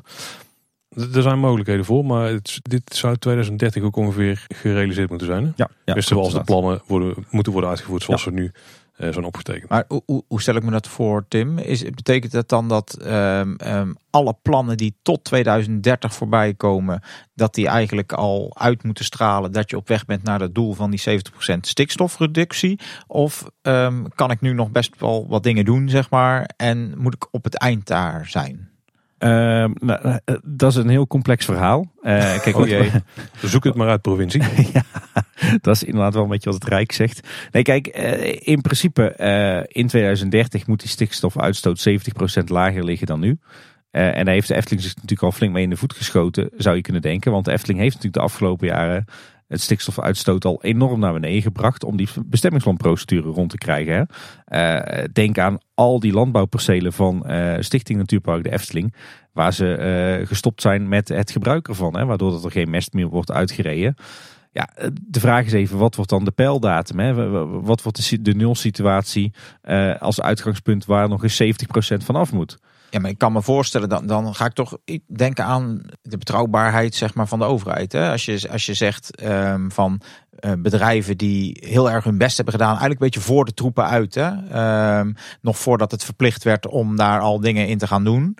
Die zouden dan eigenlijk bestraft worden. Dat, daar zou je toch bijna niet voor kunnen stellen. Nee. Dat dat de bedoeling is. Want dan krijg je eigenlijk ook een soort werking naar de toekomst toe. Dat bedrijven gaan zeggen, ja... Hè, ehm, Ja, daar ga ik zeker niet over de rand heen, ja, maar precies. is- Ik ga ja. zeker niet meer doen dan wat er nu van mij geëist wordt. Hè. En die WKO-installatie en dan die zonnepanelen, we zetten ze maar even uit. Want dadelijk moeten we zoveel procent groei daarvan hebben. En dat, dat lijkt me dan ook bijzonder als dat zo gaat. Misschien wordt er een pijldatum genomen van eh, vijf jaar geleden of zo. De, de- dat moet dan nog worden uitgewerkt en waarschijnlijk is dat ook bij iedere provincie weer anders. Maar om jouw vraag te beantwoorden, kijk, eh, op het moment dat in 2030 die stikstofuitstoot 70% lager moet liggen dan, eh, laten we zeggen, nu. Ja, dan ga je natuurlijk als bedrijf niet de komende jaren investeren in, uh, in uh, verbrandingsproces. Hè. Dan ga je er juist voor zorgen dat je de komende jaren gebruikt om dat steeds verder af te bouwen. Ja, je kunt die investering niet aan het einde pas doen. Dus dat is voor geen enkel bedrijf realistisch. Nee. En, en, en los daarvan, hè, los van het, het naar beneden brengen van zeg maar het aantal verbrandingsprocessen in je eigen park. Waar je heel erg tegenaan loopt, is nu die, die vergunning op de wet natuurbescherming. Dat is denk ik het grootste heikele punt. Uh, de Efteling heeft maar een vergunning om 5 miljoen bezoekers per jaar te ontvangen. Uh, daar zijn ze al drie jaar op rij overheen gegaan. Dat levert ze een hoop gezeik uh, op. Dus op basis van de huidige vergunning kunnen ze het echt niet nog een keer maken om over die 5 miljoen heen te gaan. Daar geloof ik niks van. En ja, om meer ruimte te krijgen om te groeien, hebben ze die vergunning aangevraagd voor 6 miljoen bezoekers. En eventueel ook ruimte om nog verder door te groeien. Ja, als ze die niet krijgen, en dat staat volgens mij is mijn inschatting echt op losse schroeven. Ja, dan zitten ze gewoon vast aan een, aan een hard plafond van 5 miljoen bezoekers per jaar. Uh, en in het slechtste geval uh, staat ook dat niet meer vast, omdat het wegverkeer op de N261 een probleem zou kunnen zijn. Theoretisch gezien zou dat kunnen. Ik verwacht dat daar wel een uitzondering voor komt. Maar die, die vergunning op de wet natuurbescherming, daar een nieuwe versie van, met nog eens 1 miljoen extra bezoekers per jaar. Ja, ik geloof er eigenlijk niks van dat die er gaat komen. Ja, misschien hoeft dat niet zo'n groot probleem te zijn. Hè? Want tenminste, ik, ik ken die wet niet en ik weet ook niet hoe die precies beschreven is. Maar dan krijgen we die hele discussie rondom bezoekers en bezoeken weer. Ja. Want daar zit nog wel eh, flink wat marge, denk ik, om het uh, naar een uh, enigszins acceptabel, financieel acceptabel pijl te krijgen.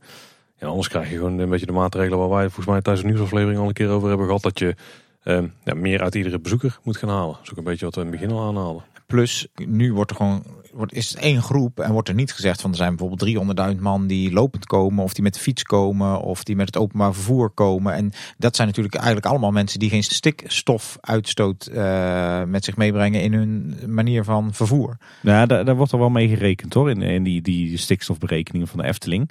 alleen ja, je zou dat dan als Efteling moeten stimuleren. Hè? Gebruik van fietsen, openbaar vervoer uh, en te voet. Maar ja, hoe ga je dat doen? Dan moet of het, het openbaar vervoer moet, moet significant beter. Of je moet zorgen dat mensen uit de buurt uh, niet meer in de auto, uh, niet meer met de auto naar de Efteling toe gaan. Ik heb een geniaal plan, Tim. We gaan voor een fietsabonnement. En dan uh, komt er een bewaakte fietsstalling weer. En iedereen die dan met, met de fiets komt, die wordt dan gescand. Zo'n abonnement wordt gescand zodra je fiets daar neerzet. En dan kun je de Efteling in. En dat abonnement is uiteraard goedkoper dan een regulier abonnement. Klinkt goed. Gaat toch zeker wel 30.000 bezoekers schelen, denk ik, op een jaar. Maar goed, we kunnen hier nog, nog denk ik een uur over doorpraten. Het probleem is, we weten helemaal nog niet zeker wat dit concreet allemaal gaat, gaat betekenen. Den Haag moet er nog een ei overleggen, de provincie moet er nog een ei overleggen. Ik denk dat we de komende maanden nog, nog vaak genoeg over gaan, gaan horen en ook nog vaak genoeg over gaan hebben bij Kleine Boodschap. Maar ja, wat dit betreft is het toch een beetje billen knijpen en, en afwachten. En koffiedik kijken. Even kort nog een rondje. Hoe zien we de toekomst van Efteling voor, voor ons, Paul? Financieel rooskleurig. op wetgevingsgebied ehm, spannend, maar er zijn zeker mogelijkheden dat het allemaal de goede kant op gaat. Ja, ik, ik sluit me wel aan wat bij, uh, bij wat Paul zegt. Ik, ik maak me eigenlijk vooral over dat stikstofdossier uh, en die uh, milieuvergunning, daar maak ik mij zorgen over. Hoewel ik me ook kan voorstellen, maar daar kunnen we ook heel lang over filosoferen, zullen we niet doen. Maar dat je dan gewoon naar een andere manier van bedrijfsvoering zal gaan. Maar dan zal die strategie echt anders moeten worden. En dan denk ik dat je op zich nog steeds wel een gezonde Efteling kunt hebben. Maar ja, dat gaat wel effect hebben, denk ik, op, op, uh, op het bedrijf en ook op hoeveel mensen het kunnen bezoeken. En ja, de Efteling is natuurlijk gewoon een product waarvan je hoopt dat veel mensen het kunnen uh, bezoeken. Omdat het ook gewoon, het is ontspanning. Het is, ja, vroeger zeiden de, zeiden ze brood en spelen, weet je wel. Hè? Dus met, dat is wel een beetje mensen willen iets leuks te doen hebben. En je gunt dat aan veel mensen. En het zou zo jammer zijn als dat ja, niet, niet door zou kunnen gaan. En zeker bij een bedrijf als de Efteling, waarbij ik, en we zijn natuurlijk misschien een beetje gekleurd. Uh, maar waar ik denk, die hebben het beste voor met de natuur. Die hebben het beste voor met, met, met, met personeel, voor werkgelegenheid. En het is geen groot winststrevend bedrijf dat over de rug van mensen heel veel geld wil gaan verdienen of wat. Het is juist een bedrijf dat zo begaan is eigenlijk met haar omgeving en de natuur enzovoorts. En um, ik zou dat echt jammer vinden als dat uh, afgeremd zou worden. En ik, het is misschien de, de, um, de wens is de vader van de gedachte, maar ik, ik hoop gewoon echt dat dat, eh, dat dat niet gaat gebeuren. En dat daar wel iets van een oplossing bedacht kan gaan worden. En ik denk dat Efteling zo in het hart gesloten zit van veel mensen. Niet alleen hier in de buurt en niet alleen bij ons, hè, bij jullie luisteraars. En, um, maar ook gewoon in Nederland zelf. Hè. Ik denk als, als in het nieuws komt van joh, de Efteling wordt echt afgeknepen in uh, haar mogelijkheden om mensen een plezierige tijd te geven in de toekomst. Dan ben ik benieuwd hoe de publieke opinie daarop gaat, uh, gaat reageren. De Efteling is geen Tata Steel of iets dergelijks. Uh. En dat er wel eens een soort lichtend voorbeeld zijn van hoe je ook met die problematiek om kan gaan. Door er serieus wel stappen in te zetten. En als je dan ook nog wordt beknepen zou vreemd zijn. Maar ja, het is ook, het is ook wel wishful thinking van ons dat, ja, dat er uitzonderingen voorkomen of zo. Maar ja. ja. want even advocaat voor de duivel. We komen natuurlijk alle drie uit Kaatsheuvel.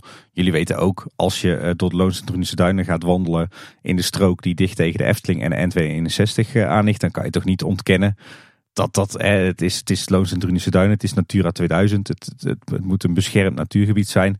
Maar die strook die aan de kant van de Efteling en de N261 ligt, die ervaart toch wel, wel heel veel negatieve invloed van die weg en de Efteling, toch? Qua geluid, qua uitstoot, qua onrust.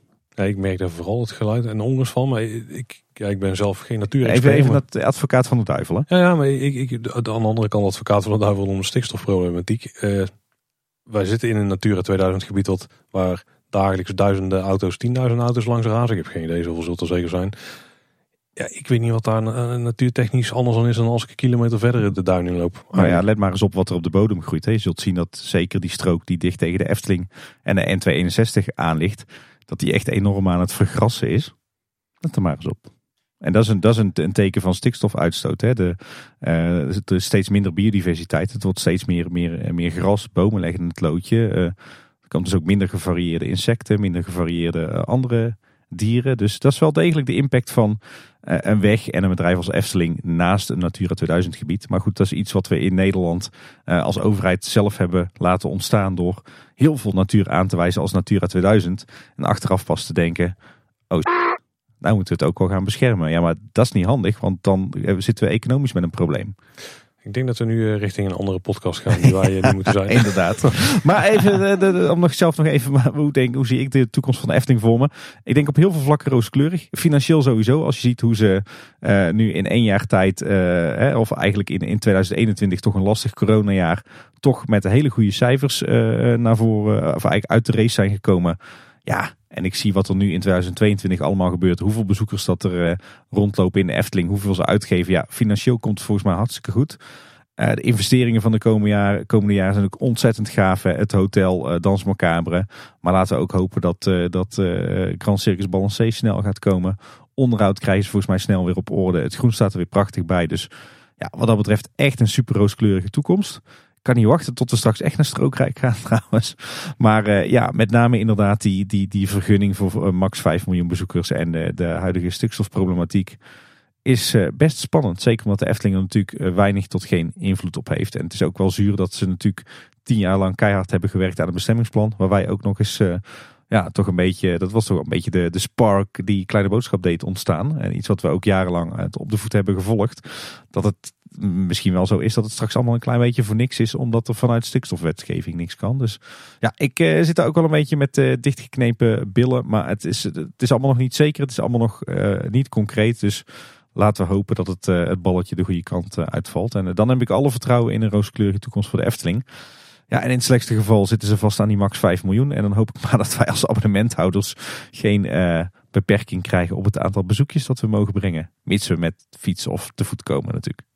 Laten we in de basis maar eens gewoon afwachten wat er precies gaat gebeuren voordat we ons daar eh, heel erg druk over gaan maken.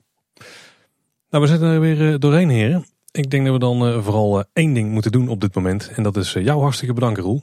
Dat je weer hebt willen aanschuiven en ons weer mee hebt willen nemen door alle cijfers en daar ook wat duiding aan hebt willen geven. En vooral ook onze toch stiekem weer een lesje economie hebt gegeven ondertussen. Ja, niet laten. Wel meer dan één lesje. Dit waren aardig wat lesuren, denk ik, bij elkaar opgeteld. Eh, nee, Roel, ontzettend bedankt dat je hier, eh, hier weer bij ons was. Eh, dat je al je expertise hebt meegebracht. En natuurlijk je talent om het allemaal heel makkelijk uit te leggen. Dat waarderen we zeer. En zonder jou hadden we zeker niet het, het jaarverslag van de Efteling zo kunnen ontrafelen. Nou, hartelijk dank, heer. Het was mij een eer en genoegen. We weten niet wanneer het jaarverslag van 2022 uitkomt, maar we hebben hem toch alvast gereserveerd in de agenda. Super, ik ben erbij. mooi, tof. Wat weer een interessant jaarverslag. Had ik dat al verteld? Nee, daar, hebben we echt, daar hoor ik voor het eerst vanavond. Het is al nacht, eh, Paul. Um, wil je nou een vraag aan ons stellen? Heb je misschien een vraag voor Rolf? Iets wat we de volgende keer mee moeten nemen? Je mag hem ook wel stellen tegen de tijd dat het jaarverslag uitkomt en wij daar vast in een uh, nieuwsaflevering over berichten.